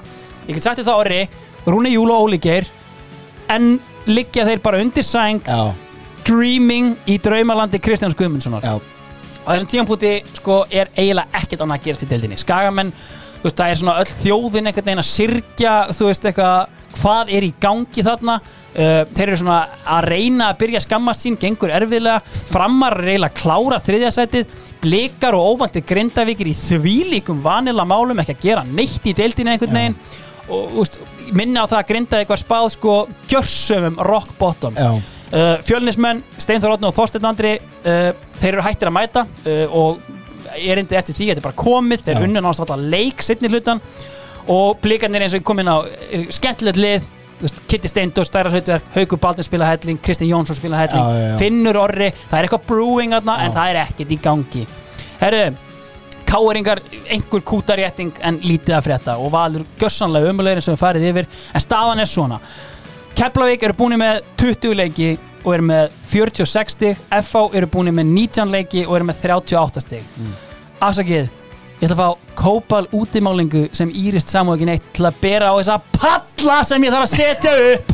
Því að það er Keflavík FH Nei. FH Keflavík í kriganum og við erum að tala um það FH engar verða að vinna hennar leik Já. er að það eiga einhvern möguleik Þetta er næst senasti leikurinn hjá Keflavík Já. og þriðji senasti hjá FH Já. Ef Keflavík vinnur þá er þetta búið. þá er þetta búið. Ef þetta er jafntefli þá er þetta búið. Ok, Þannig að þú veist, ég meina, já, þá er þetta sko orðin áttastig og, og bara tvei leikir eftir. Já. Allavega, 4000 mann sem að mæta upp í krika í hennan pallaleik Orri, we've been here before. Og hellast yfir keflíkingana, nei, yfir F-fáingana allar þessar minningar frá þessum magnaða pallaleiki fyrir þegar valsmenn kláruðu titilinn. En það er ekki að sjá. Þegar neyðin er hæst þá er helvítist tannlæknirinn næst hann kemur F-fáingum yfir á 57. mínúndu og 10 mínúndum setna með his revenge buddy Óli Jó ert að horfa Atli Viðar Björnsson Oh. kemur heim í 2-0 og það er sungið og trallað á þessum kópalmáluðu útimálings Írist Samú ekki neitt pöllum og F-fáingar þetta er svona ekki að syngja og tralla Þetta er eiginlega ennþá í höndunum á kepla Já, eitthvað að vinna hann leik Allavega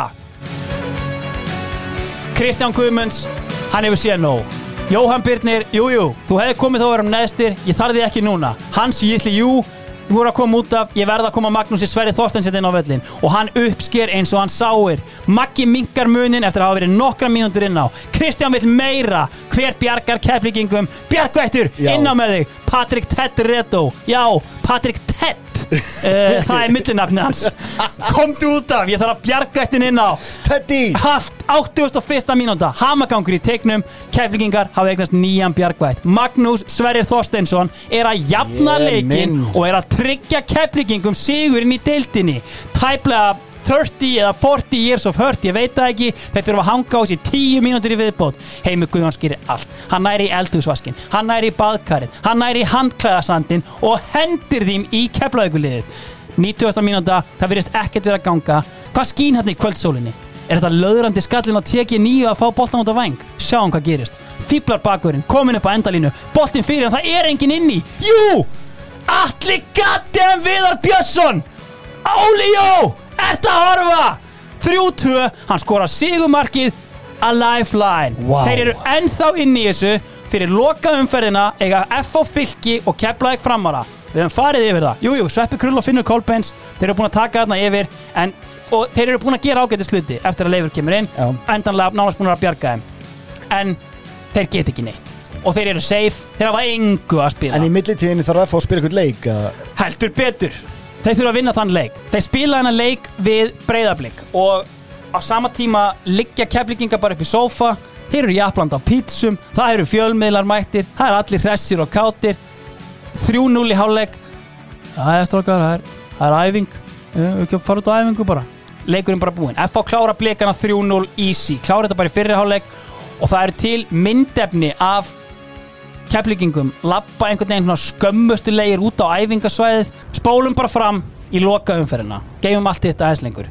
Loka umferðina þannig F á fylgir K.R. nei, Keflavík Fram. fram. Keflavík fram. Staðan er þannig. Það eru tvö steg sem skilja liðin að. F-áingar eiga fylki Keflavík eiga fram. Bæði liðin er á heimavelli. Ég er búinn að segja ykkur það. Fylki get ekki neitt. F-áingar vinna sinn leik. Það er 2-0 sigur eða mannrétt þeir klára þetta einhvern tíman í setni hálfleik. Það er bara frá. Þetta var aldrei spurning einu sinni, þannig að einu sinni hægt að halda spennu í þessu. Færum okkur yfir til Keflavíkur. Hvernig líkt er í Keflavík orði? Fótboltalið Takk, 30. önnur mínúta Símún Eilir Samuelsen, hann er mættur og hann ætla sér að verða fyrsti færiðingurinn til að vinna íslensku deildina. 1-0 í hálfleik. Keflingingar, Óli Geir, Joey Drömmer Rúni Júl, það eru allir mættir. Góðsagnirna frá 73, þeir eru í stúkunni. Það eru allir klárir í þetta. Þannig standa leikar í hálfleik en á sama tíma er 0-0 í fyrðinum þannig að þú veist, vonin er báborðin fyrir Já. þá þó þið klárir leikin, við vitum það, allavega stefnin allt í sambarlega stöðu og í fyrra fyrir F-fanga en býttu nú aðeins við. Hver er þessi dvergur röltandi um vallin er þetta Almar Litli Ormarsson? Já, þetta er hægt! Almar Litli Ormarsson. Hann kom til fram í sömarklukkanum og hann er búin að jafna helvitis leikin eitt eitt er staðan og á nánast sömu mínútu eru F-fanga búin að komast yfir. Já, það er endar nokkru mínútum áður en það er ekki jafn spennandi. Sko, ég er að sjá fyrir mér einhver svona reynsluleysis tilkynningu til leikmanna keflaðugur skrúa þessi ná F.A. komnir yfir, strákar, lítið eftir, klárum þetta ég er að sjá þetta fyrir mér Jafntefli fyrir Keflavík er ekki nóg að því að ef þeir sko markatalan er jöfn þannig að ef F.A. vinnur Já. þá eru þeir að fara yfir á markatölu ef Keflavík vinnur ekki skilur. Ok. allavega, uh, hvað gerist uh, Keflingingar það er eldúsvaskurinn, það er handklæðastandurinn það er klósettrúlan, það er öllu hent inn í þetta, Þórarinn Brynjar er settur á vettvang til að bjarga því sem bjarga verður. En á 80. mínútu Orri Gaddem Eiríksson þá gerist nákvæmlega þetta sterkur í þessari stöðu en Guðmundur Steinarsson hefur nú átt að gera betur þetta framarandi spila og það var að Pól Maxín og hvað ætlar hann að gera, hann er enn með boltan sendi boltan út á Hjálmar, hann er komin í dauðafari og hann er að Hjálmar er að skora hætti Það er rétt hjá þér. Ég hef sko heyrt að eitt sem að pyrri keflíkingana smá er að þetta vídeo sér til að því þetta er Hötti Mag. Ég held að Hötti Mag haldi með FH og þetta er svona smá einhvern veginn svona, þú veist. Auðvitað Þannig að- er þetta það sjúkasta af öllu sem er sjúkt að sé til. Já. Getum við spilað þetta aftur? Já, Það sem við fáum sko momentið Pól Maxein, Pól Maxein Þegar Hötti róar sér síðan niður. Þegar hann fattar að hann er hann er, Ekki er að einhver Þetta er geðveikt slút hjá Hjallanum Þetta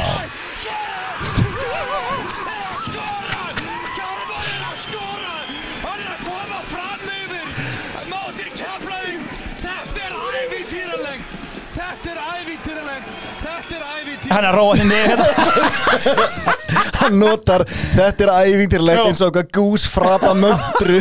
Þetta er ævintýralegt! Þetta er ævintýralegt! Þetta Þetta er ævintýralegt. Þetta er niðurstaðan. Keflingingar tapa á heimavelli með tróðfulla stúku af legendum, af bæjarbúum bótaþegum, uh, ríkum mönnum. Allir í Reykjanesbæ eru komnir þarna, ekki Reykjanesbæ skellilóu Já, já. þráttur að verið hent út úr byggartum að káti en þú veist god fucking damn it uh, Þetta er svo sjúkt. Einhvern veginn, sko, það sem við sleftum á hann eru þetta að fara yfir uh, leik uh, FH og Breiðabliks. Já, það sem gerist þarna í millitíðinni. Það sem ég ákvaði að hoppa aðeins yfir að ég, ég þarf aðeins að ná mig niður til að hérna, til að krifja þetta Já, það þarf smá greining á það. Og hér er greining sem þarf að skoða. FH, ég var búinn að koma inn á það. Þeir eiga eftir þennan leik eftir keflaugurleikin, Já, þá eiga þeir leik við Breiðablik. Já, fimm stegum eftir á. Já. Þeir eru fimm stugum eftir á eiga leikinni og þeir bara verða að vinna hennar leik annars er mótið búið. Herru, fáum upp bettan aftur hérna. Já, þannig að staðan er uppi að Keflavík getur orðið sófamistar Já, Já, sem er, sem hefur ekki verið algengt upp á síðkastið sko. Og einhvern veginn, þú veit, meðan leikmann hópi á Keflavík, það er enginn af það sem hefur unni Íslandsmeistaratitil, það þekkir enginn þessa stöðu, það er æfing hjá þeim, uh, það er hringt í Kristján Guðmunds, ætlaði að horfa á leikinn? Já, já, við tökum nú fyrir hálfleika og erum við förum á æfingu. Það mæta fjölmiðlamenn á svæðið. Það er nánast bara hlaðið í einhverja pizzaveislu þarna. Uh, og síðan nefnir bara byrjar þetta. Ég menna, uh, FA er komin í 3-0 í hálfleik. Uh, öll gleði úr hérna Keflavíkur stúdíónu er farin. Og það nást mynd af þeim að rölda út á völlin í hálfleik Mm. inn á æfingu sko, hér verðum við eiginlega bara aðeins að jarðtengja menn. Og ég, ég, ég, veist, ég hefði pottþétt- 360 gráður Já, veist mikið hlegið að gumma gum uh, þegar hann ætlaði ekki að horfa hann á Danmörk-Fraklandin um daginn. Hárrétt svar.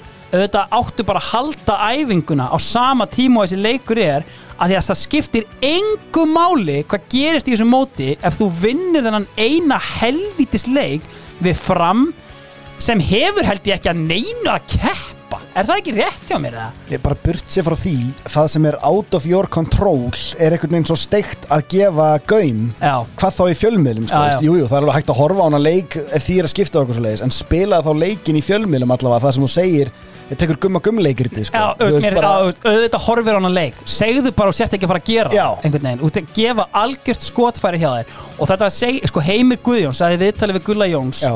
að bara, þú veist, ég sá þessar myndir og ég sagði við strákana ég nána, hann sagði, hvort hann sagði, sko, ég líndi þetta upp á vegg bara Gulla Jóns stæl Já, bara hann hefur verið upp á skagan heimir Já, hann, hann, hann þekkir að nýta sér Bensínið, fjölmiðla já. já, hann sagði bara, sjáu þetta.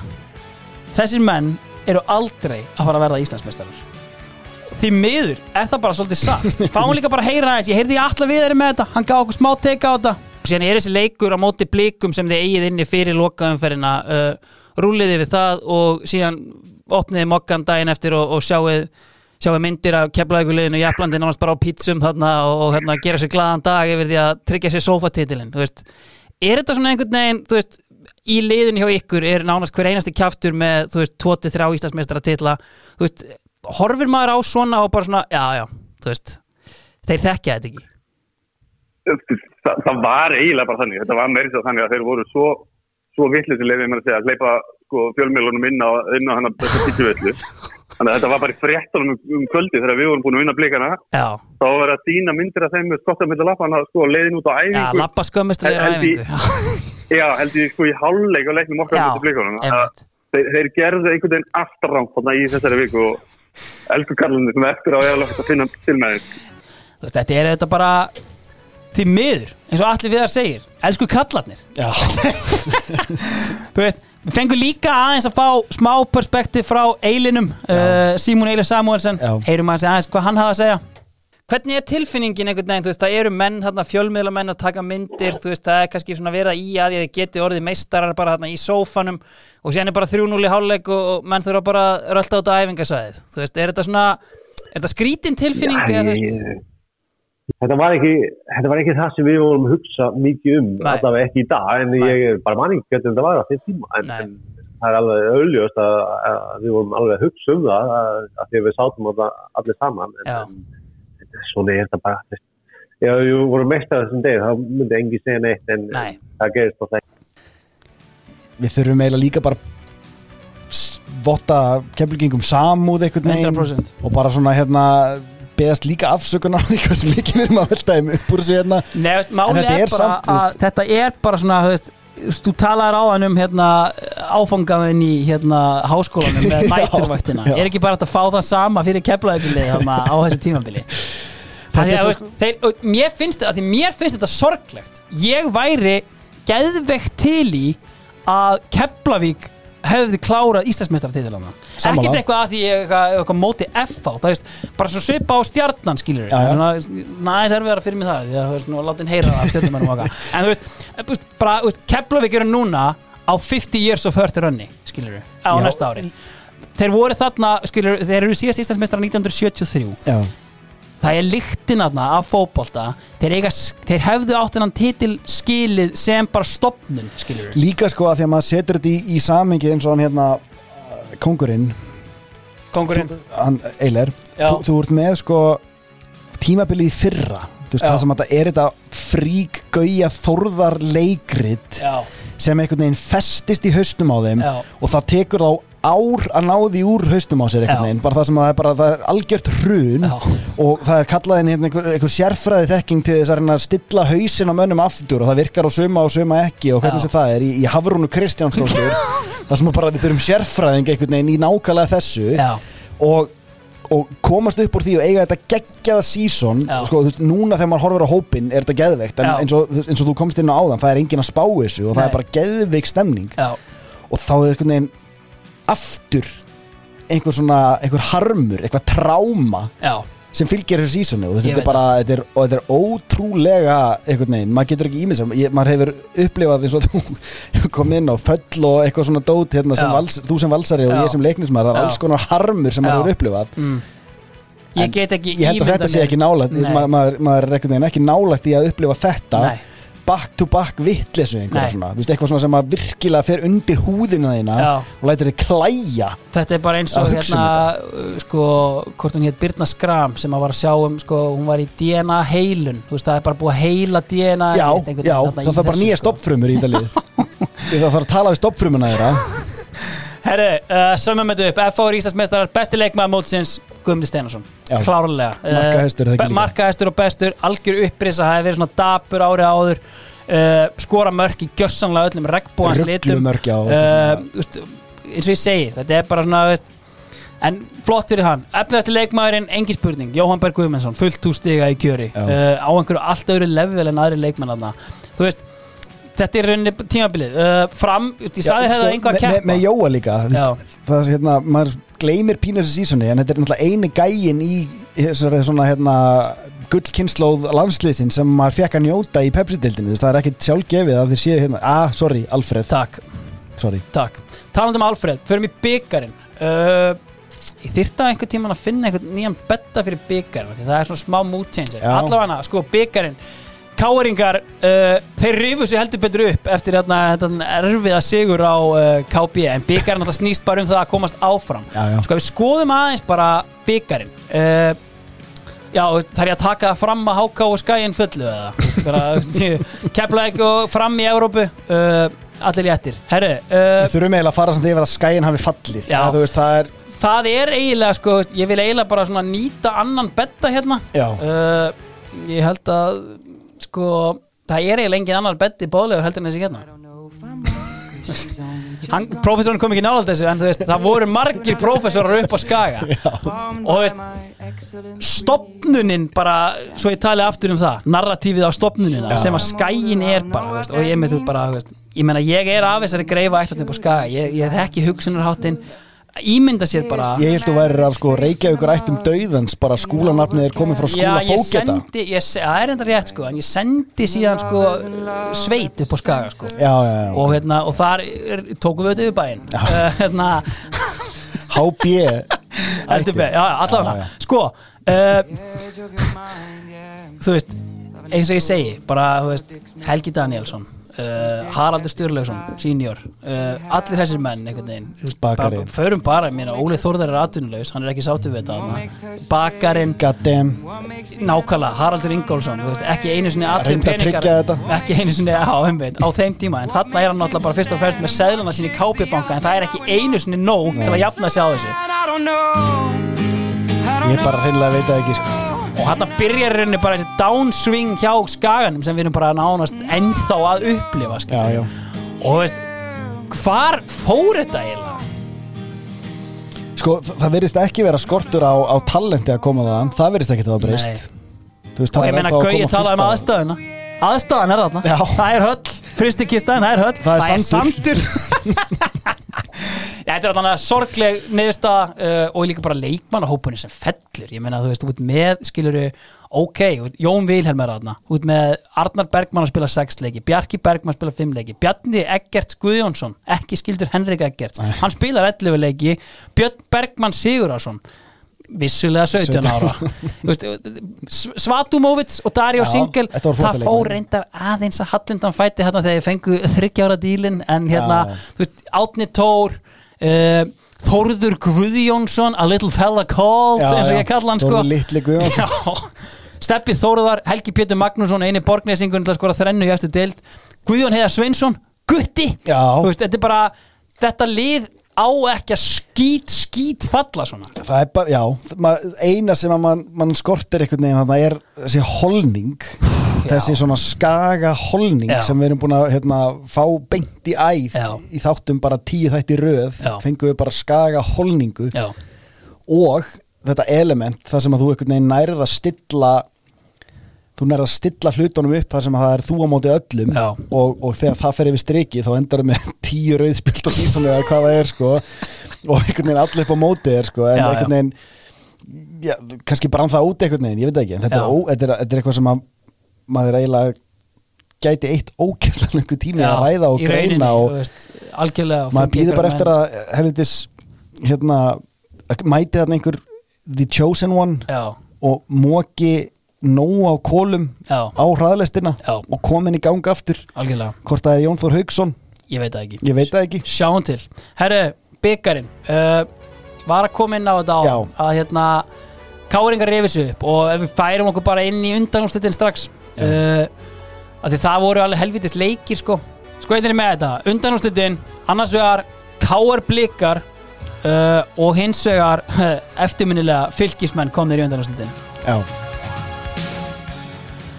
Og fylgismenn mæta fjölni. Fjölnir eru aftur komnir á kunnulega slóðir. Þeir höfðu algjörlega hrunið þarna En voru samt komnir í undan og sliti bygga annað árið röð. Já, fyrirleikurinn er leikur fjölnis og fylgis uh, Annað ári í röð er þetta líka undan Það var líka fjölnir fylgir í fyrra Og oft talað um þetta einmitt, hérna, Það er ekki oft talað um mig Haldum bara áfram með þetta. Sko um,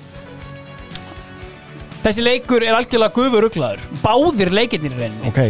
Eh, eftir 17 mínútur, herra fjölnir hann er auðvitað að koma þeim að viður uh, 30 mínútur, hinn Ólsegi Kjartan Ágúst Breital, jafnar leikin Þórir Hannesson, Þórir litli Hannesson. Nei, alls ekki litli. En Seg- Segur bakvörður. Eh, ja, segur tannlæknir líka. Uh, uh, Valur Fannar Gíslason uh, skora síðan sjálfsmark, jafnar leikin 2-2 uh, The Dean of the Church Pétur Georg Markan kemur á markamínútinni fjölni í 3-2 markamínútunni Við erum í gömlu hálfleik. markamínútunni. 43 Já. Það er hálfleikur 3-2 Herru, aðeins rólegri setni hálfleikur en Jeff Say, the Cheshire Cat Já.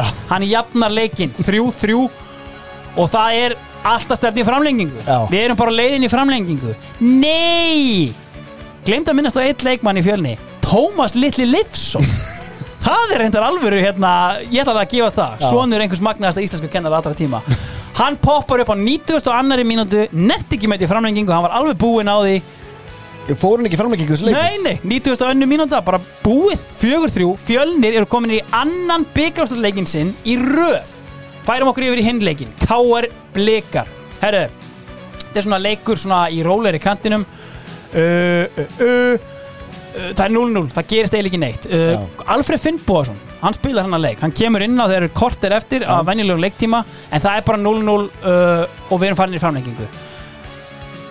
Byrjun framlengingar Pétur Martinsson hendi sér á raskætti og brýtur á prins og aljant Marel Baldinssoni Vítaspilna Á punktin ser Marel sjálfur 1-0 blikar og blikar eru walking in a wonderland Herðu, 6 mínútur síðar hver kvittar fyrir sig? Hafliði, Nei. of course Jafnarleikin og við erum að fara í vítaspilnu keppni Ok, hér er staðan Fyrsta viti, K.R. Advantage strax. Já. 60% sigurleikur eða eitthvað svoleiðis. Bjarni Guðjóns, hann klikkar ekkert á víti. Nei. Hann klikkar ekki eins og frá miðju. Stefán Logi ver frá Arnari Gretarsinni Ú. 1-0 KR Næsta viti, Guðjón Baldvinsson ekki neinum vandræðum og skorar. Að Youngblood Alfred Finnbóðsson fyrir á punktinn og hann sendir boltan upp á jú, herfilegt viti hjá elsku kallinum. Býtu, Þetta er sama ár og það er úrslitaleikur í öðrum flokki Er þetta það ár? Þetta er það árjá Það sem hann sigrar það og hérna Já. já, já. Já, einmitt Hver, hver er í markinu á breyðablikarna, mástu það? Uh, já, er það ekki bara Kasper Jakobsen eða? Jú, Kasper Jakobsen Hann hafði komið í fyrra. Hann hafði komið í fyrra og náttúrulega verið frábær og mikill víta bani Ok. Gárungarnir töluðu samt um að hann hefði sko hann fengið hann nýjan samning og svona svatum á að saði sig í gang sko. helviti þéttir þegar hann Já. kom tilbaka sko, allavega hann var ekki nálægt vítinu hjá Petri Martens uh, í, hérna, í þessum leik uh, og Petri Martens kemur hann 3-0 og þetta er eiginlega komu Arnór Sveinn, hann klórar í bakkan hann næra að Ok. setja hann 3-1 Heldur svo lífi síðasta spilnan Krán Jónas Guðni Sæfarsson Takk. 4-1 KR eru komnir í byggarúslitin og byggarúslitin voru hundleðilegu leikur KR og Fjölnis þar sem að gott ef að a little fella called Óskar Litli Örn Haugsson gengur ekki skora sigumarki eftir að komið inn á bekknum. Ok. Við erum ennþá þar, ég vil alveg vekja aðeins máls á því að við erum ennþá þar að, veist, Óskar Örn, veist, ég vildi fá hann í val og allt svoleiðis. Hann er ekkert alveg 100% búin að breyka þetta hann í KR sko. Nei, menn bara einu út úr liði. Ég menn hann er ekki að starta en hann byggjárstaleg hann kemur inn á þetta fyrir Gunnar Örn og þetta er með þess að sjálfsmark. Hann, hann á skot í Kristján Haugsson Hver er þá hinn á kantinum? sko Mummi er það ekki bara skúli? Uh, Sko, byrjunarlega hjá Káir Þetta var skúli Jón ekki alla tíð hægri bakur Það var Nei, Greta Sigfinnur að spila hægri bakur Nei, sko, hérna erum við með liði Mummi er inn á. Uh, Pétur Martins og Greta Sigfinnur eru, í- eru hafsendar. Sko, skúli er þarna. Er Guðan Baldur sem spila kant? Erum við í 4-3-3? Hann er búin að fara út úr útfæstina 4-4-2 Með tilkomu Sennilega, Bjarna. sko. Já, er það ekki? Já, hann er búin að já. The dynamic change, maður. Þetta breytir hann öllu Því hann heldur, sko, hann heldur krán inn á Og hérna Viktor Bjarki og Bjarni kemur inn. Þá er hann með, sko, frammi Myndi ég halda Mumma, BT og, og Gauðabald Gunnar Örn, Gunnar Örn, hérna, Gauðabald og BT Já, og Mummi í vinstri bak. Já, skúli í hægri bak. Já, heldur betur. En það er stað ekkert smá lið. Nei, ekkert smálið Og K.R. verða byggamestarar Svona púst, að rífa sig upp úr þessu brasi sem þeir eru búin að vera í leggja grunninn að ég veit það ekki, einhverju. Já, þegar já. þú ert að byggja hús það þarf að leggja lagnir Þetta er- og já. það er einu það sem er að gera hérna sko Þeir hafa ringt í skólpið. Heldur betur. En sko Það mætti alveg svona nefna að Já. hugsanlega er KB bara silfur hafi byggarsins þetta ár í rauninni, að einhver leiti mér finnst það ekkert eitthvað glórilaust sko. En sko Atli Jó, þetta sísón Já, Er hann að gera eitthvað? Af því að sko þetta- þessi miðja er náttúrulega bara er hann lasin. ekki, ég held hann sé bara mittur mest allt mótið sko. Ég sé hann er á bekknum hérna í úslaregnum sko. Já, Og hann pæla- sko, ég meina hann spilar hérna hann spilar 13 leiki. Daði Litli Birgisson er hérna líka. Já, Daði Litli Guðrunarsson Já, það er, það Það er 100% passar. Herri, uh, Guðmundur Littli Pétursson virkar hins vegar ekki fyrir áhuga svona. En Óskar var tryggir að næna sigur á 89. mínútu. Uh, búin að vera inn á einhverja 10 mínútur og, og kláraði þetta. Sorglegt að sjá, veist, ég, ég er þó ánæður með að mjólkin sem komin inn í þetta ég er að sjá leikmenn Káir hérna fagna með topp flöskum bara, veist standard takk allavega hana Herri, þetta er þannig staðan. Uh, Evrópuleikinir, ef ekki bara klára þá af hérna, örsnött Jú. Það var lítið að eitt, frétta eitt sem ég langar að nefna Já. áður en að við fyrir þangað bara Ok. svona til þess að klára. Það sem að ég fór að hugsa Já, eftir að þú talaður um áðan sko Valur hefði í rauninni verið með 0 stig af 12 mögulegum gegn fallbissu fóðurs liðunum já, og eru 12 stigum frá titil sigur vegurunum er það staðfest eða? með 30, enda með 35 stig og FH með 47 Oh my goddamn god maður. Þetta var ekki lengra frá en þetta. Nei, veit þetta bara, þetta er svona smá eitthvað Þetta er perspektíf. Þetta er narratív Það er hrein og klár narratífa. Herru, Nei, nei, ok, þeir merja stig 0-0, Skaganum. það er rétt Þeir hérna. hefði ekki unnið. 15. júni Þeir hefði þetta látað sér annarsæti næja, silfur.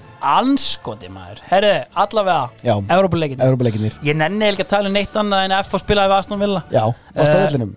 Nei, ég var ekki á vellinum. Uh, Ég horfði á þetta sjónvarpi Það markverðast úr þessu leik var náttúrulega FH tapar heimaleiknum 1-4 uh, og konar vandræðum. Það var snúið þarna, í 15 ringi í kringum hann á vellinum. Uh, Asli Young leik sér á A honum little fella. Já, Það sem er magnaða hérna, Asli Little Young það var,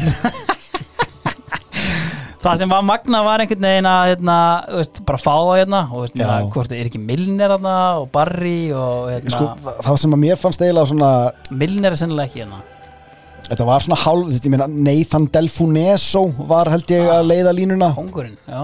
En það sem var svolítið svona tilfinningin að þeir voru hérna í treyjum með engum nöfnum. Já. manni leið eins og þetta væri hérna eins og leikurinn sem var markasettur bilaslega mikið um daginn eitthvað hérna super Já, já, já. friendly en Einmitt, hérna já.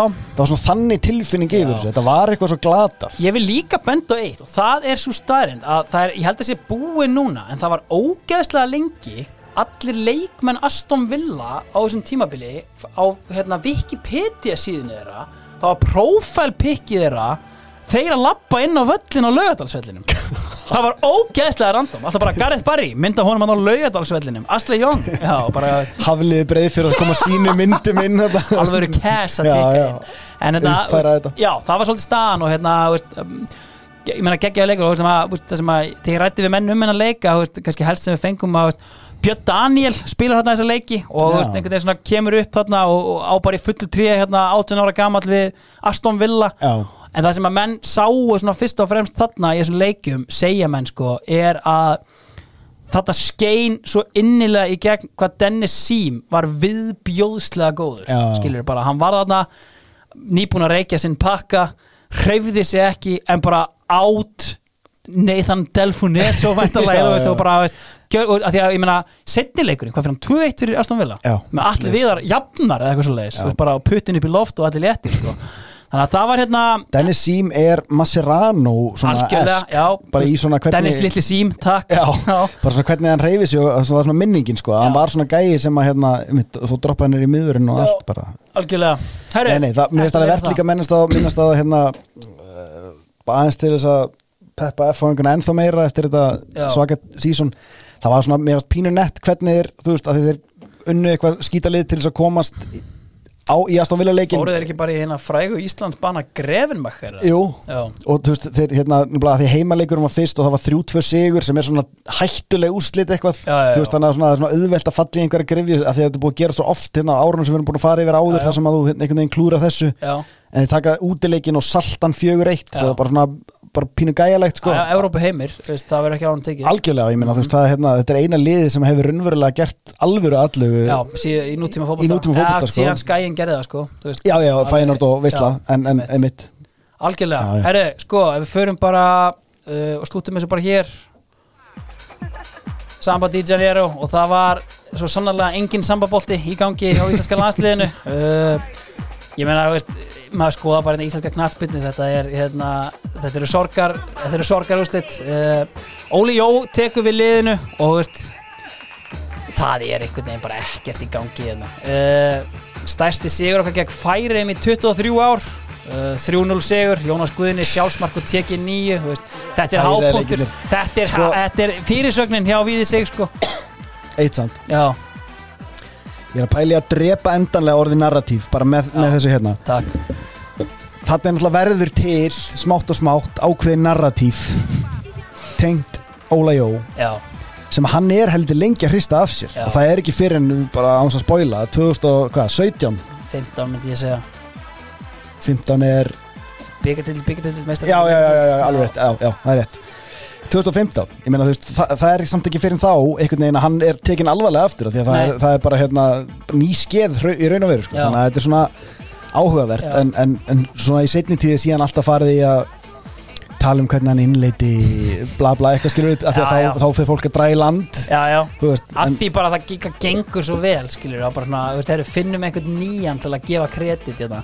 já, eða sko, þú veist, kann, að því að hann gerir eitthvað á félagslega leveli að þú veist, þá allt einu var, ég veit ekki hvort það var byrjað fyrra að tala um hans hluti í þessu öllu saman eða hvernig það er, en mm. þetta er bara svo áhugavert hvernig fjölmjöla sveiflast, sko, þú veist, það væri gaman að finna einhverjar hérna einhverjar sl mestu sleggjurnar í þeirra, þeirra nýja landsliðinu, sko, það, það, það er munu koma, ég get alveg lofa þér því sko. Hérna er aðtækistöru vináttu landsleikur sem við spilum við Wales 28. mæ uh, töpum þeim leika sjálfsögðu 1-0 Tjellitli Evans með markið. Ok, má muna, má muna sinn fífil fegur einhver eflaust segja sko. Hann fekk nú uppreist æru síðan á endanum. Já, við náum reyndar þarna óvæntu stíi gegn Nóri í Oslo. Uh, Heiðar Helgu og Eður Smári hérna eh, í 2-2 jafntefli ná að cancela út tvö mörg frá að sjálfsögðu norsku geitinni Stefan Íversen wow. það er annar gæði sem á muna sinn fífil feguri meir um það Býtu, hann er bara ennþá þarna? Já, já, já, já. Þannig er hann held í komin aftur sko til Rosenborg það sem hann Já, er náttúrulega einhver góðsök sko. en náttúrulega gaur sem hefur átt djöfelli erfitt eftir að ferlinum lauk sko, hann er Já. svona sem í einhverjum svona er afskaplega sorglegt sko. En hérna, það er svo sem við erum ekki á góðu róli og ég er einhvern veginn svona, veist, mér finnst ekkert gaman að ræða, við tókum þetta svolítið síðast fyrir bara með svona, þú veist já, þú veist, gefið okkur aðeins meira. Hollendinga komið hérna. Það var enda mjög eftirminnilegt. Uh, við spilum við þá eh, við spilum við þá í Rotterdam sem komið setna alveg rétt og hérna og þeim ætti náttúrulega bara að biffa hann Já, já. og bara voru í geggiðu geimi hérna. Herru, ég er svo sem ekkert meir en landslega að segja uh, það er ekki til náttúrulega að tala um við erum að spila mikið á Stefáni Gísla sinni það er svona gæi sem að fekk heldur betur að heyra það einhvern veginn uh, frá svona þjóðinni uh, Það verða til svona blóraböglar 100% Stefán Gíslason er 100% einn af þeim uh, Indri Sigursson slætar þar mögulega. Er Helgi Valur eitthvað þarna? Hann Nei, verður hann er ekki seinna. komin, hann verður að setna sko. Það er nóga blóraböglum til að taka sko.